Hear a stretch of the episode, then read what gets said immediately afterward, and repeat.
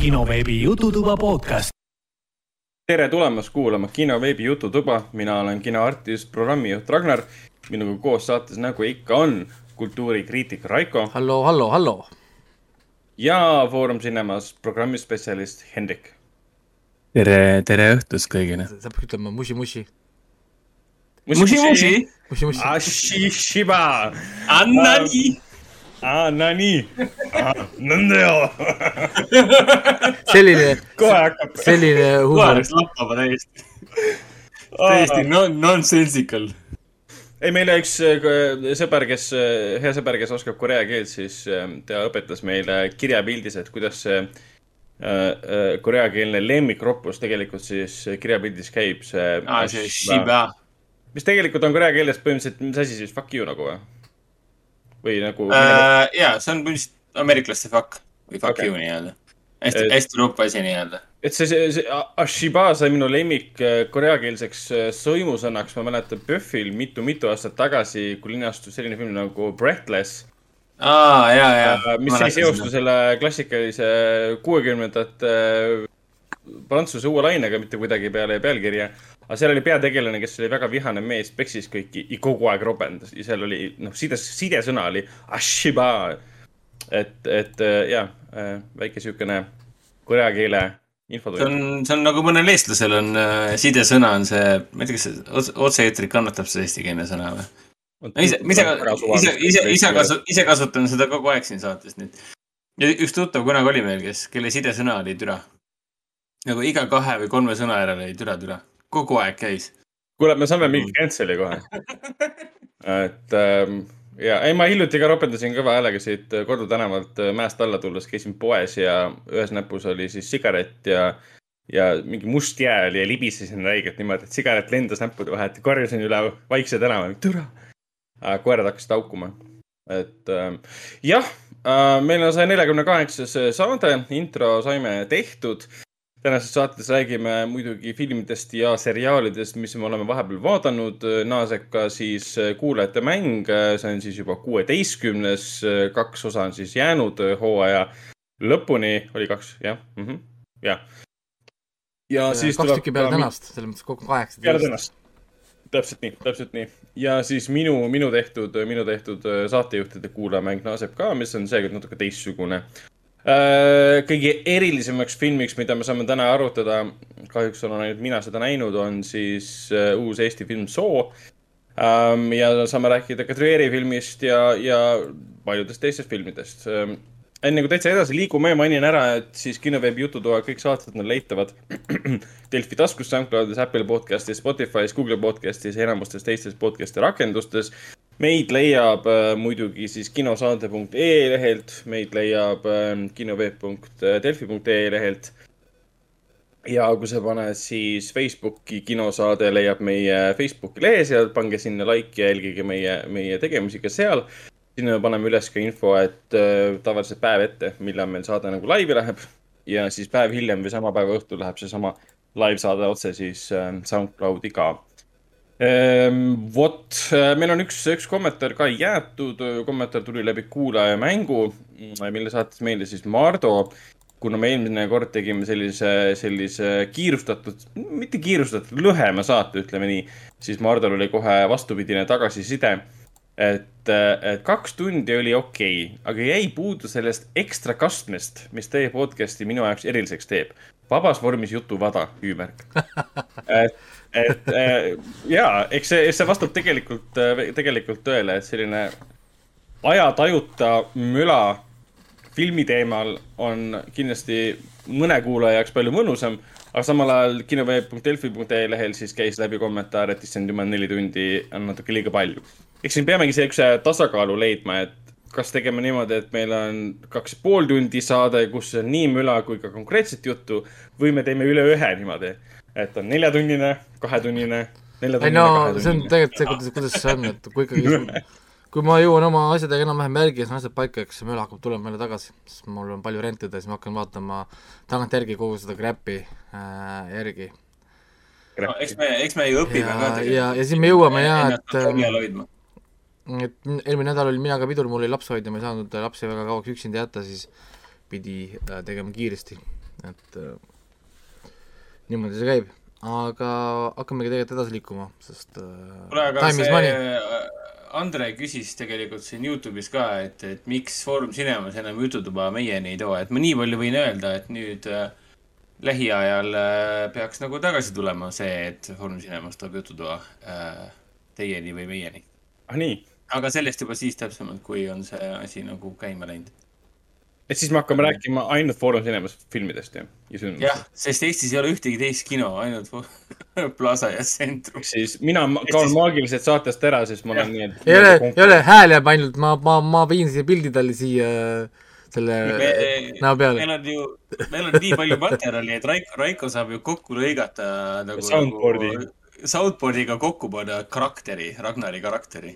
Õpetame ära, et õpetame deepfake'i välja jaa aa, deepfake, nice. ja, ja, ja täpselt nii, täpselt nii. aga ei, rõõm kuulda, et Foorum, Foorum tuleb siis meie, meie rüppe tagasi. et see, mis see siis tähendab?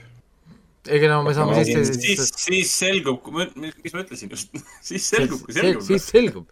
Ma nõuan, nõuan praegu vastuseid. You will learn when the time is right. I m the captain now. sa ei, sa ei talu tõde, sa ei talu vastuseid. You can't handle truth. sulle, sul ei tohi öeldagi, sest sa oled ju kinoartist üldse, sa ei, sul ei üldse, üldse midagi öelda.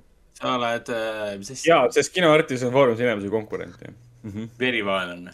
kaks saali versus mingi kaksteist, kolmteist saali on väga, väga võimas konkurent ja. Mm. üksteist mm. saali, come on palju, üksteist saali ainult või? ja, ja sa nimetad, ja sa nimetad ennast kinoks või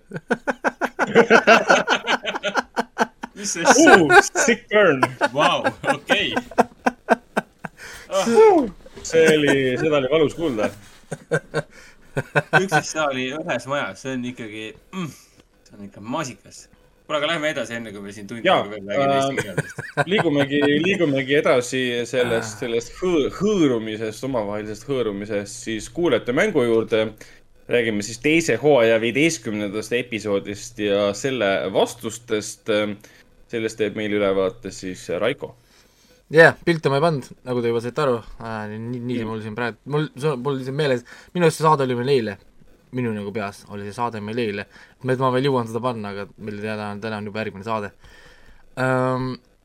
ja, ja Master Lex vastas valesti viienda.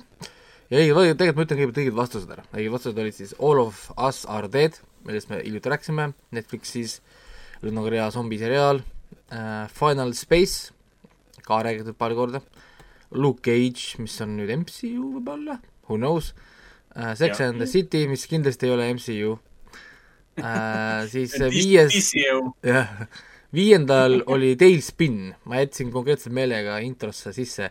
Tailspin ja Master Lex vastas The Flintstones. What actual fuck nagu.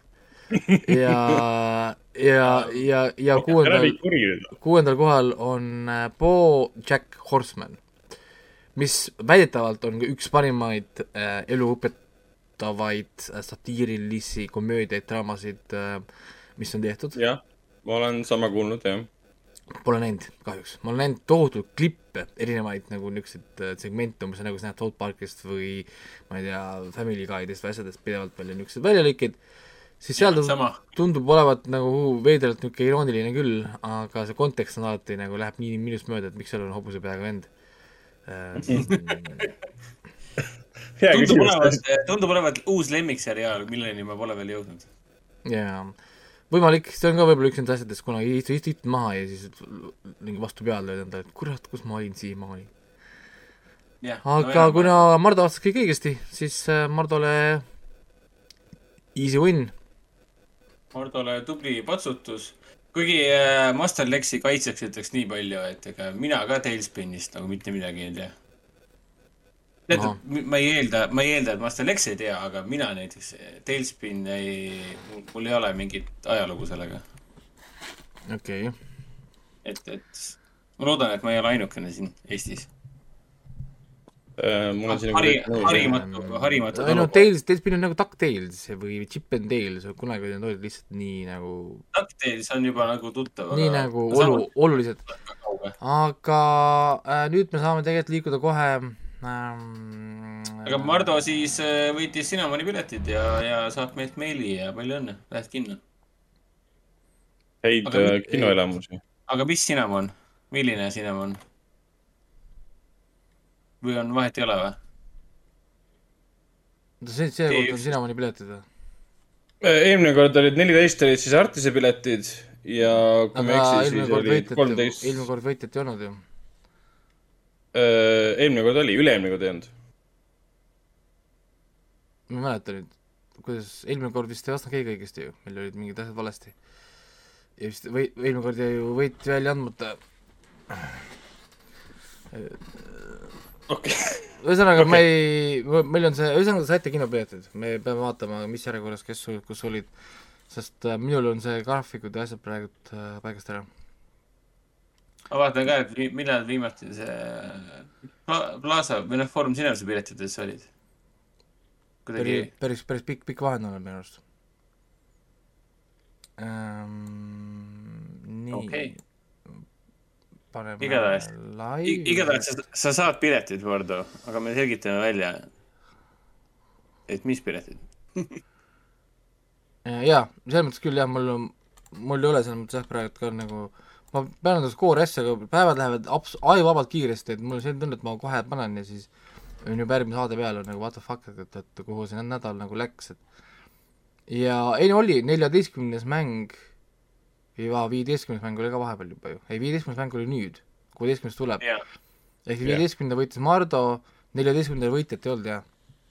yeah sest äh, nelja, ehk siis äh, eelmine kord auhinda ei olnudki äh, kellelegi anda, enne, enne seda sai Villu ja Villu sai Cinnamoni omad. aa, no siis saab Mardusse Plaza. et äh, siis, siis on äkki Plaza kord vist jah. Ja siis on meil kolm mängu jäänud, kuusteist, seitseteist ja kaheksateist ja praegult äh, Lex Andres on äh, liider, Mardo ja Villu on väga lähedal, kuna Villu täna ei mänginud, siis Villu tõenäoliselt äh, jääb nüüd natukene maha. aga see selleks nii, ma panen peale number üks ja liigume kohe siit esimese juurde. nüüd peaksite saatejuhtidena ka kuulma, mis need siis on. ja hakkame siis pihta.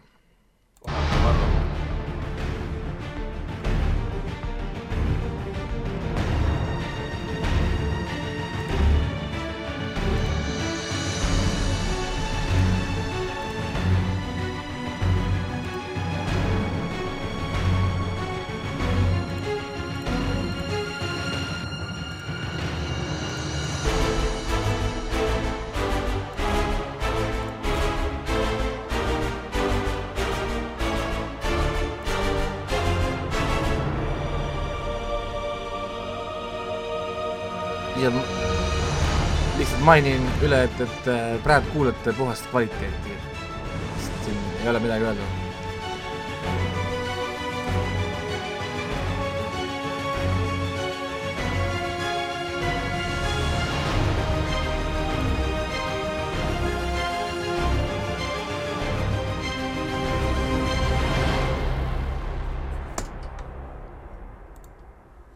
jaa, kvaliteet.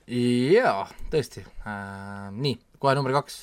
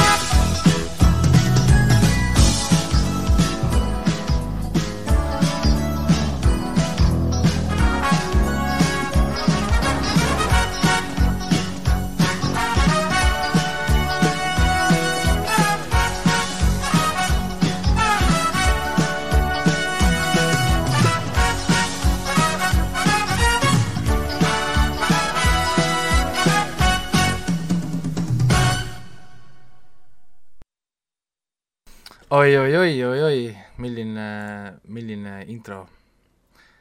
milline intro, kusjuures sellest introst on olemas minidokk, kui te mõtlete mis see on, otsige Youtube'ist selle kohta, eks peaks olema üks huvitav minidokk leida ähm,. nii, kus mul number kolm on jalad alla võtnud praegu, miks number kolm on jalad alla võtnud mm,? huvitav, otsime kohe tagasi siia äh,. Number kolm on jalad alla võtnud, nii äh,. number kolm tuleb äh, siin tea,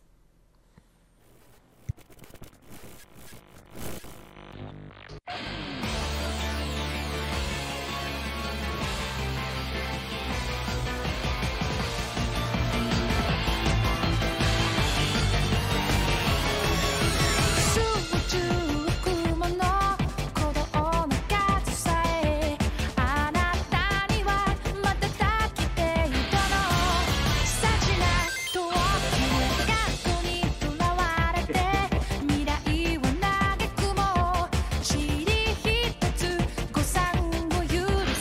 see, ma ei tea, mis sellega kõlab hästi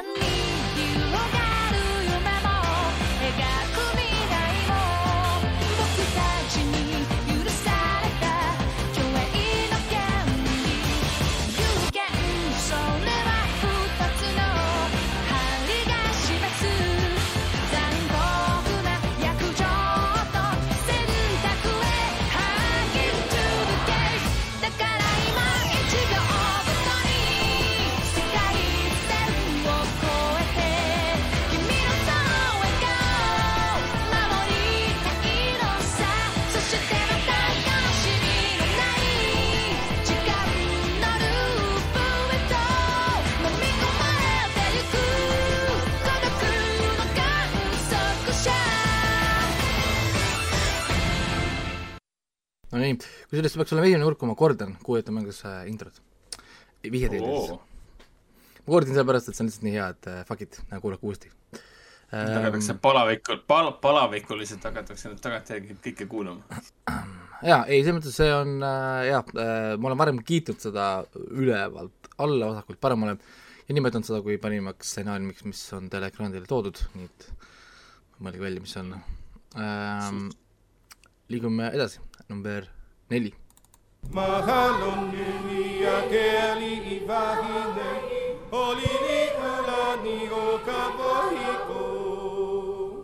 ka pipi on mai, oke anu enu en vai ho olu uahani ke ole. E na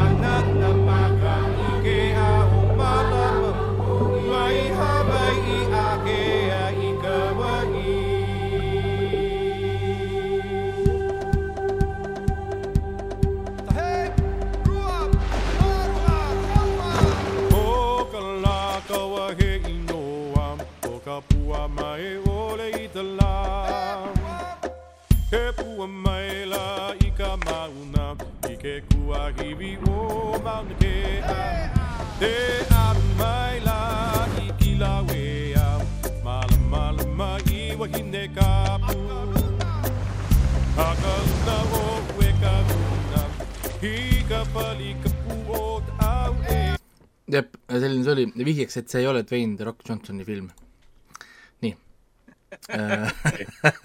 okei. see oli, see oli vihje. nüüd on äh, järgmine.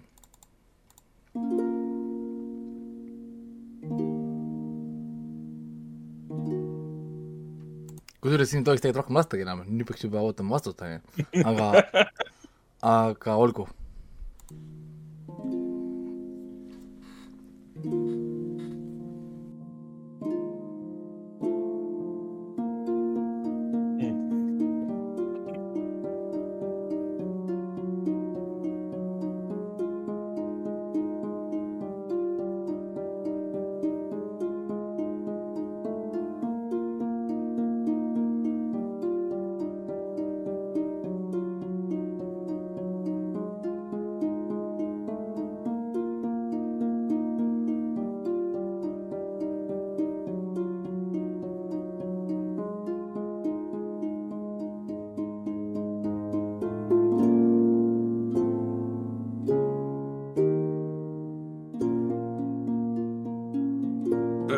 alles nüüd aru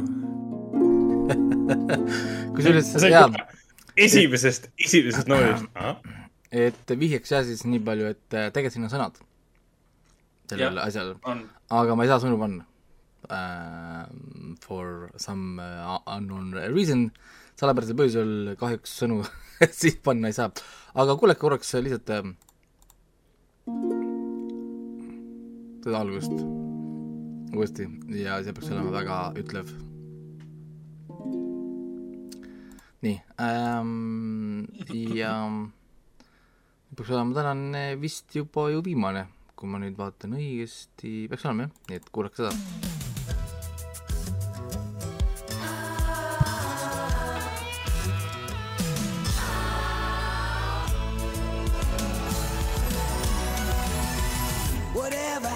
to predictability. The milkman, the paperboy, evening TV. Did I get delivered here? Somebody tell me, please. This old world's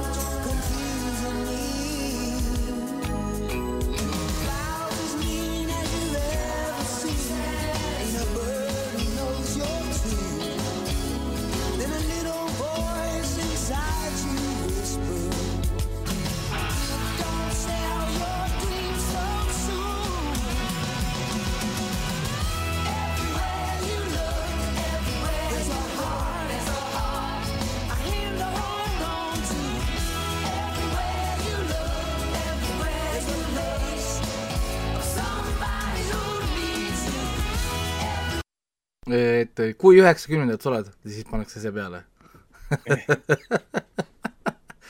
Aga jaa äh,, sellega on äh, need kõik tehtud, erinevat kraami, erinevaid äh, aastaajad, erinevad aastakümned, erinevad platvormid. Äh, ja siis õiged vastused siis jah äh,, või tähendab, vastused siis paluks kahekümne viiendaks. Veebruariks, mis on juba viimane nädal meil veebruarikuus äh,, me liigume juba. Kohe märtsisse juba, täiesti crazy, täiesti, täiesti, täiesti crazy, ma ei tea, kuhu aeg kaob. Äh, kahekümne viiendaks, kui pilte pole seal kinosaade lehel, siis neid ei ole, siis ma lihtsalt olen ära unustanud või ma ei jõuagi neid sinna panna, siis vastake lihtsalt nii, et mis meil on siis see, need lood siis täna, mis meil oli vist äh, kuus tükki ja, ja, ja nii ongi. ja nüüd on paar saadet veel jäänud lõpuni endale ja, ja selles mõttes ei pea muretsema ka sellepärast, et kui täna kuulete esimest korda, kuulete mängu ja mõtlete, et kas võib võtta osa, ikka võib, sest äh, piletit jagame iga nädal, olenemata äh, kui palju kellelgi on hooaja jooksul siis äh, punkte kogutud. ja muud äh,, muud vast selle kohta praegu ei olegi, et info, et kinosaade.ee on endiselt avatud siis küsimustele, vastustele, muredele, vingumistele ja muudele niisugustele asjadele, kõik võtame vastu. vingumistele? muidugi, vinguda võib ka, vingumine on ju meie ja. põhi, põhi, põhiseadus äh,, meie vabakõne äh,, kõike võib teha. põhiseadusega kaitstud, täpselt nii. ja, ja, ja võib aeg-ajalt kasutada seda, et lihtsalt vinguda ja, ja, ja näidata näita, välja. näita mulle, kus on põhiseaduses kirjas, et ma ei tohi vinguda. jah, näita mulle põhiseaduses, kus on kirjas, et ma pean kandma turvavööd jah, põhiseadus ei ole kirjas, järelikult ei piirata minu enda vabadust. absurdne. uskumatu, kõik, kõik äh, anti-maskerid, kes te kasutate turvavööd, olete silmakirjalikud. jah. nii äh,, aga äh, rääkides äh, kuulajate mängust, täna meil teeb Ragnar, mis pidi olema kõige kergem kuulajate mäng seni mm. -hmm. ma olen kuulnud vastupidiseid jutte. ei, ta siin, ta, ta siin lubas ju, et on nüüd mingi hull kerge värki Ähm, ah, okay. olid, olid ju mingid, mulle tundus, et ta ütles midagi oota, ta, ta pani kinni nüüd stream'i või? nii, nüüd, nüüd, nüüd peaks õige asi. okei okay.. ta nii kogu maailmale. ei, ta miskipärast näitas kausta enne, mis oli veider. aga mul on faili, faili nimed on kõik nagu numbrid niikuinii, et ei saaks niikuinii aru sellest. aa, okei okay., mitte nii. nii, aga äh, vihjeks, mitte vihjeks, vaid äh, ma ütlesin teile ette ka enne, et ma teen temaatilise kuulajamängu. ütleme niimoodi, et üks kindel äh, element on korduv element kõikide nende pallade puhul, neid on kokku seitse. kui te selle nagu ise ära tabate, siis te oskate ka otsida mälusoppides või kuskilt mujalt siis õigeid vastuseid aga ma ei hakka ära ütlema, mis see on, aga ainuke vihje, mis ma ütlen, ongi see, et, et on üks kindel element kõikide nende asjade vahel. ja kui sellest aru saate, siis te teate, mida, mida, mida otsida ka. üks kindel ele element on, ma juba tean äh,, Ragnar valis kõik need lood äh,. väga naljakas, kus, kus Cricketit on? Hendrik kadus ära nüüd selle peale aga äh, ma, ma nüüd panin ilusti Cricketi mängima, sest see oli lihtsalt uh, too genius. aga aga Hendrik on, noh, tuleb tagasi, kõik on fine. Teli, Teli, Telia ikka ei taha. Telia hakkas mingit Revenge of the Nerdi tegema praegu mm.. ta Nii. näitab, et, ta näitab, et sinu striimi peal on nagu see kollane hiiumärk, et see. kelle striimi peal, minu või? jaa. mis see tähendab, kollane hiiumärk? ma ei tea. ta ei lähe, ta ei lähe ära praegu Raiko pilti ja sinu striimi reaalselt Aha. nagu. okei okay., aga mine korra Sul... uuesti välja, tule uuesti sisse. mis internet sul on huvitav siis, varem oled saanud ju? või no kui juhe on taga, siis peaks korras olema mm.. et üle võrgu tehes on alati mingi kala. no kui ta mängib, äh, kasutab wifi tähendab, mõtled või? jah, jah, seda mõtlengi. sa oled muidu wifi taga ikka või? Või kus sa oled? jaa, ma olen alati wifi taga aa, võib-olla sellepärast ongi jälle see jura. kaabliga on alati kindel. ei no ma arvan, sinu see 5G implant segab signaali, vaata korra, vaata, et need oleks ka korras. ja meil on, kõik on ju täis, vaata, me oleme korraga internetis ja vaatame üksteist ja siis me kõik oleme 5G-statud. meil ongi ja kapo vaatab ja NSC vaatab ja Zuckerberg vaatab ja FBI vaatab. kõik vaatavad samal ajal praegu, et see on keeruline protsess, et mm.. I, I, I see you. nii. Nii, aga ma panen esimese peale siis. ja, ja kuulame siis nüüd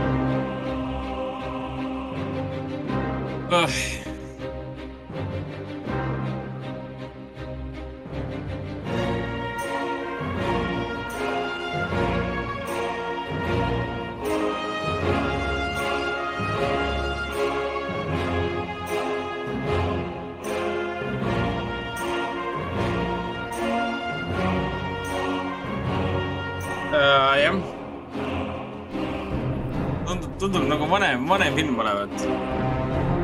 jaa, täitsa võimalik, täitsa võimalik. ja ma tean seda meloodiat. teemalugu vist. tead, kui ma pealt mõtlen, minu seda küsiti ühel mälu, mälumängul seda lugu. oli või? ma korra vaatan äh,. ma pakki, pakun sulle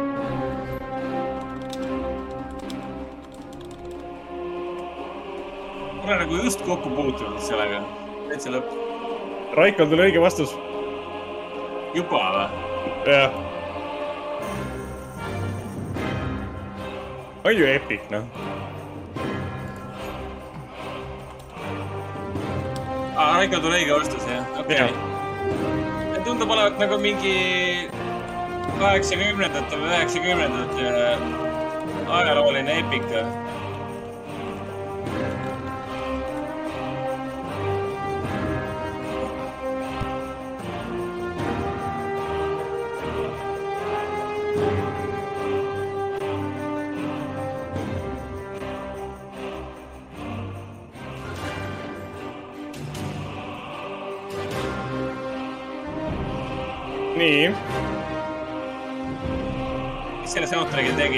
John Williams või?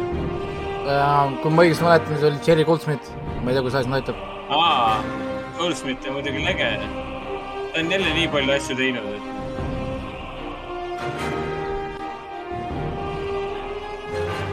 mis film see just oli, mis ma vaatasin? Goldsmith oli helilooja. kusjuures me oleme sellest filmist rääkinud ühes kohes, kohe konkreetses kontekstis. Äh, ma mäletan, keegi meist kiitis seda ühe huvitava aspekti pärast, mis seal filmis oli ja väga hästi tehtud. Raiko annab lihtsalt vihjeid praegu, okei okay.. ei, ma mõtlen, et kas see ei olnud mitte äh, mingi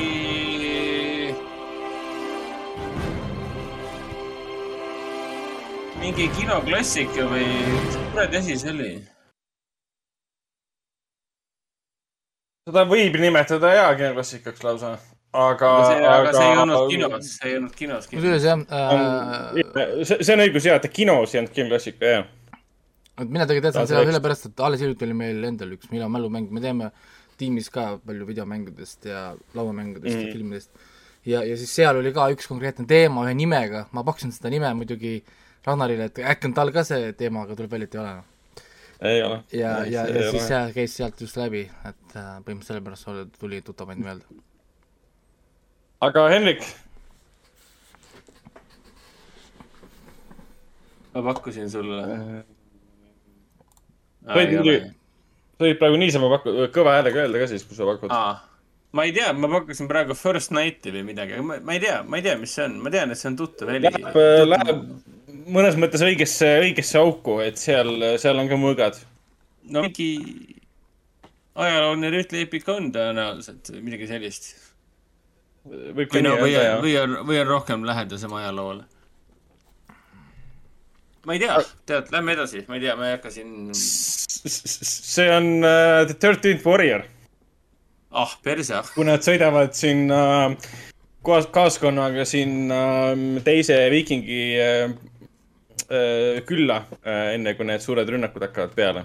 ja, ja, ja, ja, ja aspekt, no me kiitsime, kui me sellest filmist rääkisime siin podcast'is, oli see, kuidas nad tegid seda keele õppimist seal, kuidas ta õppis ära nende keele täiesti uskumatu. aga me rääkisime sellest filmist reaalselt mingid kakskümmend episoodi tagasi või, või midagi sellist jah, eks me rääkisime temaga seoses just... God of War'iga ka, et God of War just... võttis sealt üle selle Low to hear my father, võttis selles, et filmist üle yeah, pani sinna kogu Hollywood on selle üle võtnud ja tõlkinud selle ümber, et see on pärit Norse mütoloogiast. ei, see on pärit sellest filmist. Ja ma mäletan, kaks tuhat kakskümmend suvi vist vaatasime seda siin, vaatasime seda uuesti äkki või? jah, midagi sellist. võimalik. 4K UHD ei ole. üks mu lemmikumaid filme, nii et mul on pettunud, et ma, et ma ei teadnud seda praegu ma olen ka sellest pettunud. rääkides nüüd ikka UHD-st, siis lähme järgmise, järgmise äh,. ja nüüd järgmine, et kui te ei ole seda, ega teemat ei saagi veel ära tabada, sest te olete esimest alles kuulnud, nii äh,. ja läheb teine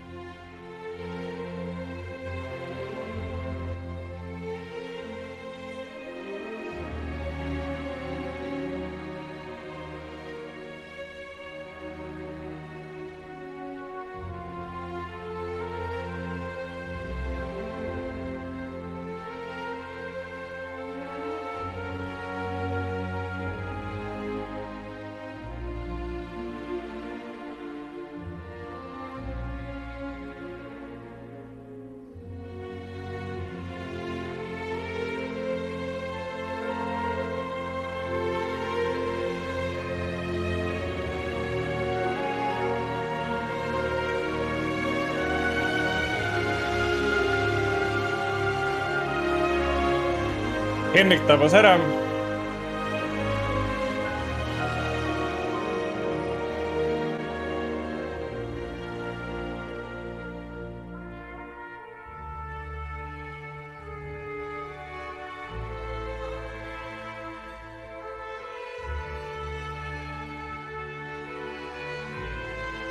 Sorry, aga mida muusikavalikut aga mõelge, mõelge endiselt selle teema peale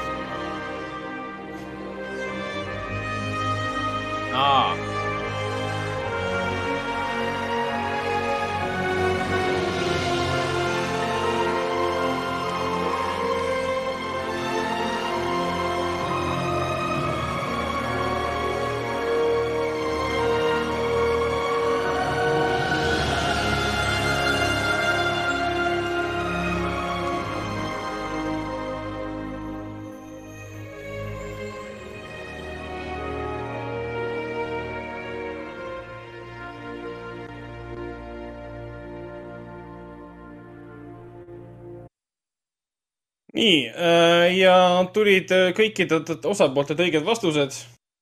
Nice. õige vastus ongi üheksakümne üheksanda aasta Muumia Brendan Fraseriga ja see on siis sealt lõpu muusika ma saan Raikole ära kinnitada, aga see on siis eraviisiliselt. Raiko küsis ähm, äh, teema kohta, ma vastan talle ära.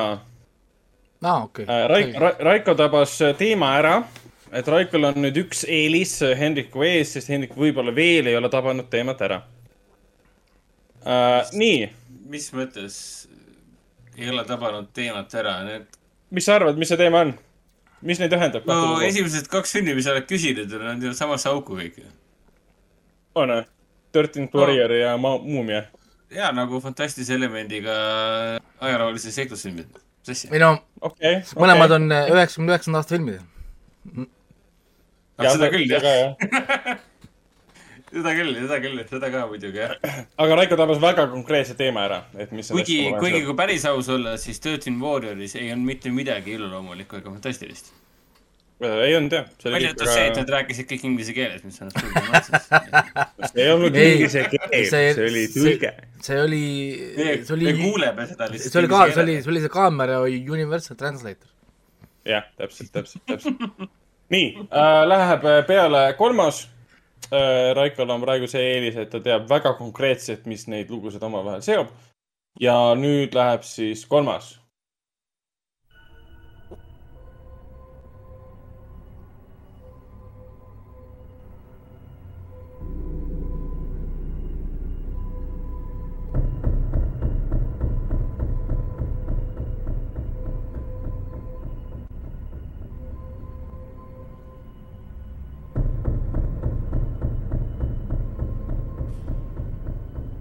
sain ka aru lõpuks.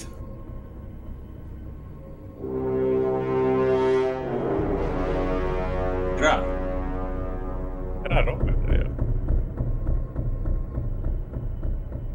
said aru, mis seob, sa võid kirjutada mulle. ma saan sulle kinnitada.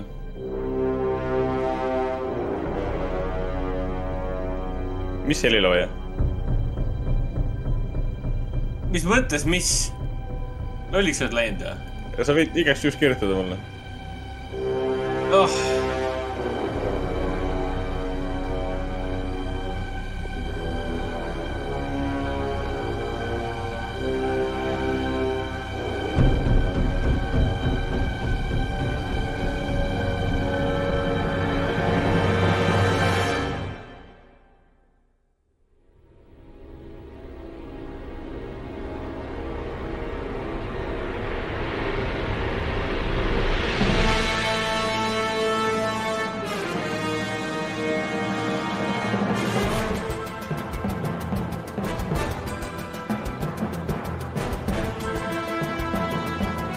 Ühesõnaga, ühine nimetaja on siis äh, Jerry Goldsmith, ähm, kes äh, seitsmekümnendate alguses vanuse mõttes siis meie hulgast lahkus.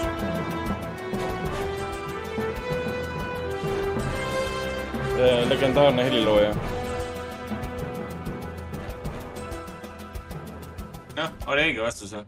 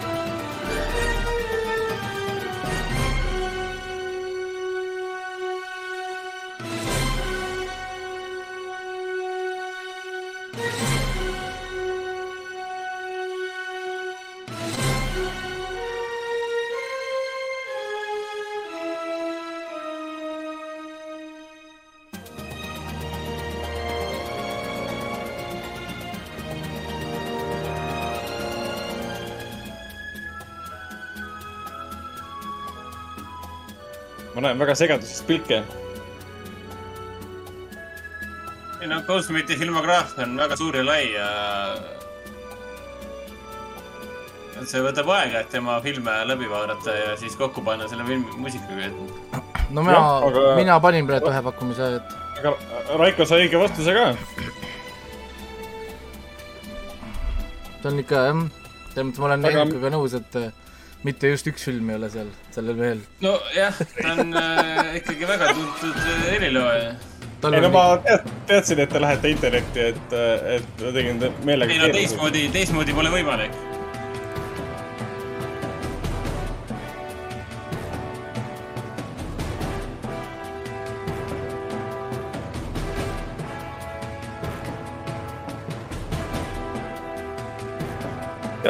Tuli õige vastus ka Henrikult. õige vastus on uh, Deep Rising uh, Äh, mis on siis Steven Sommersi varasem film, mis tuli välja enne Muumiat. Äh, minu arust fantastiline film. Äh, kas ta just alahinnatud on, seda ma ei oska öelda, aga lihtsalt see alguse muss sellel palal. See, see on nii legendaarne minu arust. see meenutas mulle Star, Stargate'i, ma tahtsin öelda uuesti sulle Stargate'i juba teist korda järjest pakkuda Stargate'i miks tal on, miks tema muusika meenutab nii palju Stargate'i, ma tahaksin küsida? no ta on teinud Star trackidele näiteks muusikat. jaa, aga konkreetselt juba teine lugu järjest on nii Stargate'ilik, et nagu natuke nagu veider kohe. ma isegi ei tea, kes Stargate'i filmile tegi muusika, peaks uurima vot, aga mõlemad said äh, nüüd, see oli siis nüüd kolmas, äh, mõlemad said õiged äh, vastused kätte, hetkel juhib, juhib siis Raiko ühe punktiga. ma olen üllatunud, et seesamune Terry Goldsmith oli nii tihti Steven Sommersiga seotud. ja, ja, ja kuigi on väga legendaarsete filmide soundtrack'e teinud, et aga see ei takistanud teda kuidagi elu nautimast hoopis teistsuguste filmidega. panen peale neljanda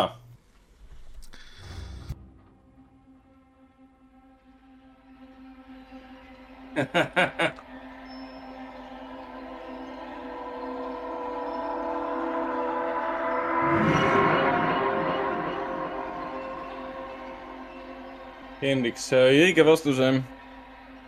see on jah liiga tuntud muss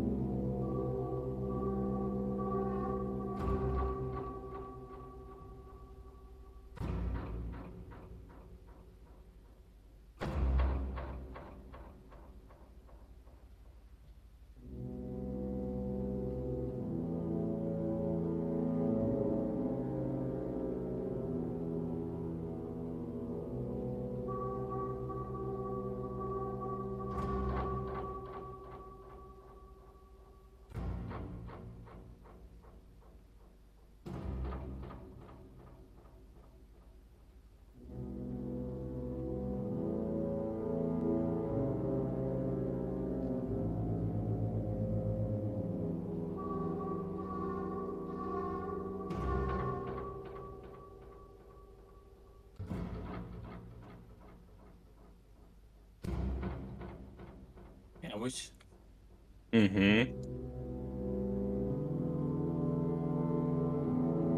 ja tuli õige vastus ka Raikolt. Äh, õige vastus on siis muidugi Ridley Scotti tulnukas. huvitav oli see, et ma pidin praegu kirgi, ma saan aru, mis film see on, ma ei tea, et see on äh, Goldsmithi muusika. ma pidin, ma praegu guugeldasin, kas, kes tegi kes, kas, kas, kas ta, kas ta ikka tegi sellele filmile muusikat tegi, esimesele tegi, teisele tegi juba siis Horner, kui ma ei eksi. uskumatu, et Gosling tegi äh, Alieni. jah, esimese puhul oli tõesti, tõesti Goldsmith ja Horner võttis üle palju. Crazy helilooja ikka selles on, mõttes. väga laia kuradi silmaga tegelikult, või noh, kõrvaga. issand, ta tegi Poltergeist mm -hmm.. jah, jah. nii, panen peale viienda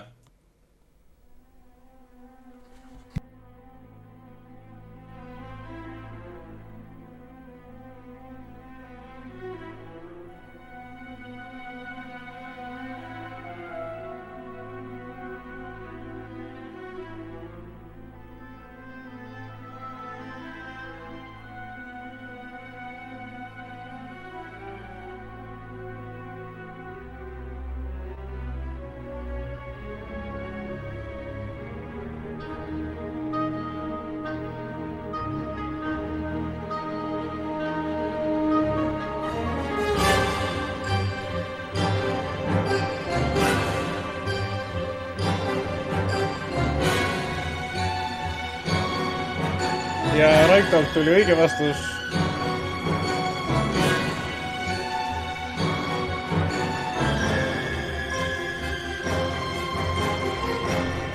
praegu tuli mingi räige VHS flashback räägi reassu nägu mingi no muusika veits ta, mitte veits, aga noh, reetis ära see üks, üks konkreetne koht. On jah väga, kui, kui, kui on pähe sööbinud, siis on pähe sööbinud.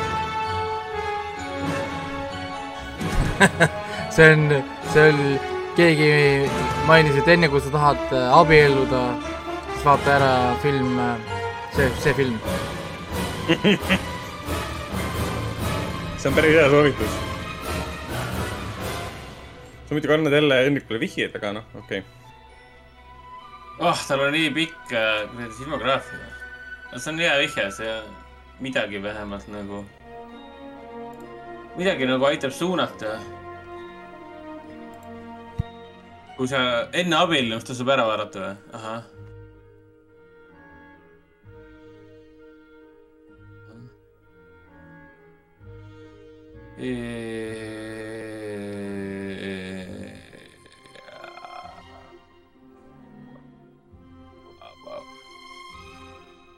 püha Jeesus ja tema ristike.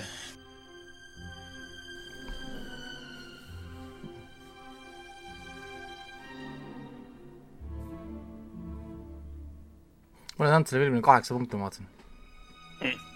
millegipärast. ta võiks isegi tegelikult olla ju rohkem isegi kahjuks IMDB-s ei lubata panna pool, pooli punkte või nagu poolt. võiks olla küll, nagu tärn on olemas, saab poolitada ju. nii.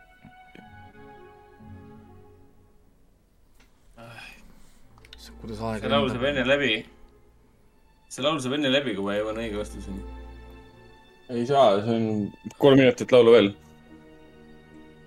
oh, vanad head ajad oota, mis see nüüd on, seitsmekümnendad ei saa olla ju, või on või? Äh, ei. ma olen siis juba mööda läinud. kaheksakümnendad, üheksakümnendad. üheksakümnendad. enne abiellumist, what the hell? Aa, see on Basic Instinct okei jaa. õigus jah. on küll, jaa.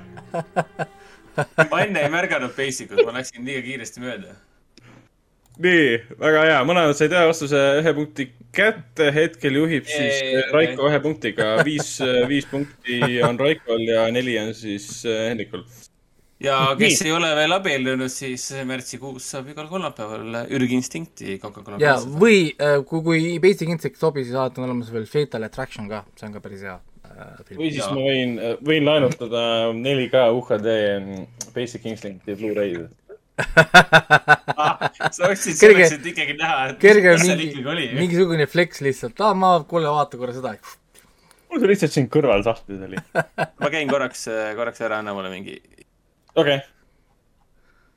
et, et jaa, ma võin nii ka flex ida veel, et äh, sealt Apollost ostsin vahepeal siis Goodfellase 4K, äh, mida ma nüüd uuesti pole vaadanud. ja vahepeal tellisin endale osta.ee-st odavalt Pacific Rimi 4K UHD, mille ma vaatasin kohe muidugi ära. ma mõtlesin, et ma vaatan teda mingi pool tundi umbes äh,. Siis ma vaatasin, ups, kaks tundi sai läbi ja vaatasin ta lõpuni juba, et miks mitte. ja siis äh, osta.ee-st sain ka mingi viieteist euroga siis äh, Blade Runneri, mille ma siis kinos vaatasin seda kolm korda ja tegelikult kodus ma vaatasin Netflixit seda korra uuesti.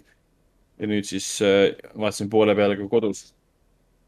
ja mis siis veel?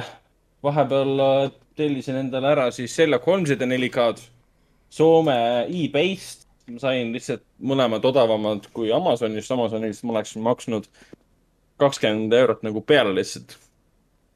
aga Soome kasutajalt nagu Soome e-base sain siis lihtsalt odavamat Äh, tuleb küll kauem, aga lihtsalt noh, mul väga ükskõik, millal nad saabuvad, mul nii kiire ka ei ole. aga need filmid on ägedad ja need on Guy Ritchie siis Sherlock Holmesid. kuule, kas sa ja... oled, tahtsin, kas sa oled näinud seda filmi, Frank Marshalli filmi Kongo või?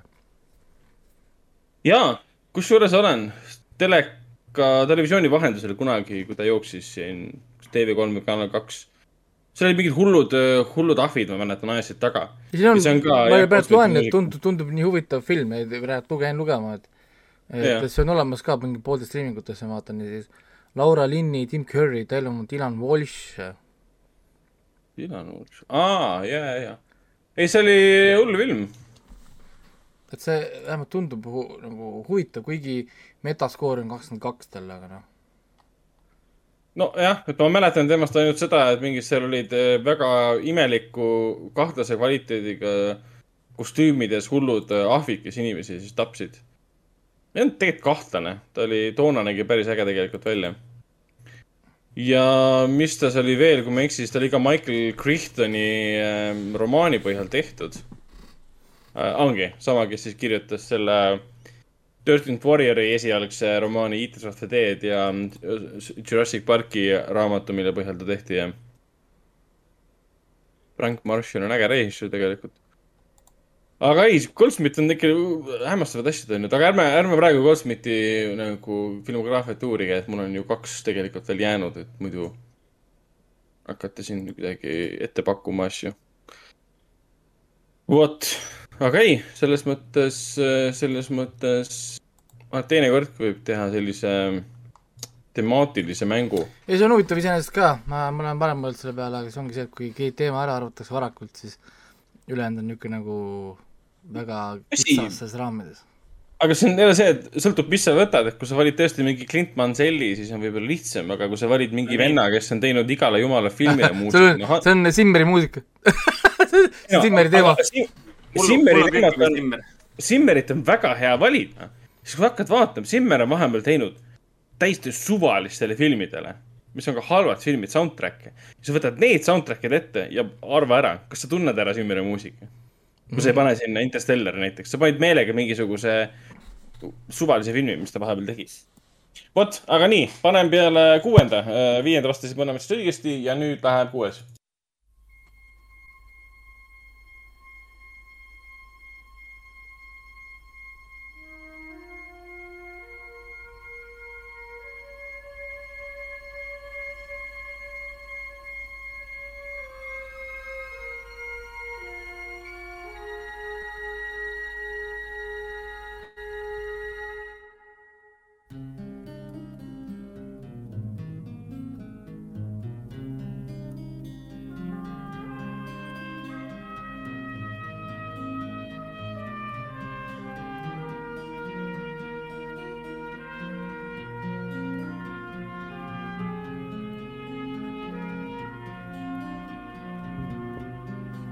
Raiko arvas ära.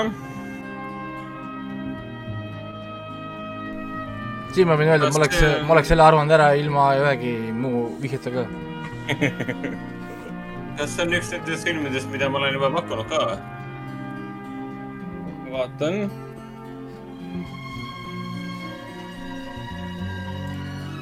ei ole. issand, kui hea lugu, täitsa pekkis. jah, on lapsepõlv tuleb meelde.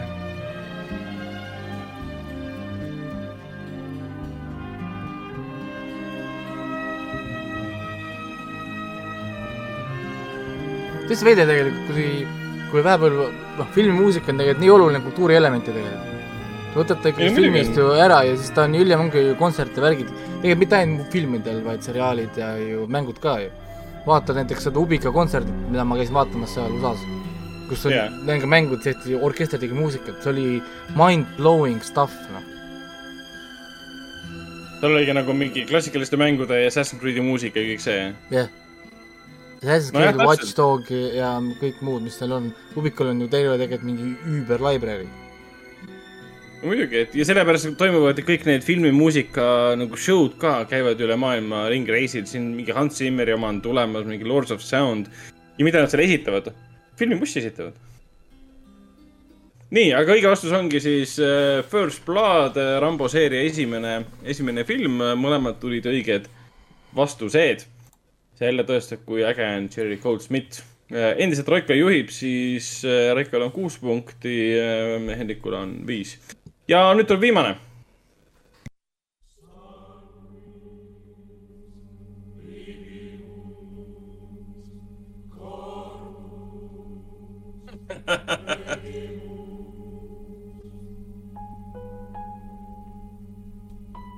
it's the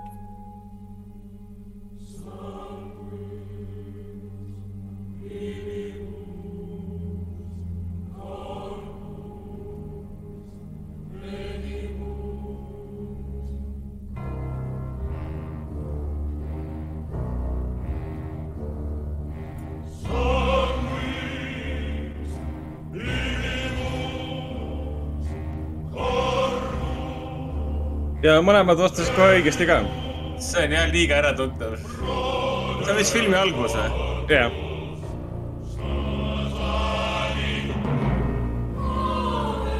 see oli see film, kus kohas laps liigub oma väikse kiigega ja siis on nii mingi creepy asi Nagu- tegelikult mitte midagi muud ei toimu, mingi laps lihtsalt kiigub, laps, laps lihtsalt kiigub, keegi vaatab ak aknast välja, kuidas laps, laps kiigub ja sul on mingi holy shit, ma pole kunagi midagi hullemat näinud.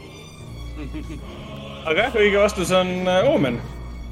Äh, klassikaline õudusfilm Oomen väiksest lapsest, kes on tõenäoliselt antikristus või noh, mitte tõenäoliselt, vaid ongi antikristus Äh, sellele, see filmi, filmidel on vist jah, neli, kolm järge ja üks remake, kui ma ei eksi nüüd, jah, jah.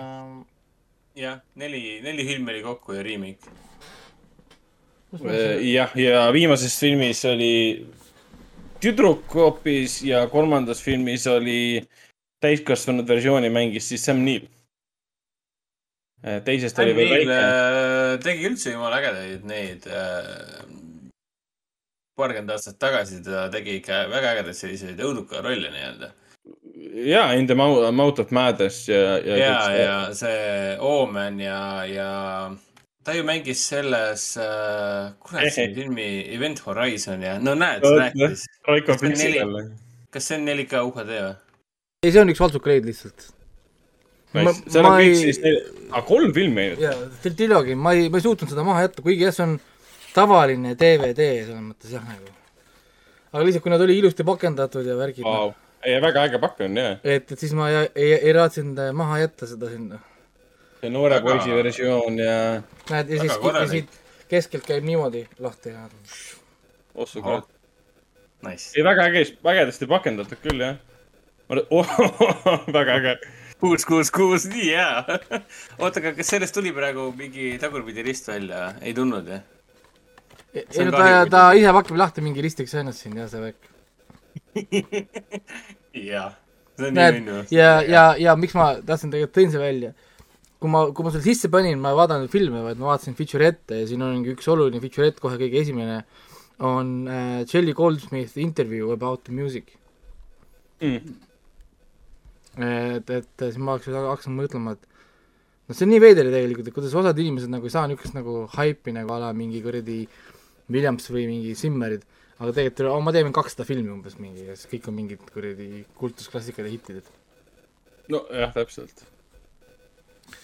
Aga jaa, need filmid on jah eraldi Blu-ray'l kõik välja antud tegelikult. Äh, minul on teine, kolmas, neljas nägemata. esimest ja remake'i ma olen näinud. ma tegelikult peaks kunagi, kunagi filmiõhtu tegema, vaatame kõik jutti ära. Oomenid või? jaa. palju neid kokku on? tegelikult on siis neli neli Omenit ja üks remake. Et triloogias on siis nagu kolm filmi ja siis üks neljas film tehti nagu spin-off filmina, kus on see uus antikristus on tüdruk, kes on siis ilmselt tütar sellel või mis iganes. Pole kuulnudki vist isegi seda filmi.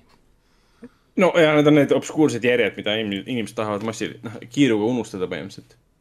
vot, aga mäng sai läbi, aitäh teile osalemast ähm, järgmine kord on järgmise, järgmine kord on siis Hendrikul, kui just Raiko ei jõua teha et see ei ole nüüd kohustus, et peab tegema kuidagi temaatilise.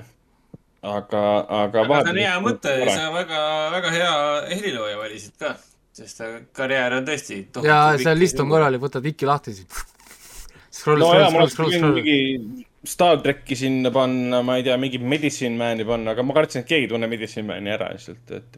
no Star, Star trackiga võib-olla keerulisem minna, samas First Contact on nii tuntud film, et äh, jaa, ei oska öelda oleneb muidugi, millise loo sa valid ka, see on ka muidugi see oluline, vaata, kui sa võtad selle konkreetselt selle the one and only, mida lihtsalt nagu kõik teavad, on ju, või sa võtad, aa, see oli see tseen, mida keegi umbes ei vaadanud, mida kõik kippisid, noh, nagu. No nüüd saab iga heliloojaga teha, et valid ka mingist õrnust lisandast eh, selle pala, mis on mingi tausta ambient noise lihtsalt jaa, ei, ei muidugi, muidugi, see on, see on noh, iga asja puhul niimoodi, sa võid valida nagu selle mingi, aa, see oli seal filmis kuskil mingi kaheksa sekundit kuskil, kui ta auto keeras ümber nurga, noh, noh, või, või sa võtad selle loo, mis oli mingi the key moment in the movie, noh, nagu. oo, täpselt, jaa. et noh, samasti võiks, kas see liinjooni lugu üldse oli tegelikult ju Titanicus, ei olnud ju, see oli ju end credits muusika ju. aa ma ei mäleta, vist on jah. et My Heart Will Go On tegelikult Titanicus oli. see, aga see teema Ei, muusika on seal filmis olemas küll selles mõttes, jah? instrumentaal nagu on filmis yeah.. see, kuidas ta aga... instrumentaalselt kõlab, aga laul ise ei olnud, jah yeah.. laule kui selliseid ei ole, jah, selles mõttes küll no,. sellest on ju nii hea edit ju ka, guugeldage äh, Titanic äh, Cat edit aa, ma olen seda näinud. ma nägin seda, jah see on nii hästi tehtud nii loll. keegi on ikka, keegi on nii palju aega sinna pannud, et jõhker, et kõigepealt Kate Winslet eemaldada ja siis kass sinna asemele panna, et see on äh, andekas lihtsalt. saad aru, sul, sul, ma ei tea, abikaasa tuleb koju ja küsib, et noh, millega sina täna tegelesid, tüüp mingi. ma võin sulle näidata, aga vist lähen enne tööle. ma olen mingi viimased kuuskümmend tundi teinud ühte, ühte kassi, üht, ühte kassimeemi olen teinud. aga ta sai mingi kaks miljonit vaatamist ja ma olen, ma teenisin selle pealt kohe mingi räiget pappi lihtsalt. no ma ei tea, kas ta just ei no kui see on Youtube'is, siis ei teeni keegi enam sealt raha, nii et. aa, ah, nojah ähm,. aga midagi, hakkame rääkima siis asjadest natukene, et äh, paar asja ma kodus vaatasin äh,, kuigi jah, ma filmideni otseselt pole veel jõudnud äh,, ma endiselt äh, lapan, ma alustan tegelikult kohe Demon Slayer teine, teine hooaeg. nii, Demon Slayer teine hooaeg sai läbi ja mul, mul viskas kopi ette, ma hakkasin lugema ka mangat, nüüd ma olen Sooriga päris kaugel juba. ja ma loen selle lõpuni ära, mul on lihtsalt uh, fuck this shit, sest uh, öelnud mulle, millal tuleb kolmas hooaeg, ma ei viitsi vaadata ja, ja suva uh,, loen lõpuni ära no ma tahan teada, mis. sa nüüd spoilerdad kogu seeria endale ära ja siis vaatad. hiljem vaatan ikka, jah. vaatad siis, kui vaatad. ja praegu samamoodi ma Attack on Titani lugesin lõpuni ju ja nüüd tuleb see Äh, viimane season part two, mida ma niikuinii vaatan täna. siis ma tahan näha, kuidas nad animeerivad teatud asju, ma tahan ikka näha battle stseene, see sorry äh,, Demon Slayeri battle stseenid on lihtsalt over the top crazy, ilusad, vägevad. muusika, see power, see on igal juhul, ma lihtsalt tahan teada story mõttes, kuhu see läheb. ja, ja teine hooaeg ähm,, ta, jah, ta ei ole nii hea kui esimene hooaeg, ma võib-olla julgeksin öelda ei olegi. sest äh, samas, kui ma võtan need Mugen treeniga koos, vaata kui ma võtan nüüd ainult see üksteist, üksteist episoodi, siis ta kindlasti pole, sest esiteks see esimene hooaeg oli kakskümmend neli episoodi, nüüd on meil ainult üksteist episoodi, milleks on see Entertainment Arc'i äh,, see Entertainment District Arc tähendab. aga kui ma võtan teise hooaja, nii nagu nemad tegid selle, et umbes see on koos Mugen treeniga, noh siis Mugen trein, me teame, kui hea on Mugen trein mm. -hmm. no ja Entertainment District'i äh, alg tegelikult ei jää nii väga alla. mõelge, mõelge selle peale, et Mugen Train oli üks film, Entertainment District on nagu järgmine film uue Hashiriga uh,, uue Hashiraga ja uue, uue pahaga. et kui Mugen Train sul ja Akasa, siis siin on keegi teine, ma ei, ei spoil'i, aga see ei ole kuidagi vähem epic kui Mugen Train tegelikult ja kui ma räägin siin hea või halvem, ma räägin siin mingist koma tuhande punktides, koma kohtades, kas on üheksa koma üheksa, üheksa, üheksa, kaheksa hindega või on ta üheksa, üheksa, üheksa koma üheksa, üheksa, üheksa, üheksa hindega. et igal juhul me räägime siin mingisugust arkeeni tasemel mingisugusest üüber-super aasta parimatest seriaalidest, selles mõttes, et ähm, selles mõttes ei kahtlegi, kuigi ja... see fiasko, mis siin vahepeal oli selle nii-öelda no nad, nad, nad, nad ei suutnud kuidagi nagu jah, paika panna neid hooaegasid asju ja ja värk ja neil pidid uudised tulema nüüd kohe, Crunchyroll Awards olid just ära, nad jagati siin auhindu ja siis nüüd pidid tulema uudised tulema Demonstreeri kohta, mina loodan, et uudis on see, et me kolmas hooaeg juba hakkab, ma ei tea, see selle aasta lõpus näiteks, oleks suurepärane no, uudis. oleks ju, oleks ju loogiline, siis teinud on. et siis see seletaks nagu, miks neil läks kolm aastat aega, et teha teist hooaega, mis on tegelikult ainult üksteist episoodi. sest tegelikult me saime üksteist episoodi, sest Mugen Train oli juba kinos ju millal, kaks tuhat kakskümmend äh, oktoober pool aastat peale seda, kui esimene hooaeg lõppes, oli Mugen Train tegelikult juba kinos, ehk siis nagu noh, mida me ootame no,? oleks ju loogiline, et siis ja. umbes sama, sama ajavahemik enam-vähem. jah, aga, aga samal ajal ütleme, Demon Slayeri teise hooaega, kui te hakkate vaatama seda mind blown stuff, need stseenid, see action, see animation'id, emotsioonid, holy crap, teil on uh, good times ahead. ja nice ja, ja Tanjiro ja Zenitsud ja värgid, Inosuke ja ja see on nii crazy, kui katki on äh, Zenitsu. ma arvan, et Zenitsu on kuradi teise hooaja MVP-ri. okei okay. nojah, ta, ta pais-, paiskub välja ainult teatud väga olulisel hetkel. ja, ja sama nagu esimesel hooajal oli, et kui sa oskad teha ainult ühte asja mm, -hmm. siis uh, hone it to perfection ja, ja siis see, see nitsu näitab meile, mida tähendab äh, hone it to perfection, et ei äh,, see on okay., see, see on okay, vägev okay,, see on vägev okay., vägev, vägev hooaeg ja animesõber oled, sa pole vaadanud Demon Slayerit, siis uh, are you sure that you are actually a fan of anime'id et äh, jah, ma tahaks nagu palju asju rääkida, aga kõik on nagu spoiler, ma ei taha spoilerdada, siin on äh, Nezuko sai siin development'i, Tanjirost ma üldse ei räägi, Tanjiro on ju main character, tema, temal on nii, niikuinii nii palju stuff'i siin. ja see, ja see uus Hashira, kellel on kolm naist, kolm abikaasat, kelle pärast Jaapan pidi andma karmima reitingu seri-, noh, sellele äh, seriaalile, sest Või. Jaapan ei võta ju sellist asja, nendel on traditsiooniline äh, abielupaarid, traditsiooniline Aa, üks no mees, üks naine.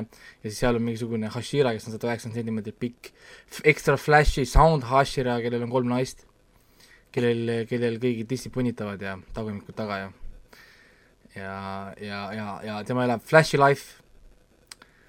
Äh,, nagu me siis saime siis teada. aga ei, see on vägev, ma vaatasin ära, ma vaatasin Youtube idest, internetist erinevaid reaction videosid ka siis erinevatele stseenidele, sest äh, lihtsalt seal on nii palju epic stuff'i, tahtsin näha, kuidas inimesed reageerisid äh,, kuidas inimesed võtsid vastu seal teatud sündmused ja teatud action'id ja et äh, jah, easy, üheksa koma viis, kümme, kümme, niisugune mõnus aasta tipp olemas, aasta lõpus räägin sellest kindlasti viis, viisteist korda veel äh,. siis ma tean, et järgmiseks saateks ma vaatan ära kõik ja vahet pole, selles mõttes see on tegelikult võid ühe nädalavahetusega ära vaadata. sul on tegelikult ainult üksteist episoodi, tegelikult. sa Mugen Trainis oled, sa oled, sa oled näinud, võtad Entertainment List, hargis vaatad seda ühe päevaga ära. sest need on kahekümneminutilised episood, kahekümne viie minutilised episoodid, ehk siis on mingi viis-kuus episoodi nagu neljakümne viie minutilist äh, seriaali ja tegelikult sa vaatad selle ühe, ühe päevaga ära jumala vabalt. nii et selles mõttes ma veitsa kadestan saavad seda vaadata järjest lihtsalt next episode, next episode, next episode, holy shit. nii et Ragnar, vaata, vaata sina ka, siis me saame siin spoileri minutit teha ja ei, Hendrik, sa mine Ragnari juurde vaadake koos. ära hakka vaatama seda mingisugustelt väikestelt ekraanidelt, vaid suurelt teravat crispy ekraanid. aa, et yeah. minu, minu mingi HD ekraan ei kõlba kuskile või? no mingi heli, helid ja asjad peaks olema ja värgid, et see nagu neli, 4K-s vaadata on nii saa ju ei no 4K-d mul ei ole, aga mul on siin täitsa normaalsed kõllid ja suur ekraan ja ma vaatan kõike siit niimoodi kodus. selge. Okay.. ja mul ei ole jah mingit häbedat kodukino nagu sul, Raiko. Mul ei ole ka 4K ekraani nagu Ragnaril, aga, aga ma olen oma eluvalikutega rahul siiamaani. Siiamaani. Ke-, ke-, kellelegi kuskil, kuskil visati praegu, praegu puid, nii et me sellest ei tea. aga see selleks. Äh,, Teemu Seer on läbi igal juhul easy recom-, recommendation äh, vanused, igal, igas vanuses ja maitses variandis äh, tõesti. Demon Slayer sobib ka neile, kes pole animet vaadanud, hakake algusest peale vaatama, Netflixis olemas, Crunchyrollis olemas, ma ei tea, Akanimis olemas, Animelabis olemas, whatever, ühesõnaga ta on olemas äh,, vabandusi pole, enamus on tasuta nendest ka veel, kuskil peab kontost olema, lihtsalt mine hakka vaatama. Ja saate vaadata kõik episoodid rahulikult järjest, mõnusalt, ilma et keegi segaks ja Crunchyrollis ta vist ongi, kõik on tasuta? jah, kõik on tasuta, jah. Va-, Va-, Vakanimis on ka tasuta. noh, selles mõttes sa pead vaatama Vakanimis, aga te peate rääkima lihtsalt, äh, peate, peate rääkima, peate taluma äh, reklaame. ja Vakanimis on ainult vene keeles kahjuks, ehk siis kui oskad vene keelt, vene keele kõneleja, siis vaatad Vakanimist inglise keeles, Euroopas pole üldse, on ainult inglise keelt subtiitrid et kui tahate vaadata inglise keeles, siis on vaja Funimationit ja Funimation on äh, VPN-iga ainult ja kontoga siis. ei, sorry äh,, VPN-iga, sest Funimation on ka tasuta äh, platvorm, nagu Crunchyroll. Aga see selleks. Liigume edasi, ma vaatasin nüüd Space Force'i algust ära, mingi kolm-neli episoodi teist hooaega. Ja ainult seitse episoodi on kokku teisel hooajal, nii et väga lühikene seriaal. palju esimestes oli? Ma ei mäleta, üheksa, kümme, natukene rohkem, aga mitte väga palju rohkem ja episoodid on mingi kakskümmend kaheksa minutit, kakskümmend seitse minutit, mis nad seal olid, eks pooletunnised umbes. nii et esimesed kolm-neli episoodi läks meil väga kiiresti ja kohe on teine hooaeg juba nagu läbi ja tegelikult nagu väga vähe arengut on toimunud, tegelikult. kümme oli esimeses. noh, et seekord on seitse ainult, et kuidagi väga nagu lühikesed episoodid, kuidagi väga vähe ütlevad episoodid, eks nii vähe mm -hmm. nagu development'i on tegelikult nagu üldises selles nar-, narratiivis, et et mul on juba neli episoodi sees, mul on üle poole hooajast vaadatud ja põhimõtteliselt ma olen samas kohas, kus äh, hooaeg algas. äkki ta on jälle poolitatud või? et tuleb mingi aasta lõpupoole mingi teine aa, et pool, paar tuu umbes, et veel seitse episoodi järgi või kuus episoodi yeah. V. võib-olla, ma ei tea. aga noh, ma, ma ikkagi naersin siin oma, oma jagu tegelikult, see Malkovitš on Malkovitš ja nii hea karakter li,. Li, Lisa Kudrow ja, ja Steve Carell ka tegelikult ja, ja üldse väga palju lahedaid komöödianäitlejaid on seal. ei, selles mõttes ta on tegelikult hästi kirjutatud ja ma olin üllatunud, kui ma nägin, et Steve Carell ise on kirjutaja ka e, e pooltel epi, episoodidel siin. et, et siin on väga palju asju tegelikult, mida nagu vaadata, nautida, et selles mõttes ma soovitan ikka, ikkagi vaadata. Nad teevad nalja väga palju, tal on nii palju paralleele muidugi äh, Apple TV hitiga for, for uh, man, for all mankind, aga noh, uh, üks on nagu paroodi, teine on nagu tõsine, et see on nagu see vahe. siis vaatasin Netflixis No Jokes Allowed, otsisin siis uh, uusi stand-up stuff'i, see on mingi Lõuna-Aafrika Vabariigi oma vist tundub olevat, kus siis tugeva aktsendiga koomikud teevad siis inglise keeles mingi väga lühikesi viieteistminutilisi stand-up'e. Ja täiesti crazy kui cringe saab tegelikult olla. ja, ja need inimesed põhimõtteliselt näitavad ära, miks koomikud, tuntud koomikud on talendikad, tuntud naljakad äh, ja neid hinnatakse ja nemad siin. Need lihtsalt ei ole naljakad ja siis need awkward pausid ja ja nii palju asju, mis on nii awkward, mul on second hand cringe, ma pean pausi panema lihtsalt, et oma nägu puhata vahepeal. Second hand cringe sest, sest äh, noh ja, ja väga nagu raske on tegelikult nagu kuulata ja vaadata ja see kõige esimene mees veel eriti oli eriti hull äh,. mingi, ma ei tea, mis ka, aktsendid on nii segamini ka, nad peaks olema vist kõik väidetavalt ühest riigist, aga kohati on nagu prantsuse aktsent, siis oleks nagu mingi Bulgaariast pärit, siis oleks niisugused nagu mujalt, tegelikult nad vist on kõik tegelikult Lõuna-Aafrikast vist, vist, vist. ma ei ole selles mõttes nagu kindel, et et kuigi nad on erineva, väga erineva tasemega ähm,, sama re-, reegel on ka siin, mustanahalised räägivad põhimõtteliselt ainult mustanahalisest ja rassismist ja kõik nahavärvist põhimõtteliselt, mis kõik sellega seotud on, on, tundub olevat ainuke teema, mis neid huvitab ähm,. Naised räägivad oma hargivahest põhimõtteliselt, seksist ja hargivahest, see on põhimõtteliselt nagu ka ainuke teema, mis tundub, et pakub huvi. ja, ja, ja meestel on erinevad teemad laiali, aga nalja nad ikka ei tee. nii et väga nõrk oli selles mõttes minu jaoks vähemalt, jättis väga nõrga mulje ähm,.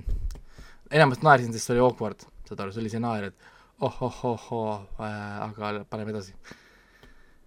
et äh, leidsin selle asja, aga ma vaatasin nüüd mitu dokumentaali, mul on peaaegu dokumentaalfilmid lainetel äh,, mul tegelikult jäi pooleli ennem äh, seda saab saadet, vaatasin Boeing, Boeingu dokki ka, mis nüüd just tuli välja. Äh,, räägib siis sellest Boeingu suurest äh, lawsuit'ist aga ma vaatasin ära Athlete A, see oli see kuulus äh, dokumentaalfilm siin, mis Netflixi mõne aasta tagasi tuli mis räägib siis sellest suurest äh, Ameerika iluvõimlemisskandaalist, kus kohas arst mingi kolmekümne aasta jooksul ma ei tea, toppis yeah. tüdrukutele näppe sisse ja, ja mida iganes veel. ah, õigus, õigus, olen ka kuulnud, jah. et oh, äh, päris tegi tigedaks tegi tegelikult, sest mul, minu tütar käib iluvõimlemises. Ja, ja ma ei kujuta ette, kui kuskilt tuleb välja, et mingisugune kuradi arst käperdab või ma ei tea, mida seal teeb no Eestis kaob palju inimesi ära lihtsalt üks inimene lisanduks sinna nimekirja, noh. Shit happens, ütleme nii ähm,. aga nagu what the fuck, noh.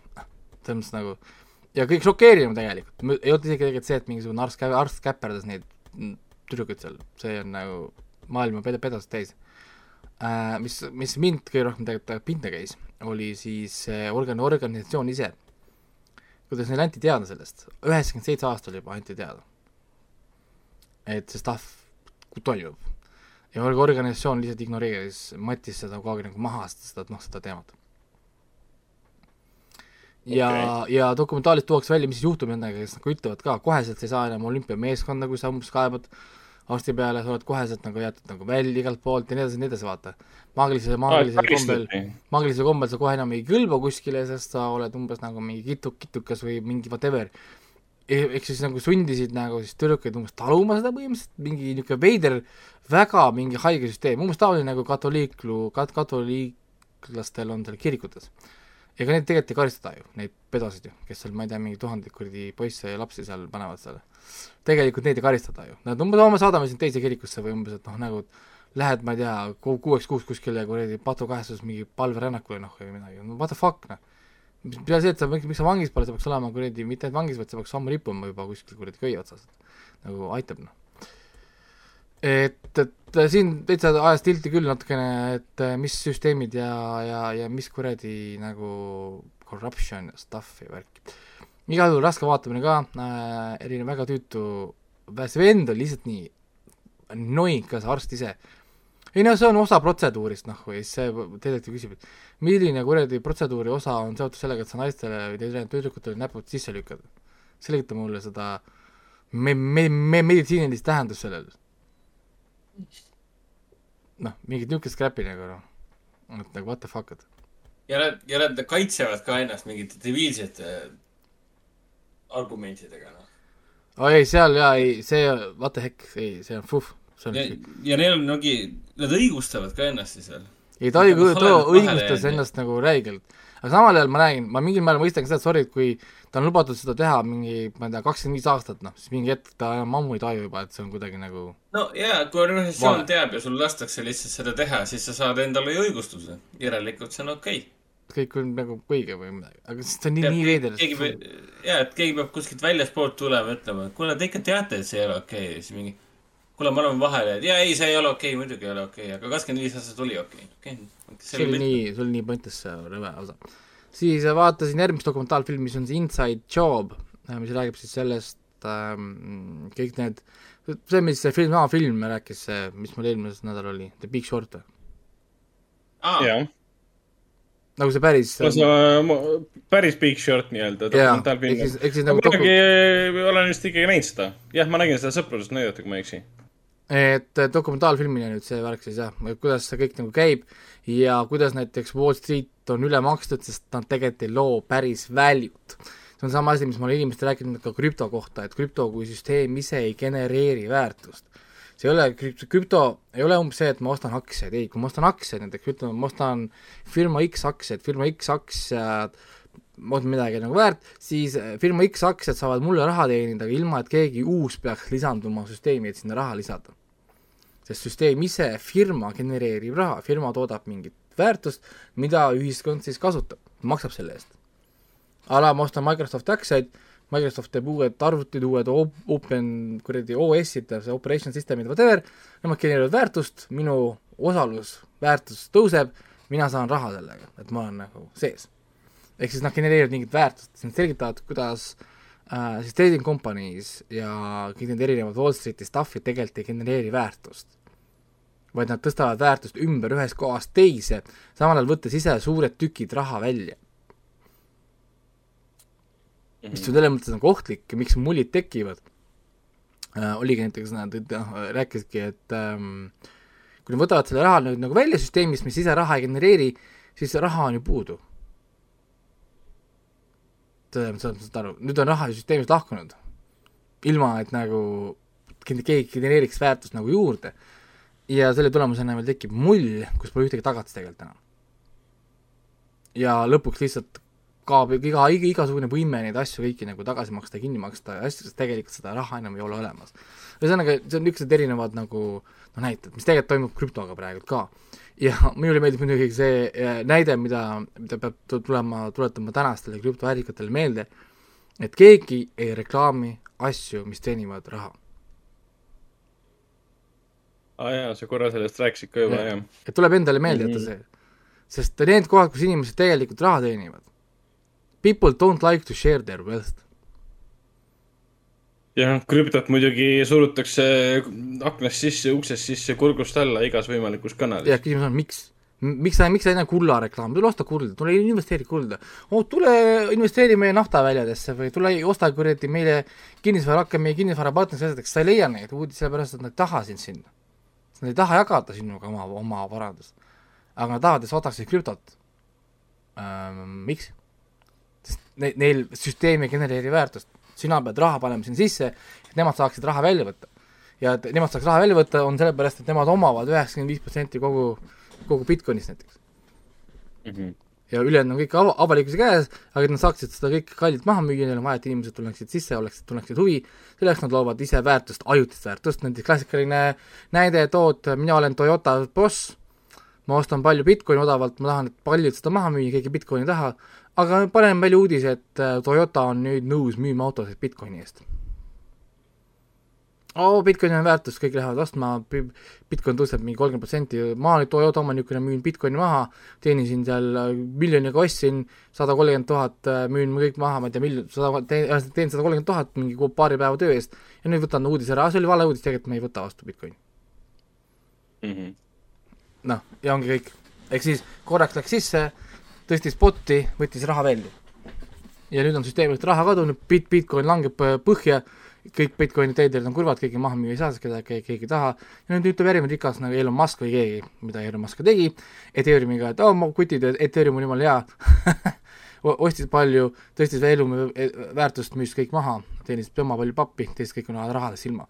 ehk siis ähm, jah, good luck, ütleme siis nii, kõikidele, kes siis äh, sellega otsustavad raha teenida. see, et keegi vahepeal raha, raha, raha teenib, on umbes sama tark argument, kui et keegi võitis vahepeal lotoga, suurepärane, võitsid lotoga, tõepoolest sul vedas, aga korda seda palun, tee seda uuesti. nojah, neid näiteid nendest üle, üle päeva siis, üleöö siis miljonärideks saanud inimestest on jah, vahepeal päris kõvasti reklaamitud, et näed, krüpto on toonud mulle miljoneid sisse, osale ka, tee ka. jah, jah, täpselt, aga noh, jah, sama hästi võin öelda, et näed, ma ostsin lotopileti, võitsin, ma ei tea, viiskümmend miljonit. osale ka, sa ka võidad, hui see on lihtsalt äh, noh, absurdipoliitika, see on sama tark argument, kuule, ma võtan, äh, laena mulle kaks tuhat euri, Ragnar, ma lähen kasiinosse, ma teen sellest kümme, kümme tonni mm.. Okay. sa võid teha, aga millal? ei noh, jah, selles mõttes, et äh, täpselt, see, see, et osad inimesed kasiinodes võidavad palju raha, tuleneb, tuleb sellest, et keegi peab sinna enam seda raha sisse, sisse panema, et teised, teised, teised saaks seda võita. Ehk siis jah, ja, ja siin äh, Inside Job tegelikult räägib hästi palju just sellist nagu protsessist, nad toovad palju näiteid välja, kuidas need tekivad äh,, need väärtuste määramised, kõik see nagu see tühja kindlustamine, kindlustusfirmade tühjaks pumpamine, tagatiste tegemine, meelega firmade põhja laskmine, sest nad teavad, et riigid toetavad ja baili-, bailing the out nii-öelda, see bailing out system tuleb, tuleb, tuleb neile appi kogu see protsess on nii haige ja nii nagu õel noh, nagu või nagu pohhuistlik selles mõttes. täpselt sama, mis oli see tsitaat selles filmis see Big, Big Short, vaata, kus nad keksisid seal. aa, jaa, lõpus oli, see oli nii haige ja kurb. see, et meie teenime praegu film, näeb palju nagu pappi selle äh, diiliga on suurepärane, aga ära ole õnnelik selle üle ja ära keksi. sest meie praegu tegime mingid kümned tuhanded pered kodutuks lihtsalt. See, eile vaatasin ka neid klippe sellest ja Mark Baum seal lõpus ütles ka, et et nad kõik teadsid, mida nad teevad see ei olnud lollus, see oli lihtsalt kuritegelik ja nad teadsid väga hästi, mis nad teevad.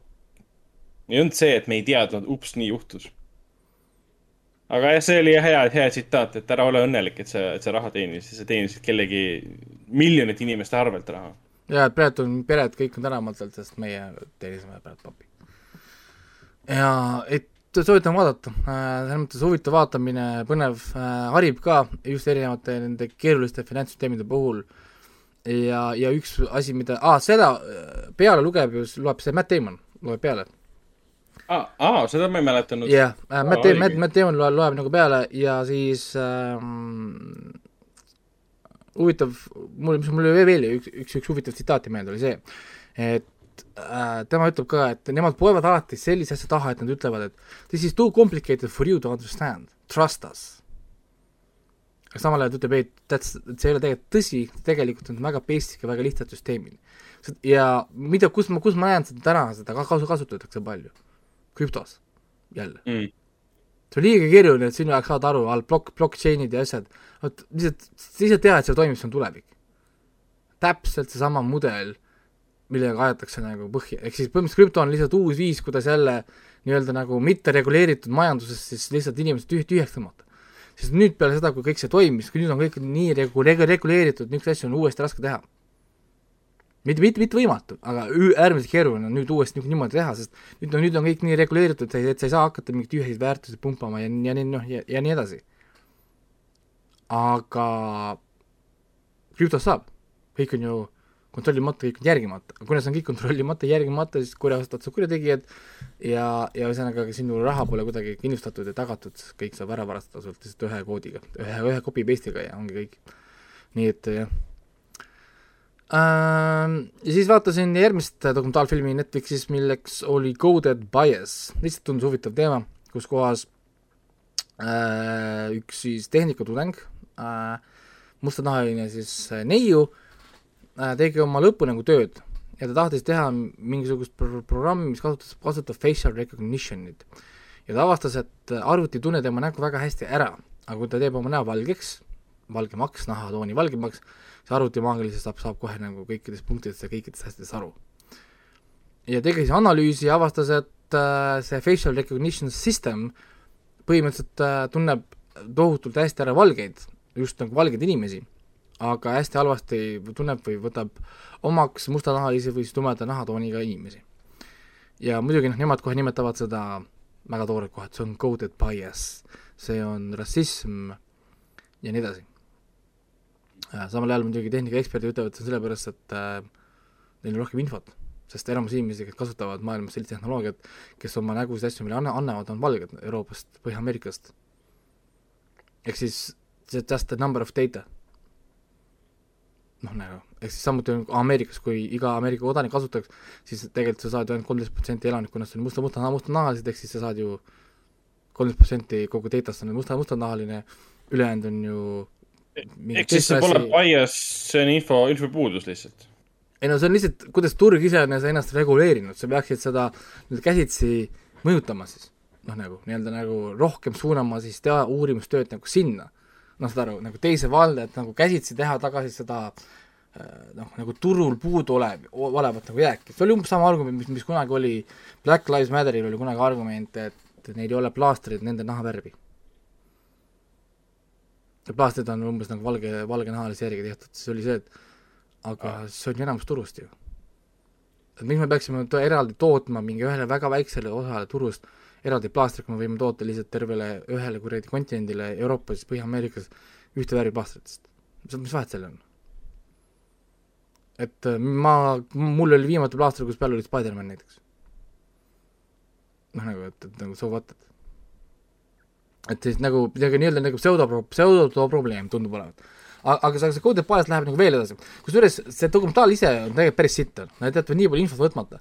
enamus asju, mis ma tegin, ma veetsin pärast mingi kaks-kolm tundi lihtsalt netist aeg-ajalt guugeldasin lihtsalt infot juurde, lugesin asju juurde selle kohta. Coded bias'i kohta on päris palju stuff'i, erinevad Redditi kuradi board'id ja värgid, kus aru arutatakse kogu selle teema üle, sest too dok ise nii palju stuff'i jätab rääkimata, saad aru, et jätab asju ütlemata. loogika tuleb ju sisse kohe seesama, see noh, nagu see, et vaata, aga see on ju data lihtsalt, see arvuti, arvuti ei saa olla rassistlik, kas sa saad aru sellest või? noh, nagu, ja siis oli, et noh, näed, et kui, kui umbes tehti uus ai, see lasti internet umbes laiali, õppis inimeste suhtlused ja asju internetist ja et oli umbes kohe, oli ta šov-, šovinistlik ja ta oli rassistlik umbes. noh, see ai kohe muutus šovinistlikuks ja rassistlikuks, kui ta lasti internetti. ja siis mina kohe guugeldasin, uurisin, tegelikult oli see data et kui sa küsid arvuti käest, arvuti ei saa aru, tal ei ole emotsiooni. umbes kui sa, kui sa, kui sa küsid, kes on kurjategija, küsid selle ai käest, ta ütleb, et uh, most likely it's a, it's a, it's a black man.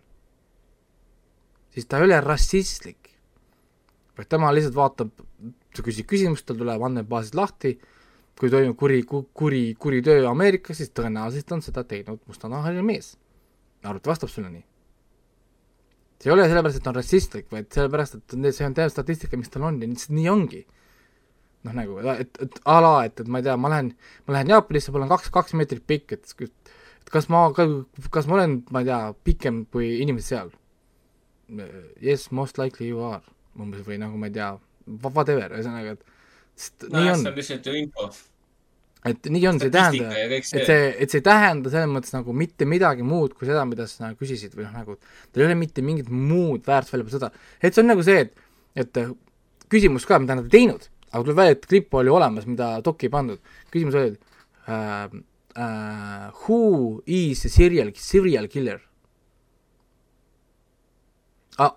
Arut vastab, a white man at the age of forty, most likely sest noh, jah, see kui, kui statistika, statistika vastab sellele, sellele, sellele arvuti öeldule, siis on kõik õige ju. jep, ja kusjuures äh, seal oli veel huvitavaid asju, et see, äh, see ai oli muidugi, see pandi kinni, see ai päris kiiresti, aga internet jõudis muidugi teha katseid, et äh, ähm,. see oli hu hu hu huvitav küsimus ja küsida käest, küsida näiteks tema käest, et kes on äh,, oota, kuidas see küsimus oli, et seal oli küsitud näiteks ähm, ma ei, ma, ma ei, ma ei oska inglise keeles isegi küsida, aga seal oli küsitud, et kes on nagu ka see kodu, kodurahu rikkuja. oli siis äh, küsitud ja tema vastas äh, äh, ei, ei, ei dirty, ei dirty two year old woman, woman vastas. -hmm. Ehk siis äh, tema statistika järgi ikkagist kõige agre-, agressiivsem pool tavaliselt ah,, unemployed woman. kolmekümne kahe aastane töötu naine. on siis kõige vägivaldsem kodunägu pool ja nii edasi. ja internet muidugi kasutas erinevaid asju, noh nagu kuidas seda öelda. ja, aa, ja siis oli ka, muidugi see kasutati kohe ära, et äh, küsiti selle EIA käest, kes teenib vähem raha? Women to, noh nagu vaata, naised. Aga, aga muidugi kohe internet reageeris, vastas, et kes on kodutu? men. kes, kes, kes kogu aeg sureb? men. kes elavad vähem? men. kes, kes, kes, ma ei tea, kes lähevad kirja pankrotti? men, kes teevad suitsiidi? men. sest mingi lõputu list lihtsalt asju oli, noh nagu, et ahah, okei okay,, et, et ma saan aru, et meil on ju patriarchy, what the fuck is happening here? on ju ühesõnaga, see ai, ai pandi kinni, ehk siis, siis nad räägivad veel sellest, Codepies nad räägivad veel sellest äh, Amazoni kuulsast ai-st millest käis tegelikult uudi uudistest läbi, et nad väitsid, et äh, Amazoni ai on seksistlik. sest äh, ma ei mäletagi äh,. Amazon tegi siis oma ai, et palgata inimesi tööle kiiremini. ehk siis ai hakkas ise vaatama läbi CV-sid vastavalt sellele, mida siis oli õpetatud, mida nad otsivad oma töötajatelt. ja mida siis, mis siis juhtus, oli see, et Amazon ai lükkas kõrvale kõik naiste CV-d, sada protsenti naiste CV-sid lendas prügasti ja okay., ja nende reaktsioon oli, et kuule, et aga teie ai on fucking äh, seksistlik. mingi rõve seksistlik robot on. ja siis neil oli, et äh, ei, et me oleme pannud kirja kriteeriumid ja ta otsib neid kriteeriumeid CV-dest. järelikult naised polegi nende kriteeriumitega lihtsalt nõus tööd tegema.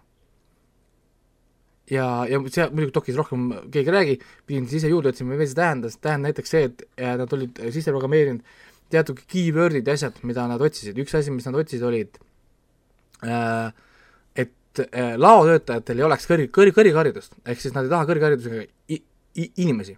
kui on kõrgharidusega, siis olid declined ähm,. Nad, nad tahtsid inimesi, kes on nõus töötama ületunde äh,. Nad tahtsid inimesi, kes oleks nõus töötama pühade ajal. Nad tahtsid ilus, inimesi, kes oleks nõus töötama pikemaid tööpäevi kui kaksteist tundi. ja nii edasi, erinevad kriteeriumid olid. ja naised ei vasta lihtsalt nendele kriteeriumitele sest naised ei ole tavaliselt nõus töötama ületunde, naised pole tavaliselt nõus töötama tundi, nad pole nõus töötama pühadel, mõni naine on, aga mitte kõikidele kriteeriumitele vastav. ja nagu selguski sellest, oli see, et enamus naised, kes küsivad tööd, on ülikooli kraadiga. mehed ei ole, mehed ei ole nii haritud kui naised. nojah, sest automaatselt välistus. jah yeah., ja et nad, nad lihtsalt, Amazon lihtsalt ei taha võtta lattu ülikooli haridusega inimesi, nad, sest nende jaoks on see laotöö nagu entry level job ja nii edasi, et, et seal oli veel selle kohta, saate ise guugeldada välja, see ai oli päris nagu huvitav. ja ta pole seksistlik, vaid lihtsalt see on see, mida Jordan Peterson räägib oma loengutes hästi kogu aeg. Biological differences are not only physical. et, et these are actual choices people make. ja, ja, ja huvitavaid asju, et selles mõttes ma soovitan ikkagist vaadata, kuigi dokumentaalfilmina, ma pean olema ausalt, oli väga biased, ütleme siis nii, kasutame siis nende enda sõnu sest äh, nad väga palju jätsid nagu infot välja ja nad ei, nad ei ole neutraalsed. et sa saad aru kohe, see dokumentaalfilm võttis nii-öelda nagu ründava oleku facial recognition'i suhtes. seal, seal toodi veel välja umbes seda, et see mm, kunagine oli skandaal, kuidas Google'i ai otsis sama, kui umbes tegid nagu oma pildi ja panid similar images otsi, vaata see, mida kasutatakse meie siin pildimängu äh, lahendamisel. paned selle pildi otsid similar images, et siis, kui ma olin musta, musta, mustanahalised pildid, ta otsis, leidis alati ahvid ja gorillad. ja, ja, ja et umbes, et see oli, jälle on üks rõve re, reisist ai. ja siis tegelikult kuskil seda jälle mainitud, dokis oli see tegelikult jälle see, et täpselt sama loogika jälle, ai-d õpetatakse et võtta pildi, korjab pildi pealt informatsiooni kokku ja hakkab otsima nüüd lähedasi pilte, mis on lähemal sellele pildile, kui midagi nagu muud, värvide, lahenduste, kõikide asjadega koos. ja ta ütles, et lihtsalt faktuaalselt nad on lähemal gorilladele, jahvidele, kui muljegi muule, nad ei saa ai-d kuidagi nagu sundida seda nagu teha.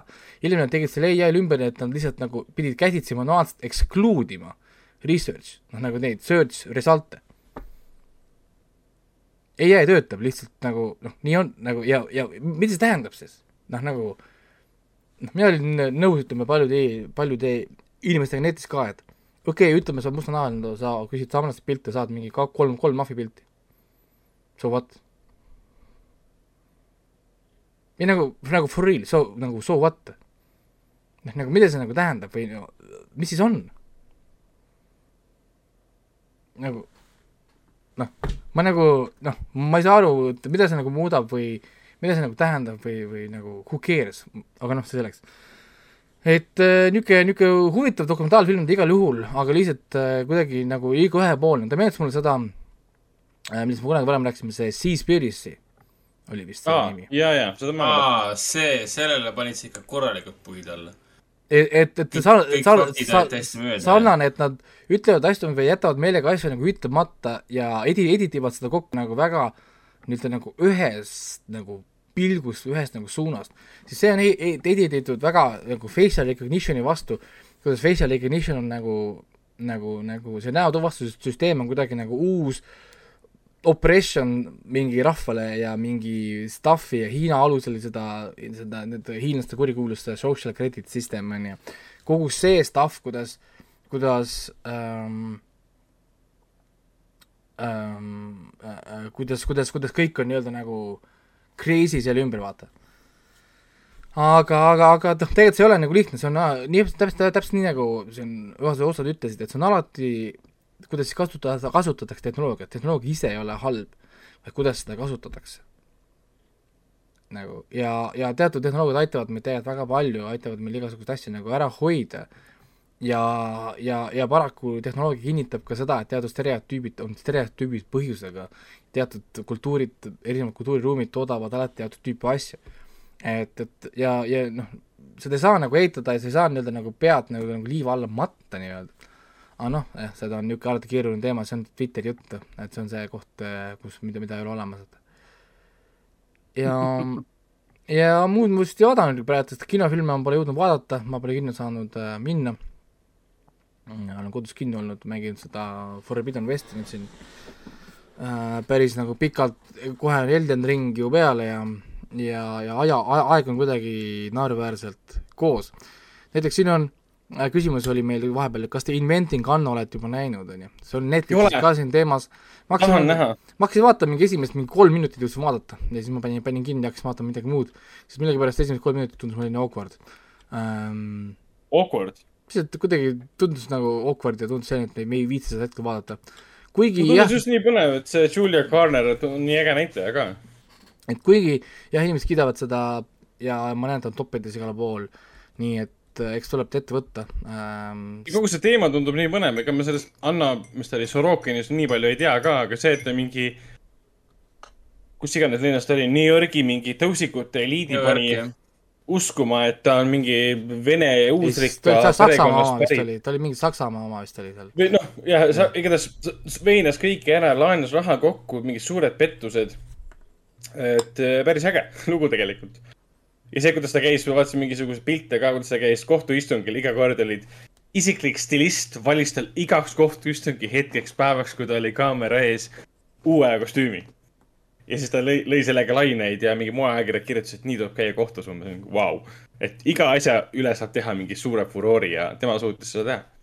no sama teema tuli vist, kuradi kohta see Apple'isse tuli selle, või tuleb alles Amanda Seyfriediga vist või? Äh, sellest, sellest tehnoloogiaettevõtte juhist, äh, kes müüs aa ah, jaa, tühja jaa, seda, seda vere, vereanalüüsi, mida olemas ei ja ole. tühja lubadusi, jaa, ta ja. sai miljardeid äh, laene, investeeringuid ja ta teadis seda ja. juba ammu, et seda ei saa teha, talle öeldi algusest peale, et, et seda ei saa teha, aga, aga see naine vaatas umbes seda, et oh, et kuna Steve Jobs lubab tühjasid asju ja siis ta paneb umbes, maksab inimestele, et seda nagu tõeks teha, vaata, et ta võib ka niimoodi teha no seda noh, nagu ja siis ta, siis ta lubas täpselt. nagu vereanalüüsi ja DNA analüüse, mida tegelikult ei saa teha, ei saa nii kiiresti teha, väga konkreetsed teaduslikud põhjused, miks seda teha ei saa. tema lubas, et saab, saab teha, korjas rahad kõik kokku, siis proovis leida tead-, teadlasi, kes siis seda nagu tõeks suudaks nagu teha, aga kõik ütlesid talle kogu aeg, et ähm, seda ei saa teha. It doesn't work like that, it's nagu what, ei, no, on ju. ja, ja, ja siis, ja hiljem nagu reaalselt ta tegi ennast meelega rasedaks, et kohus, kohtus olla sümpaatsem ja mida ta kohtus tegi, hakkas süüdistama oma, oma meest, et ta mees käskis tal kõiki asju teha. hea kaitse. niimoodi või, vau. jaa, see oli nagu eriti, eriti hale oh,. ma lugesin mingeid artikleid ja asju, mul oli nagu oh my god, ära ole nii hale. aa, see oli, see on Hulus reaalselt. ma ei tea, kas see on äkki siis äh, siin Telia tv-s ka saadaval. Hulu asju tuleb sinna ka, The Dropout on siis selle asja nimi. ja ei, seda, seda tahab küll vaadata, et ähm, ja kusjuures kõige, kõige huvitavam oli see, et ta sai auhindu värke ka, et mingi ultra naisettevõte ja mingid auhinnad, et on järgmine mingi Steve Jobs, aga nagu nagu, nagu mingi see naine ja värki ja, ja hullult nagu haigati ka teda muidugi, selles mõttes nagu kõike on nii kiiresti on valmis kõike uskuma, peaasi, et pealist pinna põhjal ja jaa, aga samal ajal Steve, tal oli tegelikult õigus, Steve Jobs tegigi niimoodi, Steve Jobs mõtles mingit kilbast välja ja siis umbes, et kuule, et äh, teie te, tehke või ma kuradi teen teie elud põrguks, inimesed kartsid, kartsid seda psühhopaati ja, ja siis töötasid ennast, ennast pooleks ja siis see vend võttis selle leiutis ja läks sellega lavale, vaadake, mis ma tegin. sa mees ei teinud mitte sittagi, sa varastasid Nokialt ja Samsungilt asju ja müüd seda uuesti nüüd. noh, nagu what the fuck, noh. täiesti crazy, et, et oh, Steve Jobsi haips, ma tean juba, ma juba tean, Apple'i fännidel nüüd on juba tagumikkrampis juba hakkavad kirjutama aga niimoodi tehaksegi raha. ei jaa, et Apple, Apple lõpetas meile, kuidas asju müüa ja sa võid inimestele müüa mida iganes, kuni, kui sa paned yeah. sinna mingisuguse prestiiži klepeka juurde. Pole oluline see, et see on jumala mõttetu toode, mis tegelikult on mingi alumises kolmandikus turul olevast kvaliteedi suhtes. aga tal on, tal on logo ju peal, tal on ju prestiiž, see näitab, et mul on raha, see näitab seda, et sa oled idi-, idi-, idioot, kes võtab laenu, et osta telefone sest ma saan aru, et äh, Apple'i need äh, fännid vist iga, iga paari aasta tagant ostavad endale uue telefoni. ei, iga aasta ostavad uue telefoni. iga aasta ost-, kusjuures ma olin vahepeal üllatunud, et äh, eelmine aasta vist ma arvasin, et iPhone viis või midagi sellist oli viimane ja siis keegi ütles mulle, et ma ei tea, mis üheksa on praegu väljas. ei, kolmteist vist on või midagi sellist ma olin mingi, vau, mis vahepeal juhtus, alles oli viis ju ei, ja, ja siis on klassikaline Apple'i move ju. Pro ja Pro Max ja Pro Max X ja ja, ja, ja mingid niisugused ja ikka see huumor ka, kui nad andsid välja selle ju oma selle kuvari, siis see kuvari stand oli ju see Pro stand üheksasada üheksakümmend üheksa, tavaline plastmass plönn, kuhu külge riputada, üheksasada üheksakümmend üheksa dollarit. Aga ostavad, aga ostavad. kuule, aga see Merl, Merle siin äh, Youtube'is äh, mainis ka, et see Inventing, Inventing Anna on äh, väga hea ja et me kindlasti vaataksime, et super head näitlejad jube manipulaator ja psühhopaat, ma näen, jah yeah.. ei jah, selles mõttes and... võib küll olla, jah, ma olen nõus, et, et ta vähemalt Andre... näeb hea välja. ja Andre ütleb väga elutargalt, et lollidelt tulebki raha ära võtta. ja ka seda ja..., et kaameral tuleb selitust tõsta. Et meie nä näojooni oleks paremini näha. no siis lähebki, lähebki heledamaks nii-öelda. ma ei tea, mis ma, mis ma siin tegema pean. oota, mis näojooni, kelle näojooni ta tahab näha? meie mina peegel-. räägi meist, räägi meist, ta räägib äh, Coded Bias'i sellest äh, tõenäoliselt või? okei. ma mõtlesin ka, et what the fuck, et kes tahab meie nägusid veel täitsa selgemalt näha, mis asja, lõpetage ära noh. aga. Äh, Raiko, Raiko kiile, kiiles pead tahetakse veel selgemalt. peegeldab jah no Raiko on viimased paar päeva siin äh, ühte, ühte punapead vaadanud, tõenäoliselt väga-väga lähedalt, nagu ta enne mainis, siis äh, Eloid, Eloid. Eloid jah, Horizon Forbidden West tuli issand, kui hea mäng see on, mine pekki. kõik, kes te mängite video, videomänge, teil on PlayStation neli või PlayStation viis, siis Horizon Forbidden West. aga rääkides lollidest, kellelt raha ära võetakse, need, kes ostavad digitaalseid video, video, videomänge, palun äh, liituge Apple'i fännidega seal anti-maskerite järjekorras, sest uh, what the fuck, ärge ostke, ärge ostke digitaalseid mänge, ärge ostke digitaalseid mänge, inimesed. sest nagu nonsense, osta, see on nagu NFT-de ostmine. jah, sul ei ole seda tegelikult. et, et mu sõber ütles eile, kui meil oli sünnipäevapidu, mängisime laul, lauamänge mängisime ja siis seal kirjeldas hästi NFT-d, et NFT on nagu abielutunnistus mil-, millest on sama palju kasu, kui võõrad mehed sinu, sinu, sinu naist panevad, sa võid enne endale vähemalt kinnitada, aga mul on ju abielutunnistus. okei okay. päris hea võrdlus. jah, et, et see on NFT, mida kõik kopeerivad, parem klikk ja save image äh, on täpselt sama kasulik, aga, aga mul on ju tunnistus. nagu jah, tore aga nagu see ei aita sind, et jaa, digi-, digitaalsed tooted paluks äh, mitte no, osta kaheksakümne euroga. No, õnneks, õnneks, õnneks on see, et kui mingil põhjusel digitaalset mängi pole enam mitte kunagi mitte mingil kujul saadaval, siis vähemalt on mul siin riiulis küberpungid ja Red Dead Redemptionid ja Death Strandingud olemas. oi, oi, ei, issand, kui ma mäletan, läheks mingi laptopi kuskil hakkas kaameraga näitama, kuidas näevad välja plaadid ja asjad riiulites ja collector edition'id ja no, kujud ja kujud, nende jätsin taga osta digitaalne kuju endale näiteks, no mida, mida sa teed sellega? Sul on vaja füüsilist no, toodet. vaatad seda JPG pilti. ja, ja näiteks klassik-, klassikaline näide, sõber ostis äh, Horizon for, Forbidden Westi plaadi, sai kolm päeva ennem re reliisi kätte, maksis plaadi eest kuuskümmend neli euri. päev peale reliisi oli mäng läbi, ehk siis äh, eile, pani selle, ostas müüki, sai kuuskümmend viis euri tagasi. no täpselt, kasum, sa teed aga kus sa, ja kui ma oleksin selle mängu ostnud endale füüsilisele kujul arvutile, siis mul pole sellega midagi teha, sest ma ei saa seda edasi müüa, sest seal on Steam'i kood sees. jaa, aga siis sa pole ju, siis sa pole füüsiline, sa ostad ju ikkagist digitaalse toote ju. jah, et noh, arvutile nagu füüsilist ostes teeb sama välja, kui ma ostan digitaalse toote see karbima võin ära visata. aga ma just räägin just nagu plaatidest ja asjadest ja värkidest et konsooli, konsooli füüsilised mängud on siis siiamaani tegelikult ju ainus viis siis põhimõtteliselt, kuidas no, saada endale mängu ja seda ka reaalselt mängida ka tulevikus. ja kelle, kelle, ja kelle iganes poolt. ja ei, selles mõttes see on, ja see on minu hoiatus jah, et päriselt, et äh, ärge ostke digitaalset mänge ainult siis, kui ta on tõesti mingi viis euri, neli euri, kolm euri, mingi normaalne hind, madal, noh, nagu ütleme, nagu mitte midagi tähendav hind, alla näiteks täna näete, lähete, ma ei tea, BSN-i näete, keegi müüb kolm üheksakümmend, ma ei tea, Uncharted, ostke ära aga keegi tahab sul täna müüa digitaalset Uncharted kaheksakümmend viis euri, fuck you, ei, ma lähen ostan, ma lähen ostan plaadi. et see, see tuletab mulle meelde, et vend ju kinkis mulle jõuludeks Uncharted'i selle neljanda osa füüsilise koopia.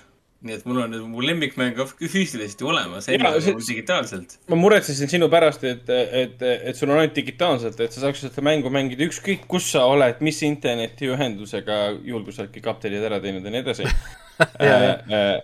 tege-, tegelikult see ongi see, see teema jälle, et sa ei saa mängu mängida, sa paned ta tööle, ta ütleb sulle, et tal on vaja kriitilist update'i ja sul on ikka internetti vaja. no kõikide mängudega ei ole. ma arvan, et kõikidega puhul ei ole seda. et kui sul on, teed tavaline plaadi edition, paned offline'i ja ta ei küsi update'i, ta mängib lihtsalt seda ilma no, okay. tavalist update imata versiooni mängid sõltub jälle, mida sa mängida tahad, et kui ma praegu lähen ostan poest endale Cyberpunk kaks tuhat seitsekümmend seitse panen selle sisse, hakkan seda ilma, hakkan seda ilma update imata mängima, siis on tulemus umbes see, et mingi, miks ma selle eest viisteist eurot maksin?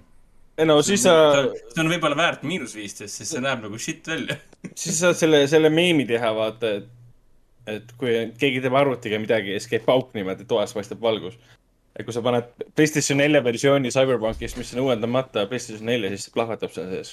see on niivõrd petkine. see on PlayStation ühe mäng, ma ei tea, siis kui nelja sisse võib vist nii öelda või? jah, aa, lihtsalt infoks ka, et me, me hakkame nüüd oma tiimiga striimima ka mänge. me siis lõpuks jõudsime sinnamaani, et kuna meil on nii palju videogeimers videogeimmersi siis e-sport tiimiga siis, ehk siis mitte kirjutajad, aga äh, e-sportlased siis nagu siis äh, Horizonit ja Elden Ringi ei, ei, äh, me või... jagame ära, me päevad, erinevatel päevadel hakkab siis tulema midagi, mis Youtube'i ja Twitch'i, mina arvatavasti teen mingi teisipäeviti või kolmapäeviti ühe korra nädalas. Ja mina hakkan striimima vanu mänge, mis mul on library'sse jäänud mängimata. ja vanad mängud, kui ma mõtlen kakskümmend aastate peale vanad, vanad mängud ma, ma, ma lähen äh, tagasi oma Veiko äh, video, Angry Video Game Nerd saab ma lähen äh, tagasi oma mängude juurde, mis mul on tegemata jäänud, Playcar kahest, Playcar ühest ja mingi X aegadest, mis mul on kunagi jäänud õpetamata ja teen need läbi. vaikselt siis. et äh, tulen nagu oma, hakkan kustutama asju. uusi mänge, kes ikka viitsib tiimida nagu niimoodi no,, selles mõttes, et neid on, neid on nii, nii palju content'i on oksendamiseni üles-alla, vasakule-paremale. aru, see on väga hea idee, ma mina hea meelega vaataksin, saaksin targemaks. ja, ja siis teised ti-, tiimist valivad mingeid suvalisi mänge, mida nemad tahavad teha ja idee järgi siis et peaaegu iga päev keegi midagi striimiks, on, on siis see idee, meil on päris palju inimesi, proovime nagu päevad-nädalad ära jagada ja oota, aga kõige tähtsam küsimus on see, et kuidas te seda striimi formaati teete, et kas äh, nägu on kuskil seal äh, kaadrinurgas? oleneb, kui meil on naised äh,, siis naised on suurelt, ekraani peal mäng on väikses nurgas, kui mehed, siis ma saan äh, aru küll, mis, äh, mis, mis asjad on suurelt ekraani nurgas. et siis, e, ei, e, praegu on niimoodi näiteks, et kui mina oleksin praegu naine, siis ma oleksin terve suurelt ja siis äh, näed äh,, mäng oleks siin all väikses nurgas aga kui, kui ma olen mees, siis mina olen ise siin all väikses nurgas, mäng on suurelt uh, full screen. sind poleks nähagi ju. ja, ja siis, ja, ja, ja, ja siis nagu ma Margusele ütlesin, et Margusele paneme üldse facecam'i äh,, facecam'i kinni, sest ma ei taha päris, et kõik paneks meile unsub-, unsubscribe ka, et sa ajad, Margus on väga tore, ma arvan, et ta oleks väga lahe. Margus on varem striiminud ka, mitte? ei, ta on ikka hea, ta, me kõik toome oma channel'ite striiminud, aga see on jälle see, et kuna meil pole jällegi nii palju aega, et olla mingi full time streamer, vaata, see võtab mingi õiget aja commitment'i. jaa, see on absurdne. nüüd me jagame nagu ära, et me kõik võtame mingi mõned tunnid nädalas, et me saaksime nagu teha ja samal ajal ongi must hea, hea meel, et ma saan hakata vanu asju nagu delete ima oma listidest tegelikult. mul on Tide näiteks 3D platvormer Tide Tasmanian Tiger on mul tegemata näiteks, mis oli kaks tuhat kaks reliis äkki oli. ja teatud mängud mõned, mõned sõnad olid tuttavad minu jaoks. et jaa, ma tahan Breaker kahe näiteks mängida, Hunting Grounds'i tahan mängida mis on üks haruldasemaid kraalmänge, Playeri peal täna umbes sada, umbes sada kümme euri maksab täna. Hunting Grounds jaa, Playeri, see on nüüd, see oli see periood, kus kõik hakkasid kopeerima Silent Hilli ja Resident Evilit uh,. Clock Tower ah,, horror series uh,, Siren, õudusseerias uh, üks oli veel see, mida Sai, me vennaga mängisime. Siren, Hunting Grounds, Project Zero. Countdown Vampire, see oli ka ja ei, üldse jaa. Resident Evil'i copy-paste. jah, siis on see Fatal Frame Äh, ja nii edasi. kuidas nad kõik need erinevad mänge nimetatakse, ehk siis erinevaid mänge äh,, mõtlesime, et me hakkame nüüd lõpuks tegema, et meil tegelikult ressursse, asju tegelikult on, konsoolid, värgid olemas, eriti nüüd, kui meil veebipood on olemas, mul on ligipääs erinevatele retromängudele ka, nii et jah äh,. Nice. aga see, aga see, see selleks, Mardu sai oma tavalist loba nüüd, palun väga ähm, loodan, et sa oled õnnelik nüüd lihtsalt läks lappama korraks, et venna, mis see Breaker ühe mäng oli? see Nightmare something, teine osa. no Nightmare Creatures. Nightmare Creatures kaks. see oli hea. see vääriks mingit räiget remake'i. see oli creepy mäng, selles mõttes ta oli vastikult creepy mäng oli. oo oh, jaa, ta oli raske ka, ma mäletan. ja, ja kusjuures mäng, mis vääriks remake'i. kui keegi kuuleb, ma ei tea, mis iganes firmadest, kes teevad remake'e um,. Jersey Devil, Playcore ühe mäng üks, üks, üks parimaid 3D platvormer puslemänge, mis on minu arust tehtud kunagi, ever. ja see oli aja, ajastul, kus meil olid Spyro'd, meil olid Medievalid, meil olid Crash Bandicootid, värgid-särgid, siis minu arust Jersey, Jersey Devil oli nagu üle nagu prahi. et jah, et jah, muud, muud mul ei olegi äh, öelda ega kurta ega äh, kaevata, et äh, mul naine sai ka haiglas, haiglas, haiglas koju ja nice. elu on nagu, elu on nagu lill ja rõõm, rõõm kuulda, et, et kuskil mingid asjad liiguvad õiges suunas. aga rääkides asjadest, mis pole kindlasti nii tähtsi, tähtsad, tähtsad, tähtsad, siis äh, Nightmare Creatures äh, teine osa, see oli isegi Konami välja antud. et. ja, see oli mingi... Konami oma stuudiot, ma ei tea, kes seda tegi. mingi Callisto, midagi taolist, ma ei tea. järelikult seda stuudiot ilmselt enam eksisteeris. ehk siis äh, kõik asjad, mida Konami levitas, need väiksed stuudiod tapeti ära jah, sest noh, Konamist ei ole enam midagi tõenäoliselt arvata. no Konami hoiab kinni oma me-, oma Metal, Metal Gear Solid äh, IP-st ja neil muud ei ole, Silent Hill on ka Sil-, Silent Hill on nende oma, millega nad ei tee mitte midagi, nii et ma ei tea, miks äh,, miks nad seda kinni hoiavad.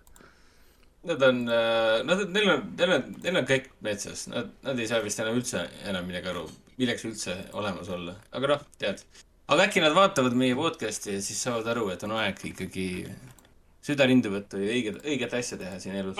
tuletame meelde, et Nightmare Creatures on pärit ajas, kui tehti introsid eh, mängule Rob Zombie muusikaga, nii et see on ja, ja see oli nii hea ja kurat, me mängisime kuule, issand, jaa, kuule, kas Rob Zombie teinud mitte ka sellele ilmumata mängule Trill Kill või?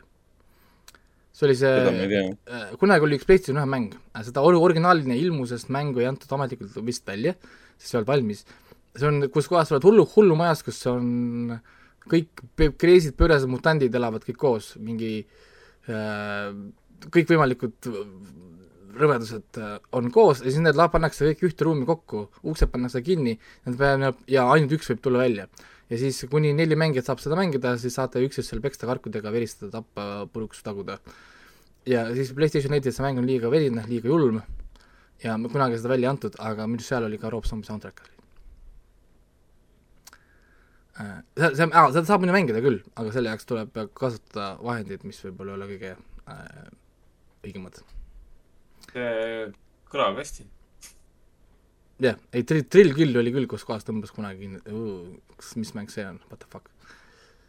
aga, aga inimestel on fantaasiat küll, mis puudutavad see, sellistesse asjadesse, et mingi kar-, kar-, karkudega beebid ja ja ja, ja nii edasi, seal on väga huvitavaid karaktereid oh.. Kuulge, aga Henrik, ma tahan kuulata sinu kogemusi viimase aja siis kolmest seriaalist, mis sa oled vaadanud. kusjuures äh, ma pean vaatama, meil on kohe kaks olnud juba täis. nii et äh,. jaa, me oleme oma kallist aega võtnud, et tulla Mardole vastu, et mitte teha kiirustatud saadet. et meil tuleb ilmselt niisugune kaks pool, peaaegu kolm äh,, loodame kiiremini, kiiremini teha aga, aga Henrik, räägi meile, räägi meile kolmest äh, seriaalist, mis on sul pooleli ja siis me tahame kuulata sinu, sinu arvamust Vin Diesli ähm, pärlist, mida maailm on unustanud ja ma jäin siin Youtube'is praegu seda Nightmare Christmas'i teise osaga gameplay'd vaatama oh,. kõik tuli meelde, kõik tuli meelde, kui äge, äge mäng see oli. elu oli lihtsam, Playstation üks oli ainuke asi, mis sul vaja oli. ei olnud vaja osta tuhande eurost graafikakaarti. Nojah, täpselt ah., et praegu, praegu on mul jah, olen jätkanud ainult Euphoria, Community ja Office'iga.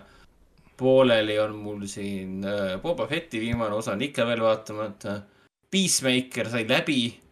mul on äh,, ma olen ikka veel vist esimese nelja osa juures äkki või, viie osa juures, ma ei mäletagi enam. täiesti pooleli, et äh, jah.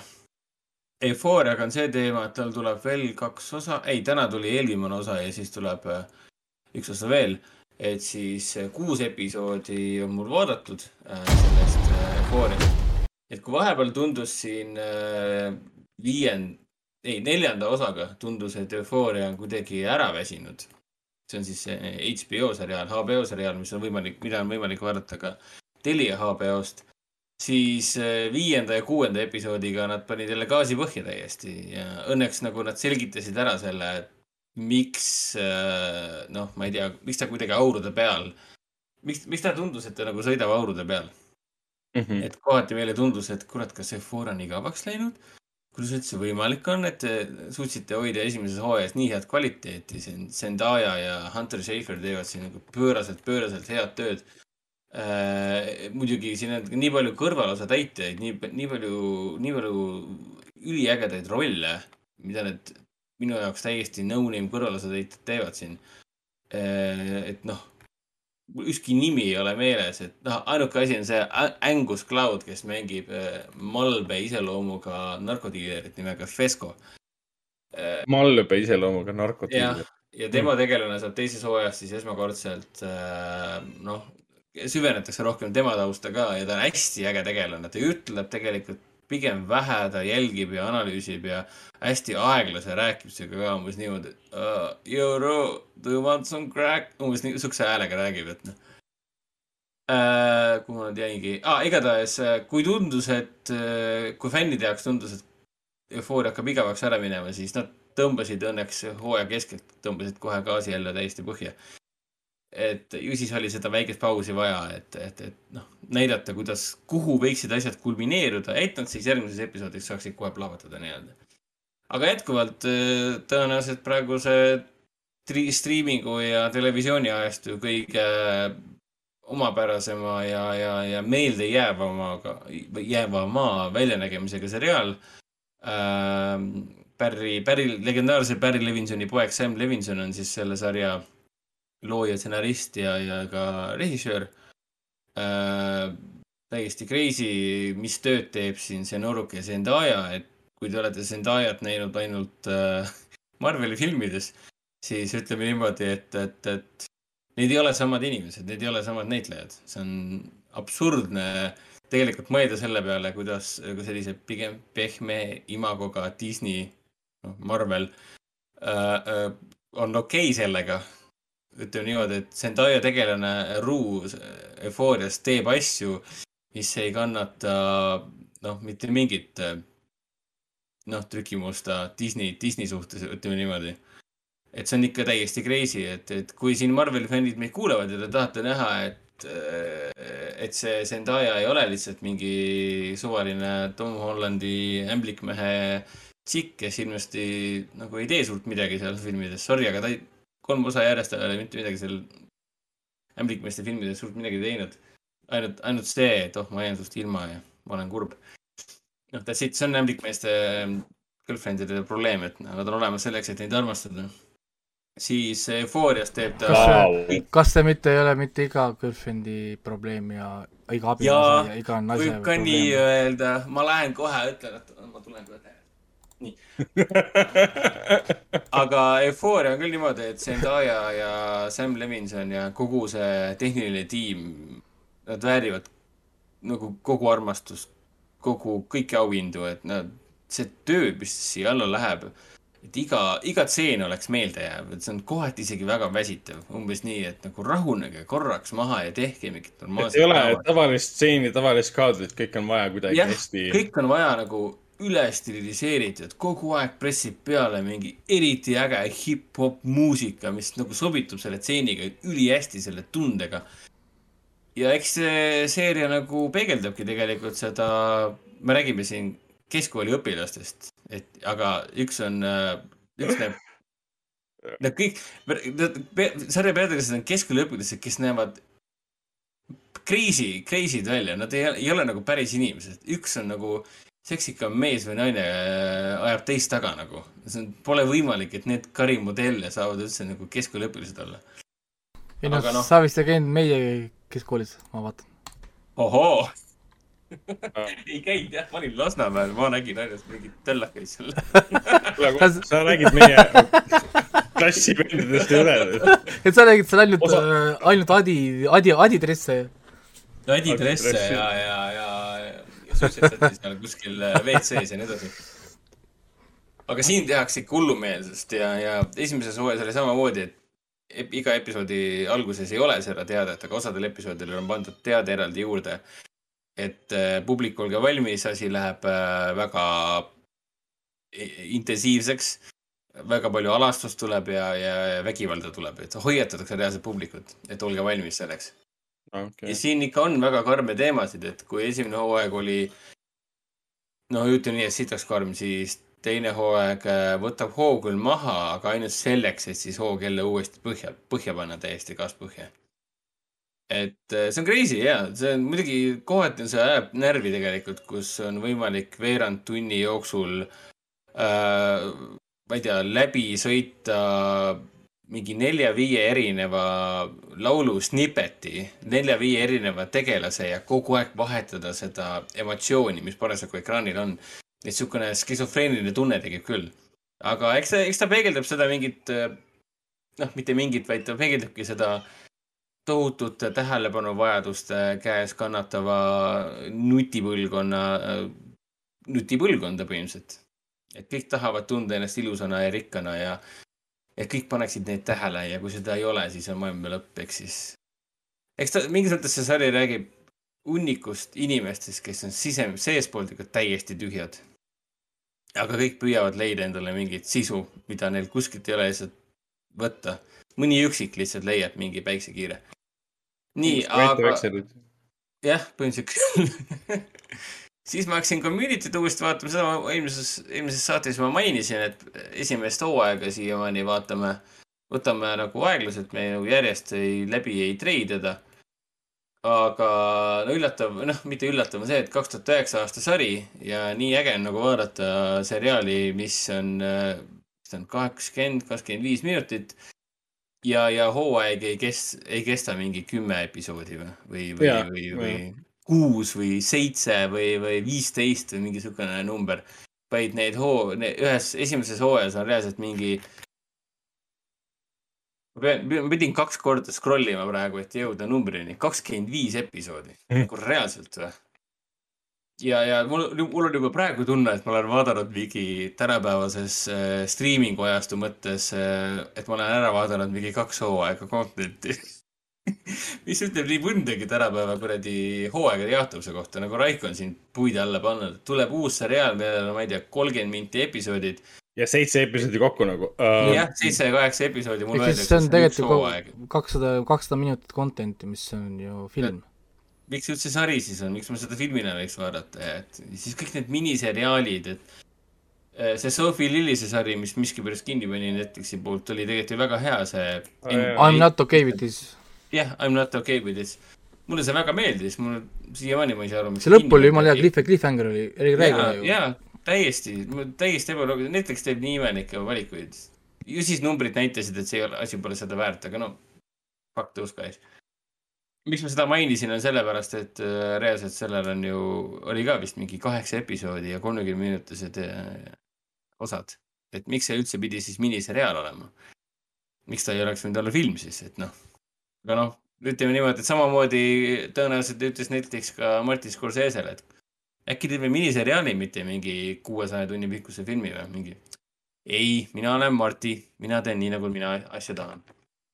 aga Community jätkuvalt fännasin seda, fännasin seda omal ajal, fännan seda ka praegu. ja nii äge on jälle kõikide nende Jeffide, Troide ja Abedite ja, ja Annide ja Senior Changide ja, ja issand, mis selle Chevy Chase'i, Pierce, Pierce'i, Pierce'ide tegelaste tagasi juurde, nende tegelast Dean Belton ja Need on nii kihvtid tegelased ja eriti on äge vaadata, kuidas esimene hooaeg on nii pikk ja juba hooaja keskpaigus on näha, kuidas need dünaamika nii paika loksunud. sellepärast mul ongi tunne, et ma oleksin nagu kaks hooaega juba seda vaadanud. ja kuidas see Troy ja Abedi äh, sõprussuhe aina kasvab ja kasvab ja läheb aina absurdsemaks, et noh. See on nagu vanade sõprade juurde tagasiminek ja on asju, mida ma üldse ei mäleta, sest ma ei ole seda sarja vaadanud nagu uuesti. ma olen, vaatasin ta järjest läbi omal ajal ja rohkem uuesti ei vaadanud ja ütleme niimoodi, esimest hooajast ma ei, suurem, suurem asj, ma ei mäleta, eriti mitte midagi ei mäleta, mis siin toimus. ma mäletan inimeste karakterite vahelisi suhteid, aga ma ei mäleta sündmusi, mis siin toimus. ja nagu meenutagem seda, Community on ju Dan Harmoni ehk siis äh, Rick and Morty looja seriaal, nii et äh, seda nii hästi tunda siit, sa, sa, ei saa kordagi pilku ekraanilt ära võtta äh, ja, ja, ja korragi nagu tähelepanu kõrvale panna, siis sa jääd kohe automaatselt naljast ilma. sest noh kogu ekraan on kogu aeg täidetud Rick ja Mortilike, Rick ja Mortiliku huumoriga ja, ja tähelepanekutega ja pisikeste detailidega. alatihti me siin vaatame kahekesti, siis äh, tips teeb midagi siin kõrvale, et hakkab kuskile mujale roomama ja siis lähed tegeled temaga. Lähed tagasi äh, ekraani juurde, siis lihtsalt mingi ahah, ma panin vist minut aega tagasi, nüüd me vaatame selle stseeni uuesti, sest äh, see nali läks täiesti mööda taustaseriaalina mitte mingilgi tasandil pole võimalik Community't vaadata. see on lihtsalt liiga terav ja liiga naljakas ja, ja liiga palju detaile. muidugi, isegi selliseid detaile, mis minu jaoks mitte midagi ei ütle, et noh, ma saan aru, et äh, mingi, ma pean asjas sees olema, et sellest naljast aru saada. Ja siis Office'it vaatan, olen hetkel kuuenda hooaja peal, hakkan juba tundma, et sari hakkab justkui läbi saama, kuigi ta vist oli üheksa hooaega kokku uh,. siin on palju sündmusi toimunud ütle, ütleme nii et ma ei taha kõike Ragnari jaoks ära spoil ida, et tal on ka see tegelikult pooleli mm,. jah, eks ma kaudselt mingeid asju juba olen second hand'il viisil nagu siin kogenud. nojah. aga ma aga, detaile ei tea. Nagu ma eelmises saates ütlesin, et Office'i peal ma ei hakka nagu pikalt nagu peatuma, aga hämmastava kvaliteediga seriaal, et kuidas on võimalik, et see kestis nii kaua ja isegi kõige suvalisem äh, ma ei tea, täiteepisood või, või sisutäide või kohatäite episood või. ma ei taha öelda filler episood. et kohatäite episood lihtsalt, ma ei tea, istu siin tooli peal, sest meil on siin reas peab olema viis tooli ja, see viies pandi siia juurde lihtsalt selleks, et oleks augutäide. ja isegi iga, iga suvaline episood võib olla nagu väga, vajalik nende tegelaste arengu suhtes ja, ja noh, sa alati ootad seda Eh, seda cold open'it nii-öelda iga episoodi alguses enne algustiitreid. Eh, et, et millise absurdsusega nad seekord lagedale tulevad. ja ma siin, ma ei tea, kui tervislik see muidugi on, aga ma siin äh, olen äh, nädalavahetusel tegin niimoodi, et vaatasin äh, Office'it niimoodi, et hommikuti tibuga, toitsin siin tibu kõrval ja siis äh, samal ajal vaatasin Office'it. see Office, Office'it on õnneks võimalik vaadata kõrvalise tegevuse taustal. no Office on pigem kõrvaline tegevus võrreldes siis tibu täitmisega äh,. aga aa, ja siis algustiitrite musa on ju see, et ta läheb harjumatult valjuks, sest muidu sari ise on ju äh, ühtlase tooniga kogu aeg mm., aga see muusika rokib täiega.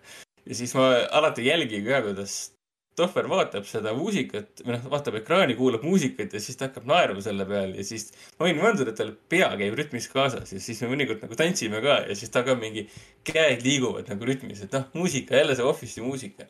ma kardan, et ma olen talle selle muusika juba pähe löödud kinni nii-öelda. kuidas kommenteerid, Raiko? saab vanemaks ja siis tal on see meeles nii-öelda. et kas sellises vanuses lapsed elavad muusikale kuidagi kaasa või tajuvad? ei, muidugi. ikka, ikka elavad jah. ja, ja, ja absoluutselt, ega. Nad hakkavad suht kiiresti tverkima, tagumikul käivad ja, ja, ja nad liiguvad oma lemmiklood ja siis sa näitad talle ette ka, et see, jah, see on nagu hea muusika, mille järele tantsida ja siis ta nagu vaatab, selge, ma sain heakskiidu ka veel lisati juurde, et ma võin edasi panna. huvitav on jah see, et näiteks, et meil ei ole erilisi tantsijaid lapse välja arvatud siis äh, kõige vanem poiss mul. et mm -hmm. kui ta näiteks mängib üksinda videomänge või mängib õhtuti üksinda malet, siis ta, kui keegi teda ei näe, muusika mängib, siis ta hullult äh, mingi õõtsutab ja laseb seal rahulikult minna, vaata. ja, ja siis tantsi, ma ei tantsi ma ei, ma ei taha nagu see, nagu segada ka siis, et äh, las siis annab, annab äh, minna. keegi pealt vaatab, siis mingi rahu ise. siis on umbes niimoodi, et oh my god, miks sa vaatad mind, ma ei tantsinud praegu, ma ei ole selline inimene, ma ei ole tantsija. aga liigume, liigume, liigume edasi äh,. räägi meile. Last Witch Hunter äh,, ma ei tea, miks ma seda vaatasin. no nii, oota, oota, mitu Oscarit see film nüüd sai? Viis. ma saan aru, et ta kandideeris viiele ja ta ebaõiglaselt ei antud talle mitte ühtegi Oscarit. ja see oli ju Ben Hur, ta kandideeris üksteist. jah. et ähm, filmis valmis siis üheksakümne miljoni dollariga, teenis tagasi sada nelikümmend kuus, mis on okei okay.. Steve Jablonski tegi muusika, Brett Eisner tegi, äh, lavastas äh, kes Brett tegelikult. on iseenesest kihvt režissöör, ta on lavastanud Crazy's e. E. Expanse'i episoode on ta lavastanud ja Aa. ta tegi jah, selle Romero remake'i, selle Crazy'se tegi ja Sahara ja, ja see kunagine minu äh, lemmikfilm äh, teismelisena Ragnaril ka, see Thought Crimes, selle mm. Navi Ravatiga äh,. tema lavastas selle. aa, issand jah, Thought, Thought Crimes oli kunagi ju teema jah, õige jaa, ja kusjuures see Todd Grimes oli ju ka see teema, et ta pidi ju äh, pilootepisood olema sarjale, aga sari ei saanud kunagi Greenlighti. sama oli, sama oli ju sellega see... ju selle Nicolas Cage'i filmiga Next. oli või? kas Next, Next pidi nagu piloot see pidi olema, jaa, see on piloot, pidi olema, et oligi nagu pilooteepisood väidetavalt äh, seriaalile.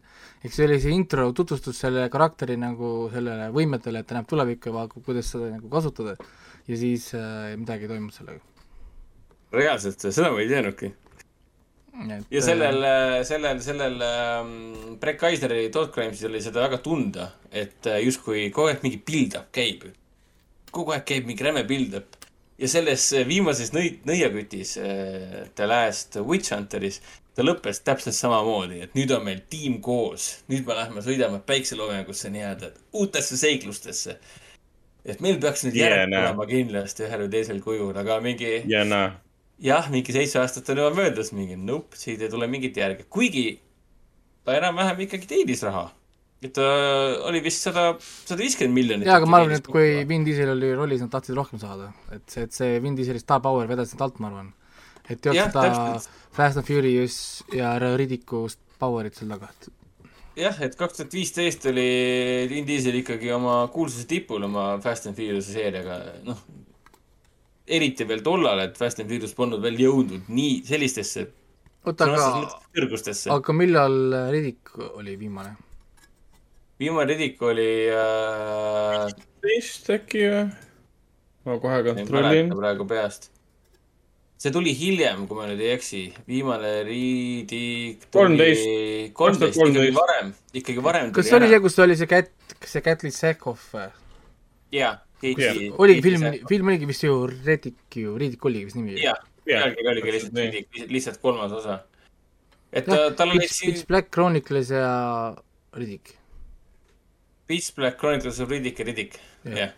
okei see oli huvitav jah, ta tegi Furious seitsme ära ja siis hakkas tegema lampi Last Witch Hunterit, millest so, lo, so, lootis nagu järge teha, ei õnnestunud no,, siis tuli X-Six kolm. ja X-Six kolm ka, et kogu film äh, näeb välja nagu frantsiisi algus. kogu film on üllatavalt ägedate näitlejatega, Michael Caine ja Elijah Wood äh,.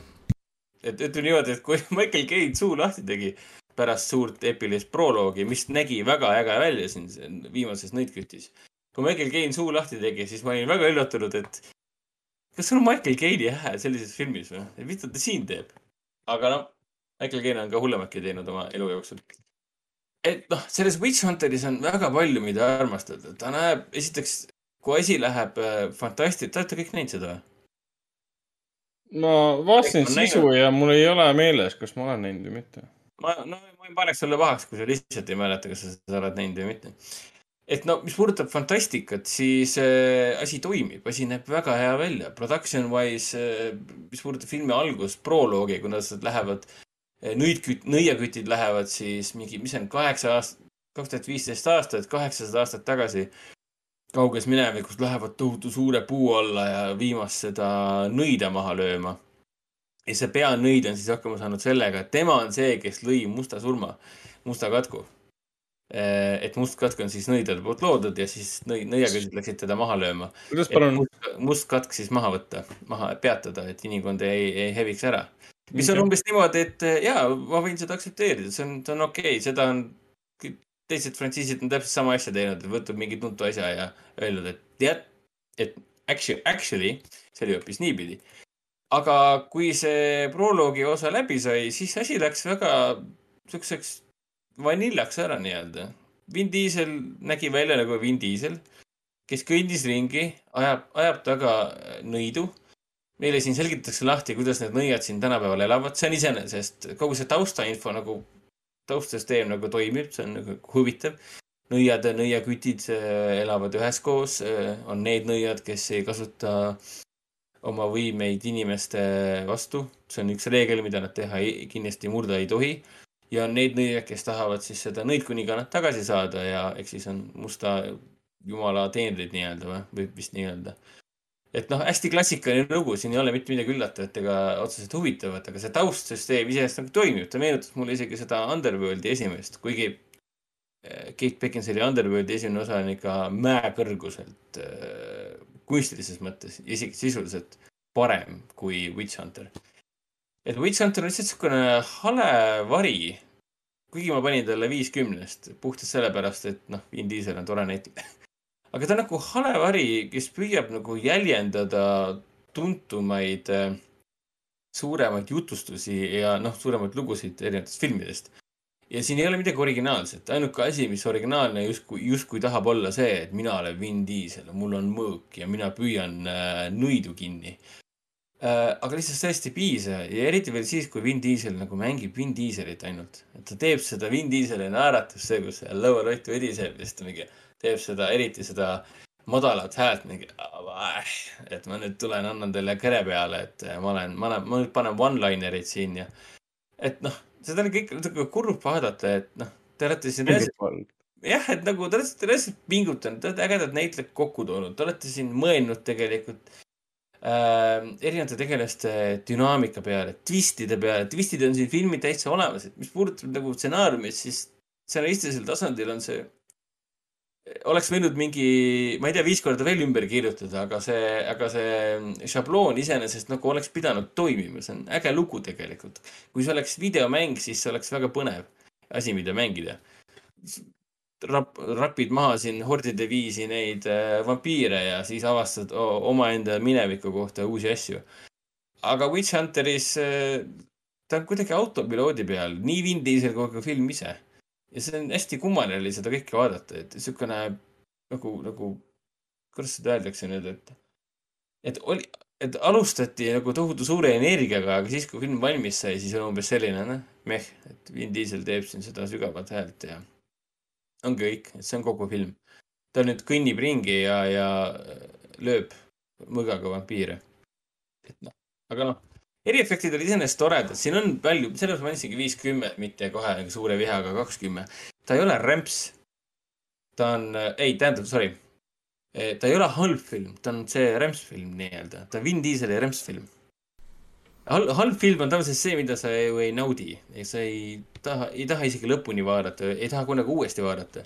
aga rämpsfilm on see, mida sa tõenäoliselt vaataksid hea meelega koos isegi suurema seltskonnaga, sest see on mitte nii halb, et lausa hea Wishhunteri kohta niimoodi ei ütleks, vaid pigem nii, äh, nii halb, et ta on äh, Vin Diesel, et nagu Vin Dieseli kvaliteet on siin küljes äh,. aga. Nonii, see salapärane aga, Vin, aga... Vin Dieseli kvaliteet, mis iganes see ka poleks Vin Dieseli kvaliteet on see, et Vin Diesel annab, annab näole ja ütleb, et ma olen Vin Diesel. I am Groot I am Groot ja nautige minu füsiiki ja minu salapära. Vin Dieselil on mingi saladuslik roll Avatar kahes ja kolmes. miskipärast arvan, et see on jälle mingi voice acting, et ta päriselt mingi mocap rolli seal ei tee. aga ma ei tea, ma ei kujuta ette, mida või keda. ma eeldan ka. aga lihtsalt jah, ei ma rohkem ei peatugi selle filmi peal, lihtsalt, lihtsalt kuidagi imelik oli seda kõike vaadata, et ta meenutas mulle väga mis see oli, kaks tuhat üheksateist aasta film või kaks tuhat kakskümmend aasta film äh,, Bloodshoti. Bloodshot oli kaks tuhat kakskümmend ikkagi, see oli, see oli ka film, mida pikalt edasi lükati. jaa, see oli see film, mida ma nägin äh, jah, pressikul vaatasin ära ja siis kino pani kinni. jah, jah, jah, täpselt märtsis, märtsis yeah.. aga kui mina vist vaatasin ka lõpus seda kinos. jah, ja minu meelest see Witch Hunter ja see Bloodshot on kohati väga-väga sarnased täpselt sama plott on kohati, sul on mees, kellel on perekond kadunud. kas ta ei ole mitte, kas ta pole mitte iga action hero movie seda, seda ka, iga, iga teine suvaline ah. film, mida lamp, lambiste has-been näitlejatega välja antakse. ma sain teada, et Steven Seagal on vahepeal filmi teinud, kus ta oli Mike Tysoniga. issand jumal, ma olen sellest klippe näinud koridori, koridori kriigus, see on ikka kohutav kohutav, kohutav saaste on välja, see on, efektid on umbes aastast kaks tuhat ja montaaž on umbes selline, et aga see, see hakkas mind nii tõmbama, see film oli nagu I have to see it, I have ja, to see it. mul oli ka veits, et okei lihtsalt need kaks tüüpi on koos, vahet pole, et nad on has-been'id, et okei okay,, mitte, mitte nagu has-been'id, et Mike, Mike Tyson võib ikka inimesi surnuks lüüa, kui tahab. aga, aga, aga Steven Seagal on suht has-been vot, aga äh, liigume, liigume edasi, äh, muidu me jäämegi, jäämegi. nii palju veel, et kui Vin Diesel äh, niimoodi oma karjääri edasi suhtub Witch Hunteri ja Bloodshoti puhul, siis ma ei tea, mis temast saab, kui Fast and Furious enam ei ole. no ma... aga ma tõesti, mis mõttes, et ei ole? nii no, kaua, kui Vin Diesel elab, Fast and Furious paneb edasi. jaa, uuesti jah, et Vin Dieselil ei ole ju sõpru, tal on perekond ja perekond ei, sa, sa ei hävita kunagi perekonda. millal tuleb hea Fast and Furious videomäng? vot see on nüüd see mingi... suure indie küsimus. siis, kui ja? mingi Polyphony Digital seda teeb või, või mingi uh, Horizoni. Guerilla, Guerilla Games. Guerilla, Guerilla Games, jah. Next Gen. siis, kui Horizon selle autosõiduseeria tootja teeb seda ega see, e-, enam pole autode, autodega mingit pistmist ju seal. nojah, seda, seda küll jah, seda küll jah. nüüd, nüüd on vaja võtta Ubisoftiga ühendust, et teha hoopis Tom Clancy filmi järgi. jah. ta, ta, ta, ta mingi Tom Clancy mängu järgi hoopis mm.. Mm -hmm, mm -hmm. aga mis selle Steven Seagali filmi nimi on? mingi loll pealkiri oli. hästi mingi basic oli jah, ma, ma ei mäleta juba. kõige basic um pealkiri, mis sa saad, saad filmile panna, mingi, ma ei tea, Revenge, noh produtsent lihtsalt nagu lõi rusikaga vastu klaviatuuri ja vaatas, mis, mis juhtus Steven Seagal tegi headbut'i klaviatuurile ja siis tuli, ahah, Beyond the Law. kuule, see on päris hea pealkiri. kas see oligi Beyond the Law või? ja, aga seal ei ole seda mm, Mike Tysonit.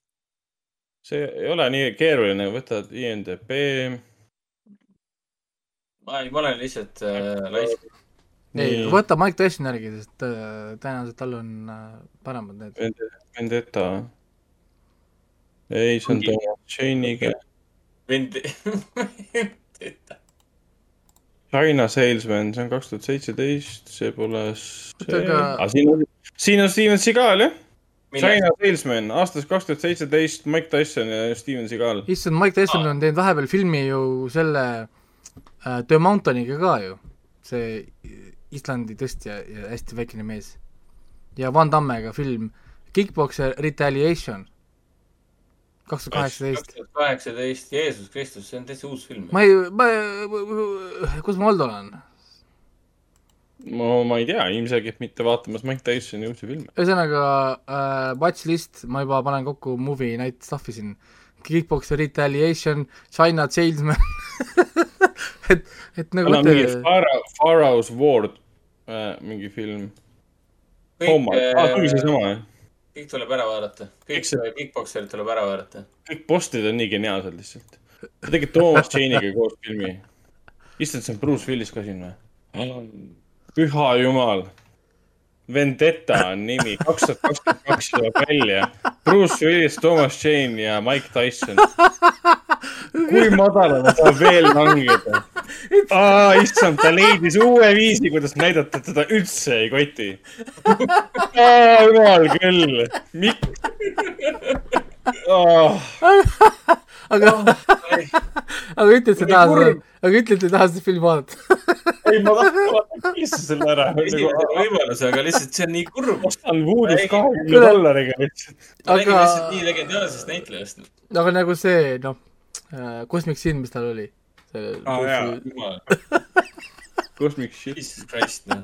kuidas see üldse filmiks jäi? see ei olnud isegi film, see oli nagu tudengifilm. Toomas Jane, Dio Rossi on ka siin, what the heck.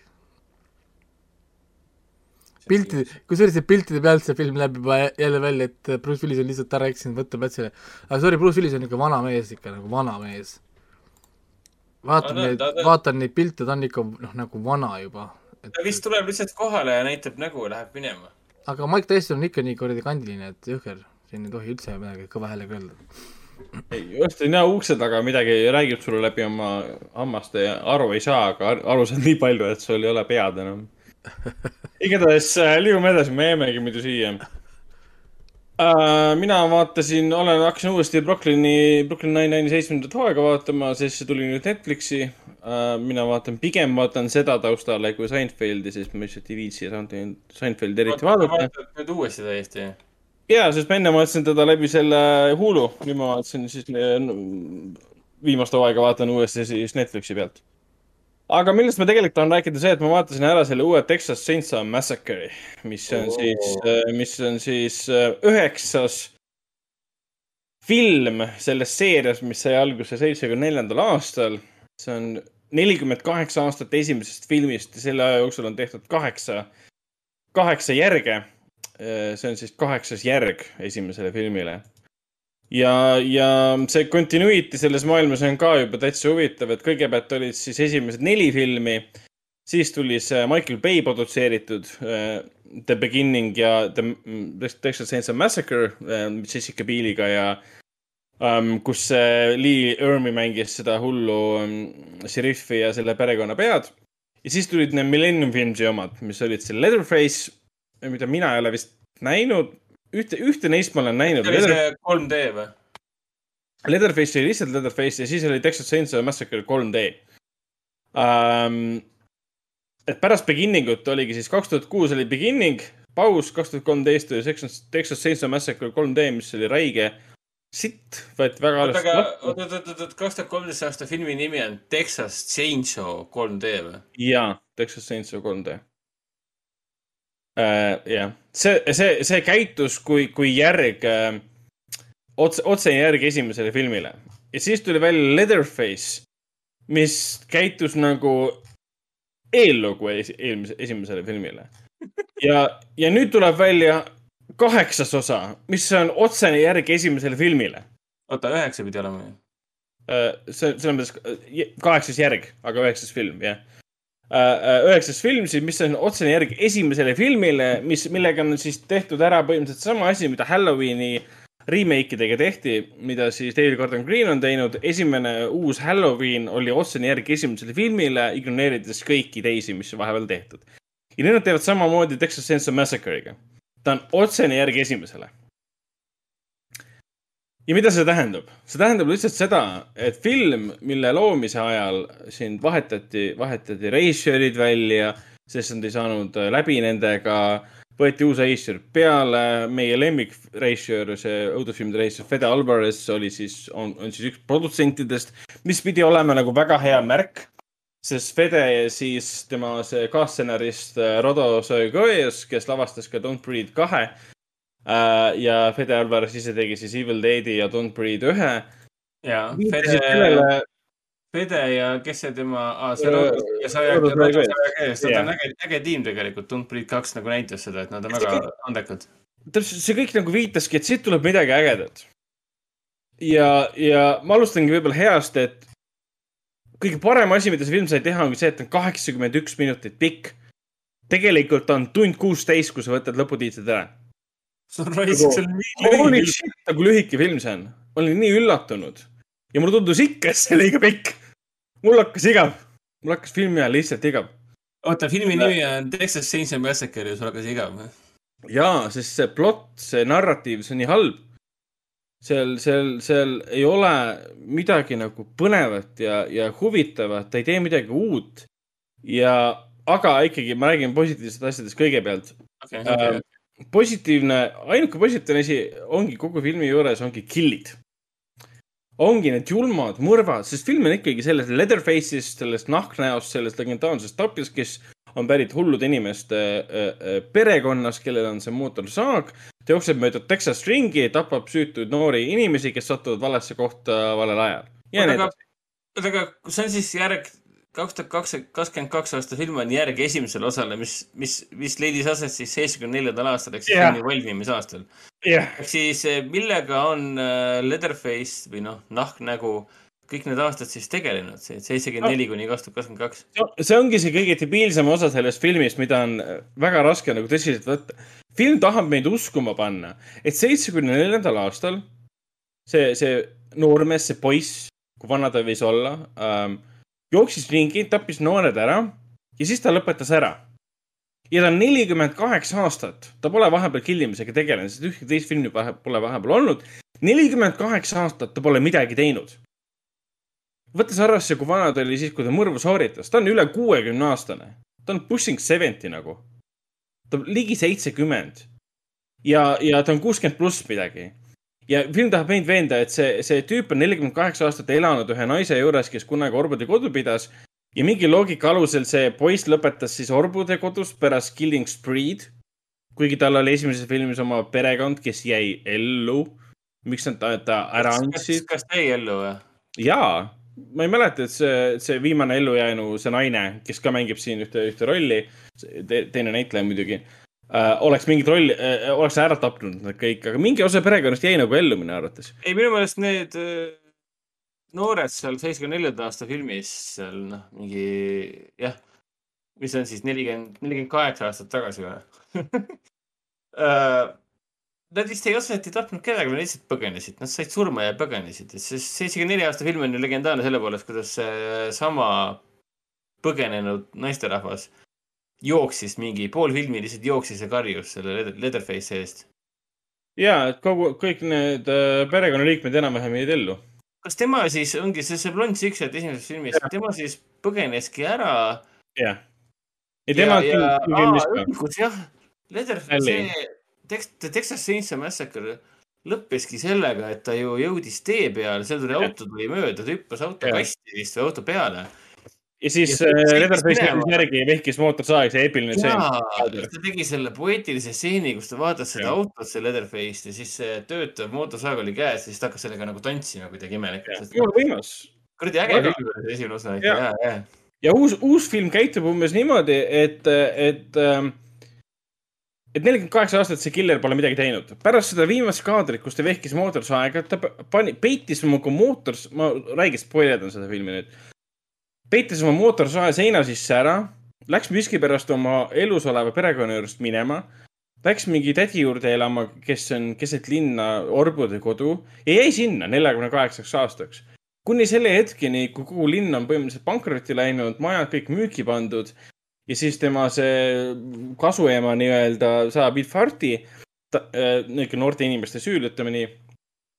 ja siis, siis Leatherface nagu ärkab uuesti hakkab uuesti killima, võtab kohe naha maha, paneb endale näkku selle, hästi eepiliseks on lavastatud see, kuidas ta vastu valgust vaatab oma nägu seal. ja siis ta teeb väikest John Wicki, läheb koju, hakkab haamriga seina puruks lööma, võtab sealt oma mootorsae välja. aa, nagu see, et mingi. et.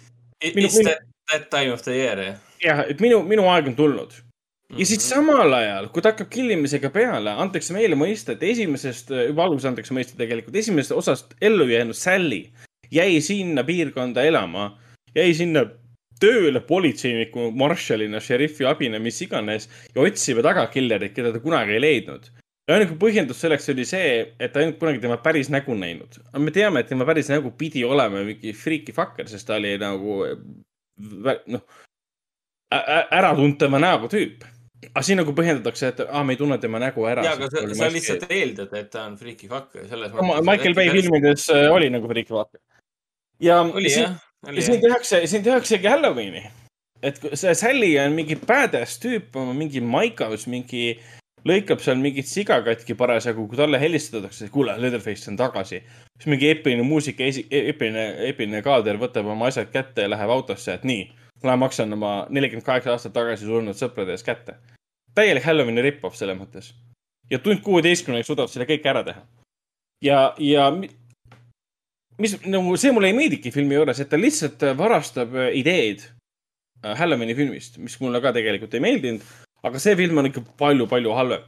ja kogu see idee selle taga ka, et see linn, mille ääres siis Leatherface kunagi elas, on, mis näeb kõik fake välja, sest see ehitati Bulgaariasse üles, see, see ei näe päris linn välja, sest see kõik leiab aset ühel tänaval sa näed, et need on šabloonseinad, šabloonmajad, see ei ole kõik päris. Äh, kuigi film näeb hea välja selles mõttes, et see production value ja kõik see operaatori töö on nagu okei okay. ja siis need noored lähevad sinna ainult sellepärast, et nemad on mingisugused müügiagendid, influencer'id, what not ja, ja nad siis nagu promovad tulevastele investoritele äh, ja siis ostjatele seda linna. et müüme linna maha, kuna see läks kõik pankrotti ja siis erinevate asjaolude kokkulangemise tõttu see naine, kes on justkui Leatherface'i eest hoolitsenud, sureb ära ja siis Leatherface saab uue rabanduse, et issand jumal, minu jälle mingid noored tulid ja hävitasid minu rahulikku elu. nüüd ma lihtsalt hakkan julmalt kõiki tapma. ja siit tulebki filmi nagu suurim pluss.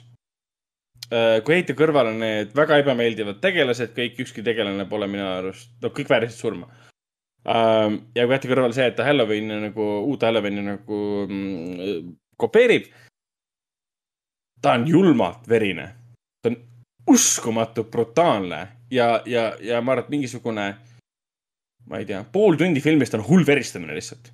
Ja kõik tegelased, ükskõik kui palju neid on tutvustatud, kui palju ekraaniaega nad saavad, kui toredad ja nunnud või ilusad nad on, kõik saavad nuga, mootorsaagi, kõik jäsemed lendavad, soolikad, issand.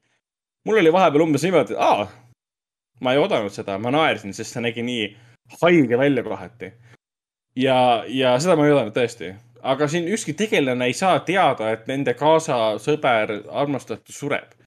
Mistõttu mul ei tekkinud ka seda hetke, et aa, kas ma peaksin tundma midagi. kas siin nagu käitutakse nende tegelastega umbes niimoodi, et sulle tehakse need tegelased nagu enam-vähem nii-öelda armsaks, sulle tehakse nad selgeks, kes nad sulle kõik on.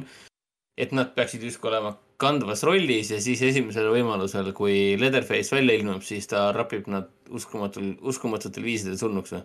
põhimõtteliselt küll, jah, jah. ja, ja, ja. selge.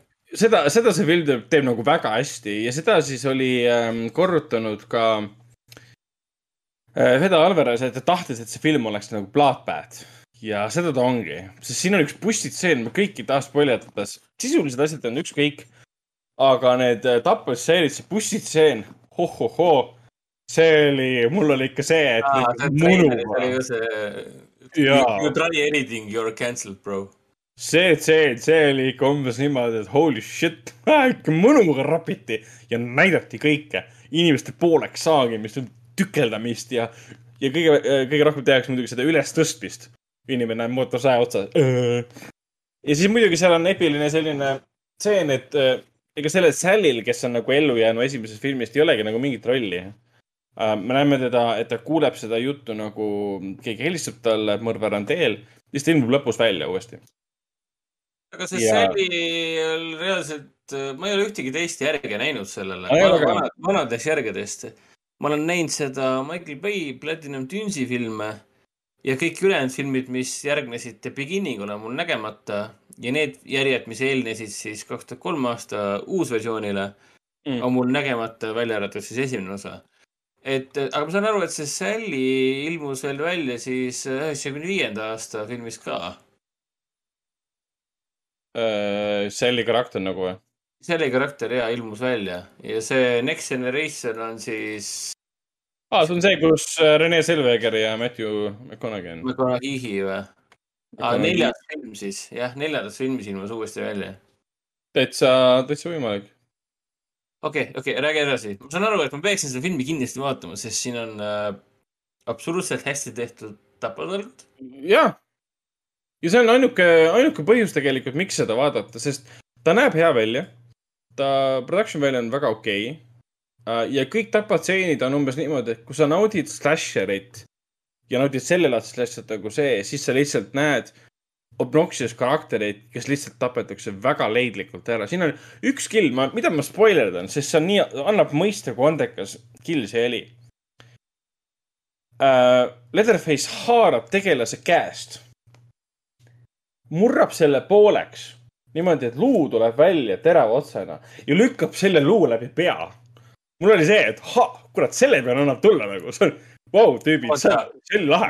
see on, see on see, kui keegi ütleb, et äh, ma võtan, tõmban sul käe otsast ja peksan selle käega sind surnuks või? jah, mul oli küll see, jah, mul, mul oli see hetk, et aa, issand, see oli lahe. et äh, see, see oli tõesti lahe ja siis siuksed asjad jätkuvad ka. aga need kõik tegelased on nii rumalad ja lollid ja see on nii absurdselt äh, sa nagu ootad kogu aeg, et surege juba ära, te väärite seda kõike, ükski teist nagu ei ole mõistusega inimene. siin on nagu nii arusaadav, et nad ongi loodud selleks, et nad kiiresti sureksid. ja üks põhitegelasteks on, on siin Elsie Fisheri kehastatud siis äh, Laila. seal on kaks õde, Melody ja Laila. kas Elsie Fisher on tuntud näitleja või? Elsie Fisher on, mida me, mina tean teda vähemalt siis sellest äh, Eight Grade'is, mis oli siis Bo Burnhami lavastatud äh, film, tema lavastatud debüüt, suurepärane film.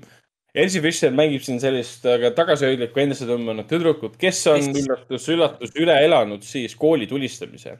et nad loovad siin siukse seose kooli tulistamise trauma ja Leatherface'i vastu võitlemise vahel, mis oli okei okay asi, mida teha ja see oleks paremas filmis veel paremini töötanud. siin ta lihtsalt andis sihukest kunstlikku sügavust juurde, et, et kuidas sa võitled traumaga, sa võitled uue trauma tekitaja vastu.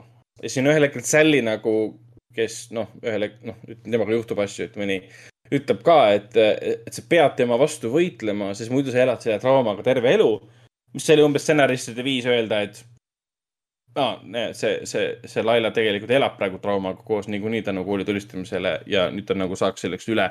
et see on huvitav allegooria, need kaks asja omavahel siduda aga siin filmis ei ole mitte midagi meeldivat, mis puudutab karaktereid, narratiiv on täiesti mõttetu, lollusi täis, mul hakkas igav kõikide nende stseenide vahel, kus tegelased kõnnivad ringi umbes, et aa, huvitav, kus see kolmsada kilokaalu mees on? Keda me üldse ei kuule meile lähenemas, nagu miks sa ei kuule lähenemas, ta kaalub mingi kakssada kilo, tal on mingisugune kolmekümne kilone mootorsaak käes, kuidas kurat sa ei kuule teda ja miks, miks, miks te lavastate niimoodi, et oleks nagu mingisugune Halloweeni stiilis äh, vaim, kes ilmub lambist välja, no ei ole ju noh. ja siin on palju siukseid asju aga, aga ühesõnaga killid olid väga toredad, ehk siis Tohvriga koos ma soovitan vaadata, väikestele lastele ei soovita vaadata ei, ma ei oleks, ma ei, ma ei, ma ei, ma ei, ma ei vaata kunagi midagi vägivaldset äh, tibu juuresolekul mm.. Okay. ei no vaat-, vaatan küll, aga alguses oli ju lihtsam, ta muud ei teinud, kui magas. ja no, nüüd jah. on see mingi, Ice'i, mis see on, kas see on kellegi pea, mis küljest ära rebitakse, siis pekstakse omakorda veel uuesti surnuks kellegi, kellegi teist siis mingi paar aastat hiljem mingi Daddy I crave violence. nojah, siis on mingid meemid hakkavad ellu ärkama. kellel seda jama vaja on? kindlasti Texas Chainsaw Massacre on täitsa okei okay film, mida vaadata filmiõhtul koos seltskonnaga, kes naudib selliseid filme. see ei ole hea osa selles seerias, see ei arenda mitte midagi edasi. See pigem näitab, et see seeria on jõudnud täiesti tupikseisu. Nad võib-olla teevad sellele kunagi järje et siis ma ei tea, midagi arendada või teevad jälle uue filmi, mis on jälle järg esimesele filmile, et uuesti arendada seda asja.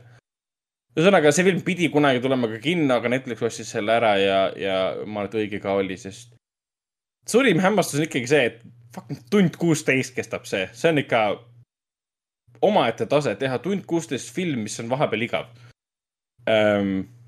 Nagu show kestab, mis, mis asi show oli, tund kolmkümmend pluss natukene või? tund kolmkümmend oh issand jumal, tund kolmekümnega suudate soos teha palju rohkem ära kui, kui äh, tund kuusteist siis äh, Texas Chainsaw's.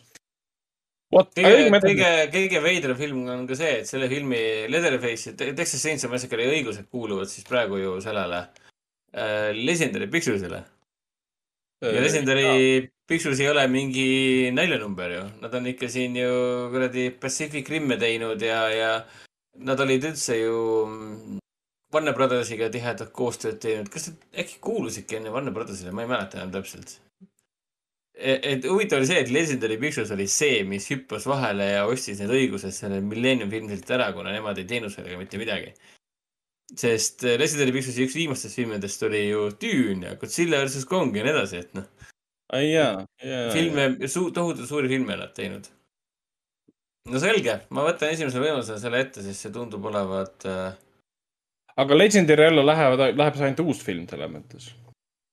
et vahepeal. ja, ja, ja, ja, ja selles mõttes küll, et uus film, nemad ostsid õigused ära ja uus film on siis nende all. 3D oli jah, Millennium ja Lionsgate. Okei okay., igatahes eh, liigume edasi, eh, räägime, räägime kinofilmidest. Eh, no ma 4K teemast ma juba saate alguses rääkisin räägime kinofilmidest, filmid, mis alustasid siis uuel kinonädalal, kaheksateistkümnendal veebruaril Foorum Cinemas kinodes alustasid näiteks siis Aliin Soo ja Vaino Vahingu päevaraamat. kinosaates alustasid samuti siis Vaino Vahingu päevaraamat Aliin ja Soo. Ja meile tuli lisaks veel ka Fantaasiat täiskasvanutele ja Suur vabadus. pikemalt räägiks siis Soost, Mike Millsi uuest filmist Come on, come on ja ka Lars von Trieri esimesest mängufilmist Kuriteo element, element of crime mis oli siis äh, Artise äh, Kuressaare tuulekino ja siis Tartu Elektriteatri Lars von Trieri kevade esimene, esimene film äh,. see nädal tuleb nüüd, oli Epideemia. Vaatan üle, jah, Epideemia, siis tuleb äh, Euroopa. aga räägiks Soost ähm,. Soo on äh, üllatavalt okei okay film ähm,. seda, seda on tegelikult, seda mõtet on korrutanud mitmed, mitmed kriitikud kelle suust oled oodanud sellist äh, sügavat kriitikat. et kuna tegemist on samade tegijatega Apollo Productions siis, kes on toonud meieni talve ja siis äh, Jahihooaja ja, ja Eesti matuse. Need viimased kaks filmi, noh, viisid minu mõttes, minu jaoks siis lati nii madalale, et keegi ei oodanud, et Soo tuleb enam väga, väga väärt film. aga ometi ähm,, kinopublik on rahul vaatajad nagu justkui jaguks ähm,. kriitikud on väga heldeks muutunud. kas asi on, ma ei tea, linna, Linnamäe põhjatutes taskutes või, või on lihtsalt film hea. Mina läheks, liituks sellega, et ma IMDB-s, tal on IMDB leht olemas, The Bog on selle nimi. IMDB-s panin talle seitse, kaalu, ma mõtlesin, kas kuus või seitse. ühelt poolt ma nagu olen üllatunud, et ta ei olnud rämps või noh, ega talv ei olnud ka rämps selles mõttes, talv on väga okei okay film uh,. ta lihtsalt ei küündi sügise ja suve ja, ja, ja kevade nagu tasemele. aga õnneks Sool ei ole nagu sellist uh, võrdlusmomenti väga peale lihtsalt Eesti filmi üldise, üldise kvaliteedi. Aga millest siis Soo räägib? Äh, Soo räägib siis Toomasest, kes tuleb siis esimesest maailmasõjast tagasi oma kodutallu, Haava tallu, Toomas Haava on ta nimi tema vend on seal koos Liisiga Liis oli siis kunagi Toomase kallim, aga Toomas läks ära siis Prantsusmaale. Prantsusmaalt ta siis kutsuti ära äh, rindele. Ja siis Liis jäi siis Eestisse, kes siis tema venna, mis ta oli, Johannes, siis temaga abiellus, ostsid ära isa talu, jäid siis sinna äh,. ei, ma lihvitan äh, lastele. lihtsalt ah,, kui, okay. kui sa mõtled, nad on praegu toas suurel ekraanil vaatavad ja siis äh, okay. et äh, naine just kirjutas, et äh, kolmas laps karjub ekraani peale issi ja ta ei saa aru, miks ma, miks ma ei vasta talle issi ei kuule. ühesõnaga, ühesõnaga. ühesõnaga, ma räägin endiselt Soo filmist äh,, Ergo Kulla lavastatud äh, filmist, kus tema, miks see naine mängib siis ka, jah? Grete Kuld. jaa ähm,. Grete äh,. ta enne, kui ta võttis kulla, oli ta üks teine hästi tuntud Eesti mingi see. Minu teadmised Eesti tuntud inimestest äh, on suht null, näed ära. sa jätka, ma guugeldan nii kaua. guugeldan aga igatahes, igatahes soo nagu justkui räägi, oleks nagu tavaline.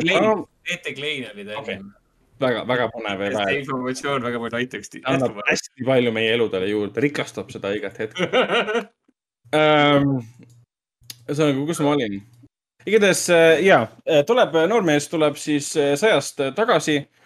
Läheb oma venna, venna tallu, kus on siis venna naine ja, ja, ja üritab siis oma elu nagu paika seada. jäetakse mulje, et ta on Prantsusmaal olnud ainult Pariisis. vähemalt kõik niimoodi tema ümber arvavad. meile antakse mõista muidugi, et ta oli rindel ja, ja ta kannatab tegelikult sõjakoleduste all Eh, kõik need asjad, mida ta koges, eh, sõprade kaotused ja, ja nii edasi, sest esimene maailmasõda, olgem ausad, vähemalt mitte ma, et ma kogemuse põhjal teaksin, aga vähemalt võib-olla filme ja dokke olen näinud, siis see oli ikka päris jube. Um,.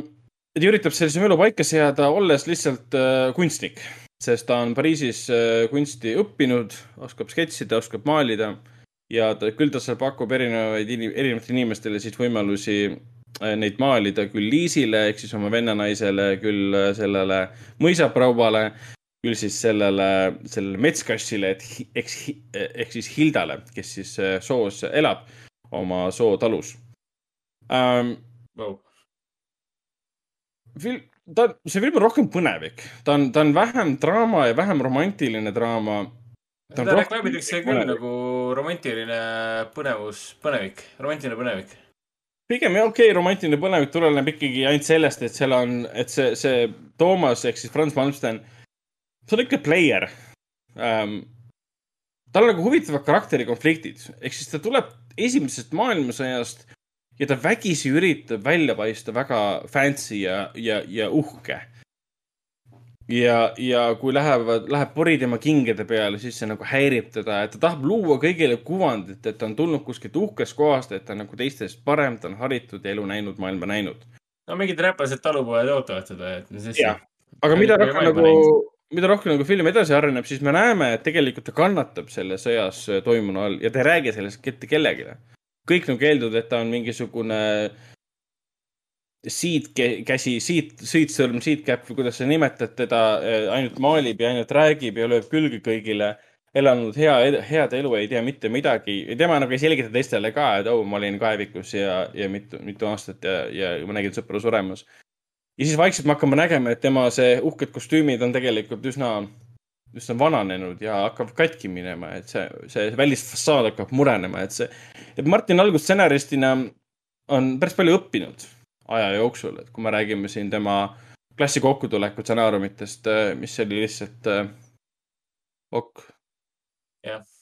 Need olid tekstid, mis kirjutati Wordis valmis ja keegi lavastas neid ja ütles neid sõnu wow.. siis, siis nüüd on see, et vähemalt tal on olnud nagu Luts, Lutsu nagu romaan aluseks ja see on nagu väga palju aidanud äh, nendest Lutsu monoloogidest äh, luua nagu korralik dialoog ja, ja struktuur ja kõik see, et kuigi nagu ma olen aru saanud, ma enam ei mäleta seda Lutsu lugu ähm,, et see väga sellele ei sarnane enam tänu sellele filmile.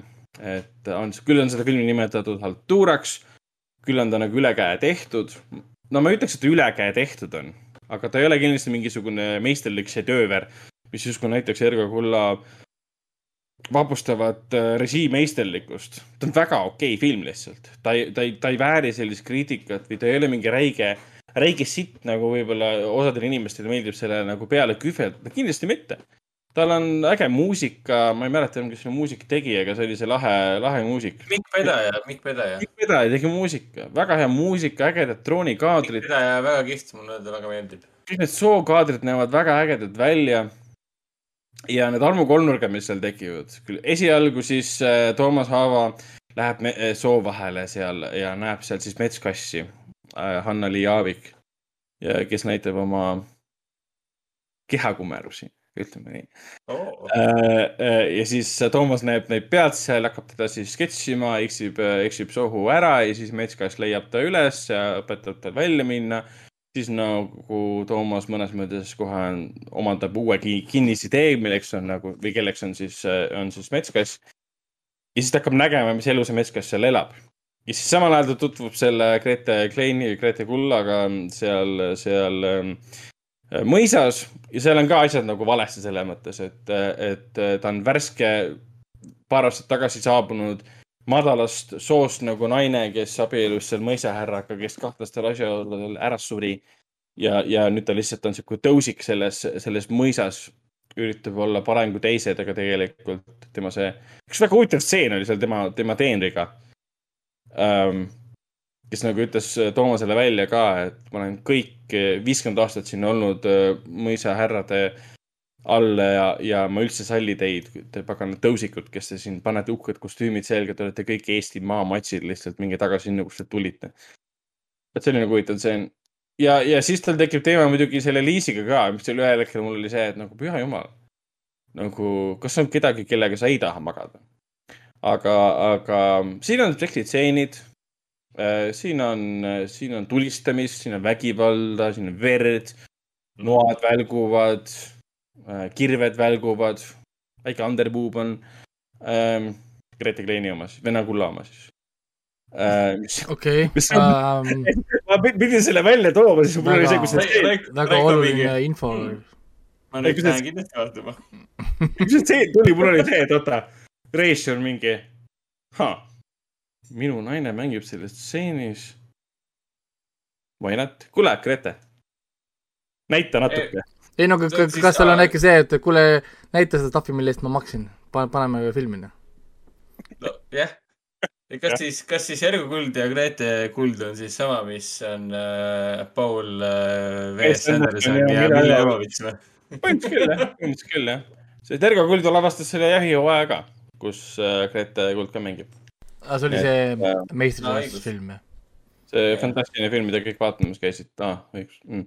igatahes soo kohta ma ütleks täpselt niimoodi, et tore Eesti film, ta ei hiilga meisterlikkusega, aga ta ei hiilga ka väga madala tasemega.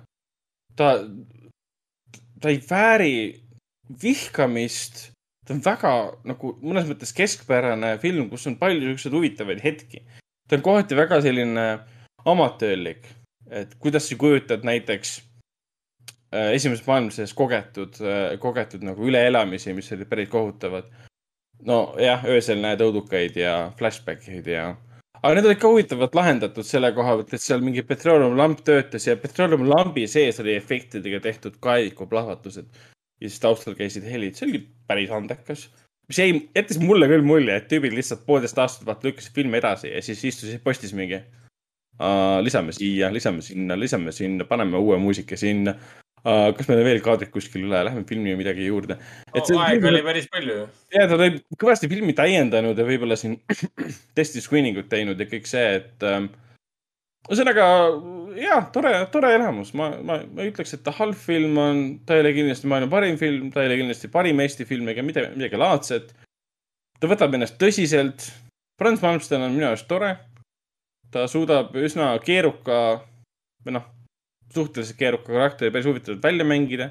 kuigi tema, see viis, kuidas ta mängib, ei erine väga palju talvest, mis on iseenesest nagu okei okay.. Hanna-Li Jaavik minu arvates sobib sellesse rolli, võttes arvesse, et ta jookseb ainult soo vahel ringi. tema kallal tarvitatakse vägivalda, seal on see kuri madjak äh,. madjaku näitleja nime, kurat, mis see nimi oli? nimi oli keegi, oota. Hendrik guugeldab minu jaoks ja Madjaku näitleja mulle väga meeldis. no ma ei ütle välja, ma guugeldan enne. Äh, äh, tema on see kuri madjak, kellele siis äh, Hilda ehk siis Metskassi isa lubastas siis mehe, naisele. Ja, ja, ja siis ta käib seal sootalus teda seal tagumas ja üritab võtta vägisi, aga ei lubata, sest sa pead enne abielluma temaga pühapäeval ja siis võib. ja Aa, Mar Martin, Martin Kork mängib teda. jah, väga hästi, vot see vend on umbes selline, kui sa tänaval. ma olen kuulnud, ma olen kuulnud, teda on palju kiidetud selle rolli eest. jah, et need hambad, mis seal olid, on üsna rõvedad, et sa iga kord suu lahti teed, KTM. Ja, ja siin on palju huvitavat kunstilisi, üritatud kunstilisi kaadreid teha, öötseenid, kus see Maidak seal oma kirvega seisab ja ja sa näed neid öötseene muidugi öösel siis, siis soos. ja vaatad, kus kuradi kohast see valgus tuleb lihtsalt. nagu kuu on taevas, tüübid ju. miks sul on jalge all kuskilt selja tagant nagu inimese kõrguselt tuleb valgus kuskilt, noh. See ei ole ju no, Soojärve on... kuupeegeldus, see on lihtsalt. kallis, kallis inimene, see on äh, kunstiline, kunstiline liialdus, see on lihtsalt äh, selleks, et see oleks äh, mõjus ja äge ja võimas ja emotsionaalne tseen, see ei ole mõeldud selleks, et oleks ei, no, seda, realistlik. seda saab teha ka niimoodi, et see mõjub et sul ei teki küsimust, et või seda tähelepaneku hetke, et oh, need ilmselgelt te panite valgused sinna, sest noh, teistmoodi ei saanud. Aga jaa, see on tore film. mina, mina vaataksin uh.... et selle aasta suurim üllatus, et see oli päris hea film. aasta suurimaks üllatuseks ma kindlasti seda nimetaks, ei, seda, seda kindlasti mitte. pigem see latt on tänu varasematele filmidele Eesti mahtus ja kõik see nii madalaks läinud, et sul on väga vähe vaja, et olla üllatunud. ja see film nagu üllatas ja selle koha pealt tasub, tasub vaadata ja ise selles, ise selles pigem veenduda, et minul oli ka väga raske uskuda, siin tuntud Eesti filmikriitikud kuskil televisioonis ütlevad, et tore, hea film ja mul oli kohe see, et issand jumal, et äh, kas Margus Linnamäe rahakott on avanenud ka siin Eesti kriitikute äh, erinevate, erinevate siis ähm, äh, liitude, liitude jaoks või, või mis juhtus, et äh, mida, mida lubati teile, aga tundub, et lihtsalt äh, inimesed on ise ka üllatunud, aa You did good. igal juhul, kuule, aga hakkame edasi minema ja kokku tõmbama otsi. okei okay,, siis äh, räägime kohe tulevastest filmidest või? mainime nii palju ära, et me käisime siis seda Trieri päevadel ka seda. ja, seda otsad, otsad kokku, et jah, et ma ainult selle mainin ära, et me Kuriteo elementi käisime vaatamas Trieri esimest teistpikka filmi, väga kihvt film ja kaheksakümne neljanda aasta Trieri siukest luupainet on väga vinge kinoekraanil vaadata, et nüüd siis mm, yeah. iga nädal saab ühte Trieri vaadata Artises, nii et minge ja nautige. nii. ja mina vaatasin selle..., mina vaatasin vahepeal ära ka Mike Millsi filmi Come on, come on ah,. jaa, õigus. Joaquin Phoenixiga, minge kindlasti vaatama. fantastiline, suurepärane draama, kus siis, mis see poisi nimi on, Woody Norman või? Woody Norman, lapsnäitleja, teeb täiesti uskumatult fantastilise rolli. see film on kindlasti mõeldud kõikidele tulevastele isadele, noortele isadele. siin on lihtsalt Phoenix, miks ta ei saanud parima meespeaosa nommi, täiesti arusaamatu. kes iganes seal viies on praegu kirjas, tundub, et on nagu üleliigne, on kindlasti üleliigne. sest see film oleks pidanud saama rohkem nomme, see on niivõrd inimlik ja niivõrd äge ja niivõrd ilus ja mõtlemapanev ja huvitavalt struktureeritud ja siin huvitavad narratiivid käivad läbi.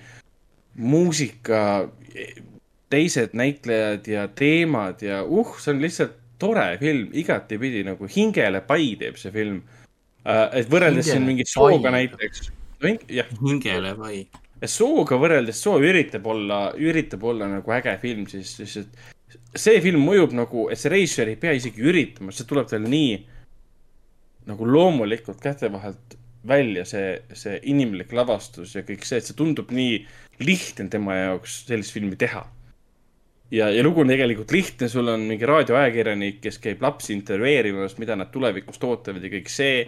ühel hetkel tema õde annab teada, kas sa saaksid poja eest hoolitseda, tema poja eest siis selle õe poja, sellepärast et äh, tal peab ära minema tema võtab selle ülesande vastu, see kõik tundub talle keeruline, sest ta pole nagu seda poissi ammu näinud ja see suhe hakkab arenema, arenema, arenema, tekivad erinevad tõusud ja mõõnad.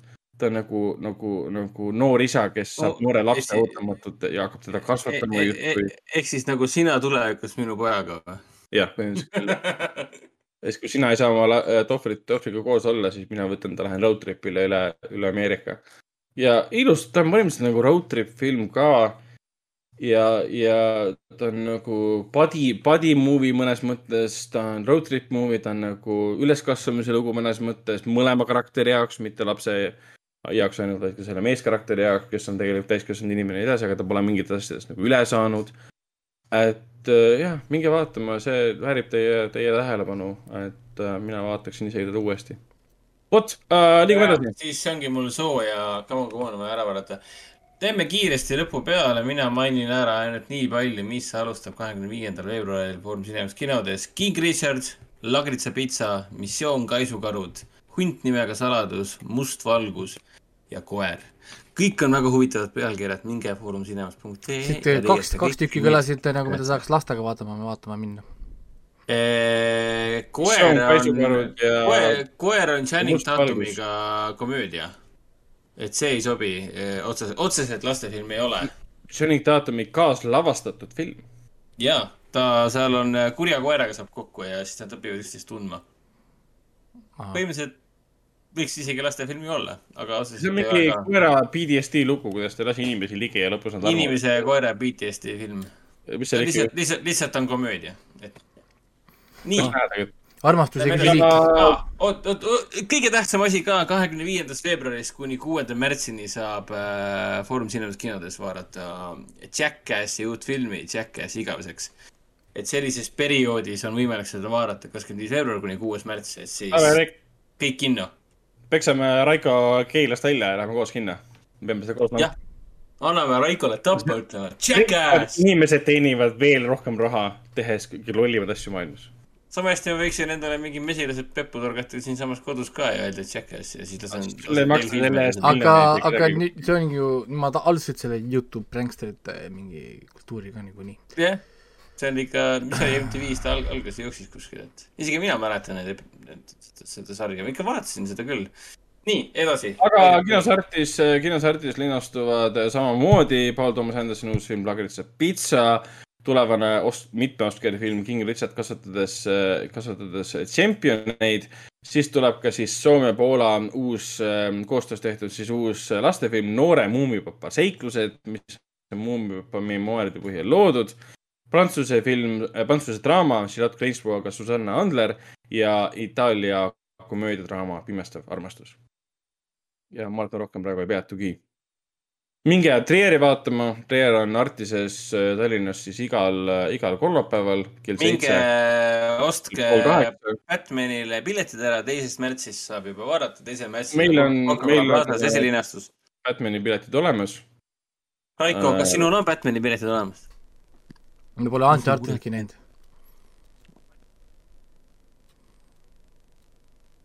nii et jah. tahaks nutta.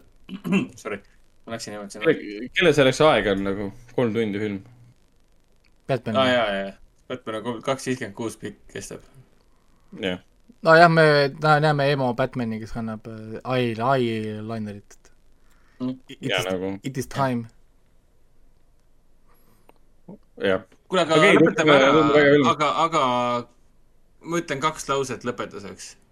Netflix teeb BioShocki videomänguseerias filmi, filmi, filmi ja, ja Life is Strange'ist ja Disco Elysiumist, sellest Eesti, Eesti, Eesti äh, mängust, noh, rahvusvahelisest Eesti mängust, on võimalik, et tulevad ka siis äh, seriaalid, filmid äh, Netflix, Amazon Prime'iga koostöös. jah, et äh, aga jah, ma lugesin alguses, et tuleb ja siis pärast lugesin, et see on osa Amazoni sellest nii-öelda nagu ja. just to be sure, niisugused nagu klauselid, nad lihtsalt ostavad kokku nagu ära ja siis hakkavad ja. umbes nagu, okei okay,, et kas me teeme äh, ja nii edasi. millal teeme, kuidas kõik see. et, et, et aga nad lihtsalt ostavad kokku, et ja pulli pärast siis guugeldasin, et mis see tõenäosus on ja see on umbes kakskümmend viis protsenti, et seitsekümmend viis protsenti nendest õigustest, mis nad ostavad, nad ei kasuta ära. no eks, eks, eks vaatame, õnneks väga kiidetud mäng võib neid meelitada teha ka loodetavasti kiidetud filmi või seriaali. eks nad peavad väga ettevaatlikult seda tegema, sest muidu nad teevad jälle järgmise mingi aga no, no issand, kui palju saavad nad ju seda ju crap'i selle kuradi power ringi pärast või ring of the power'i või mis neil oli see treiler seal, mis võttis mult äh, igasuguse jaa, võttis mult igasuguse isu, isu ära seda kunagi vaadata ja ma ei vaata seda. ma saan aru jah, et kord on probleem sellepärast, et seal on äh, valet äh, nahavärvi tegelased ja siis on see probleem ka, ma saan aru, et kõige suurem probleem ei ole isegi, isegi mitte nahavärv, vaid see, et miks on naispäkapikkudel ei ole äh,, ei ole habet.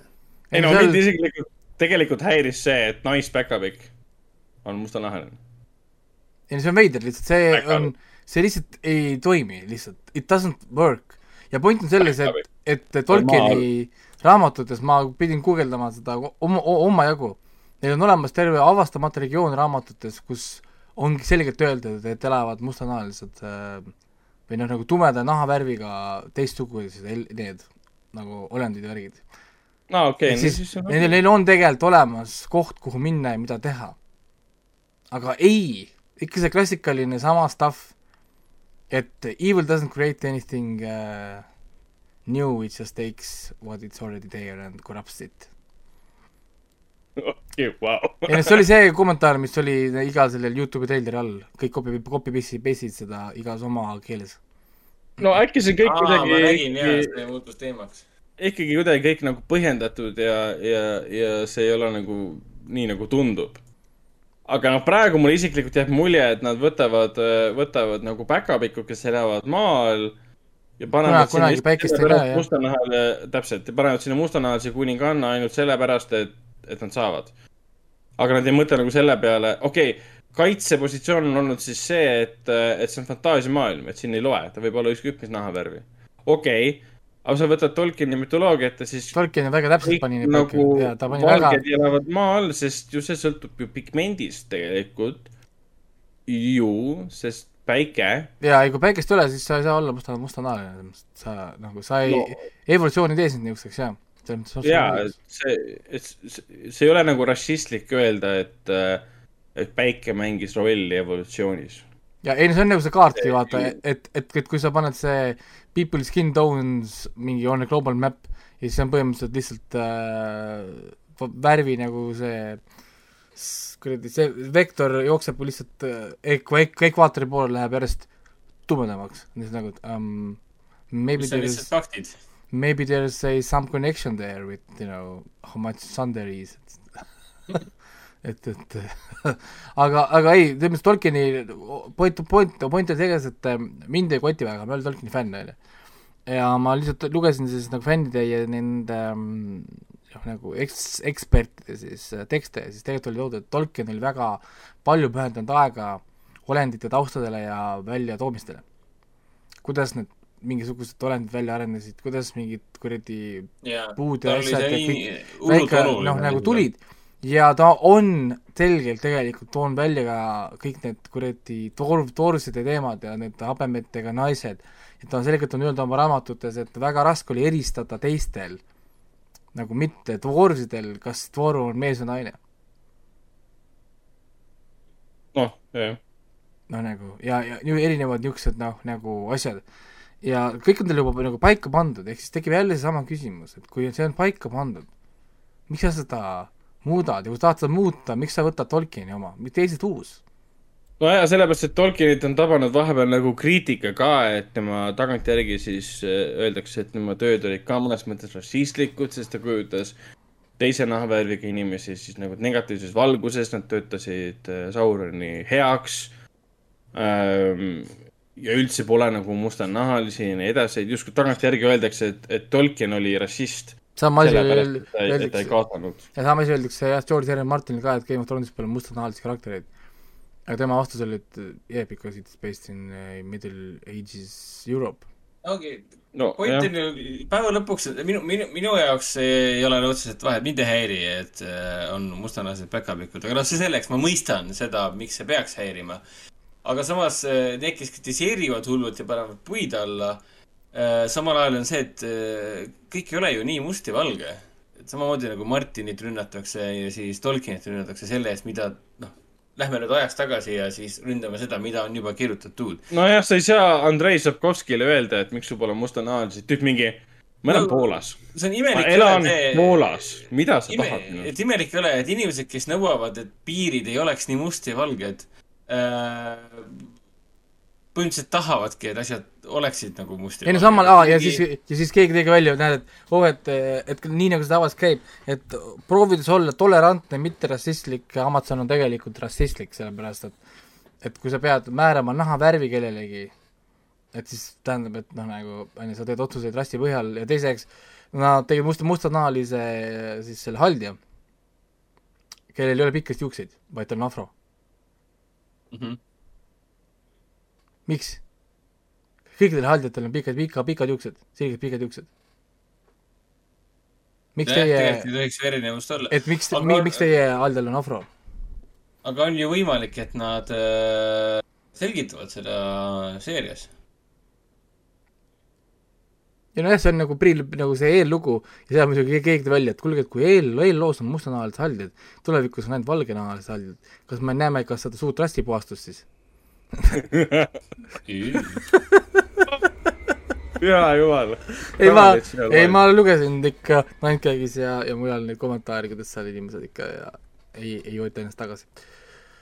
aga okay. see selleks äh,, igal juhul minu soovitus on äh, mitte anda vaatamist sellele asjale äh, ei, isegi mitte pira download'i, isegi mitte ühtegi viisi, lihtsalt ärge rääkige sellest, ärge mainige seda, ärge jagage seda, ärge klikige asjadele, lase lihtsalt see mööda. ignoreerige seda ja, ja ärge andke sõnumeid, et see on okei. Okay. tahate teha midagi uut? Uh..., teil on ähm, kõik maailma raha, sõna otseses mõttes, sul on küll Amazon on ju, sul on kõik fucking maailma raha, siis äh, palka nii palju, andke inimesi, kui tahad ja kirjutage uusi asju, et oskate teha seda, see ei pea võtma olemasolevat asja, et hakata seda muutma sellega ma olen küll nõus. tehke midagi uut siis, jumal hoia. Nad tegid seda Underground Railroadid ja, ja mis nad siin tegid, Tem ja issand palju stuff Amazon teinud. see on juba, see on juba asjad. hea algus, kõik see, mida Jordan Peele teinud on, see on juba väga hea algus. tee uus lihtsalt, mida sa miks... nagu, võtame Harry Potteri uuesti, teeme Harry Pot-, Potteri kuradi remake'i noh Harry ja, Potter on, on mingisugune kuradi geto gängsta, noh, või ma ei tea. ja kõige häirivam on see, et karivalgeid, tõenäoliselt karivalgeid mehi kellel on tohutu suured rahahunnikud, on, on need, kes otsustavad, mis on nüüd siis äh, uued versioonid äh,, kas siis äh, naiskondipüüdjad või siis äh, ei ole, need ei huvita üldse. No, remake äh,, et noh. seal on kõik need äh, cultural, need on cultural advisor'id on need, kes seda teevad. Need, kes istuvad seal. ma mõtlengi seda, et ma mõtlengi seda, kui hakatakse minema kallale vanadele kuulsatele frantsiisidele, selle asemel, et teha frantsiisile järg või. Neil on pohhu, vaata, nemad istuvad Nemad istuvad seal puldis ja, ja nemad annavad raha, nendel on mingisugused kümme inimest on seal vahepeal, kes ütlevad, kõik see on hea idee, see on hea, hea, hea, need annavad okei okay,, paneme allkirjad, mingi kuradi kolmsada miljonit, ma ei tea, dollarit läheb mingisuguse projekti eelarveks, ja nii, ja nüüd on mingi cultural advisor'id ja kakskümmend viis inimest, kes Twitterist infot korjavad seal, jõuavad järeldusele, et kõik peab olema mustanahaline, on ju noh, ja, ja, ja, ja, ja siis ongi, läheb pekki ja siis on pärast hea süüdistada, et näed, internet on kuradi bigatid ja, ja, ja rassistid kõik, et. ja siinkohal muidugi tuletaks meelde ka, et äh, see uus, äh, uus seriaal ei ole välja mõeldud tegelastest, välja mõeldud maailmadest. see on kõik Tolkieni lugudel põhinev. et mul ühe inimesega oli vestlus, kes arvas, et see on kõik stsenaristi poolt välja mõeldud. ei Need on kõik Silmarillioni lõpetamatu lugude keskmaa ajaloo kõikide lisatekstide põhjal, mis Tolkien ise kirjutas ja tema poeg kokku pani. siin on mõned üksikud karakterid sellest artiklist, Vanity Fairi artiklist või kus see iganes see oli, oli näha, et on juurde mõeldud, aga kogu see suur narratiiv, millel ta põhineb, see on kõik Tolkieni enda põhjal mingid väiksed tegelased ja mingid asjad on juurde mõeldud, mingi üks põhikõrvaltegelane on vist juurde mõeldud, aga muidu on see kõik Tolkien, täiesti Tolkien ja nad ju maksid mingit äh, Jeffrey see Bezos, Jeffrey Bezos. kakssada viiskümmend miljonit maksid selle eest. jaa, Jeffrey, Jeffrey köhatas ja siis ta ostis ära selle ja on kõik noh, õigused, et seda üldse teha. vot, aga me võime sellest teemast teha ka terve täispikka saate mis on ka peaaegu neli tundi, aga ma arvan, et me saame tänaseks rahulikult äh, lõpetada ja kohtuda juba järgmisel, järgmisel korral ja veel rääkida sõrmute isandast ja, ja Jeff Bezose rahast. jah, varsti on, ja, varsti on kõik rendid tagasi äh,, nii et äh, soon, soon hopefully. kolm kolmkümmend tuli praegu kokku, nii et äh, vähemalt Youtube'is, nii et. suutsime äh, seda, tulime Mardole vastu. vot, aga jah teeme, teeme lõpu peale ja näeme juba järgmisel, järgmisel korral. ütleme Andrele ka tšau. tšau, Andre. tšau. tšau, need kuus vaatajat. kellest neli oleme meie kolm. oota, okei okay,, ja neli. kinoveebi Jututuba podcast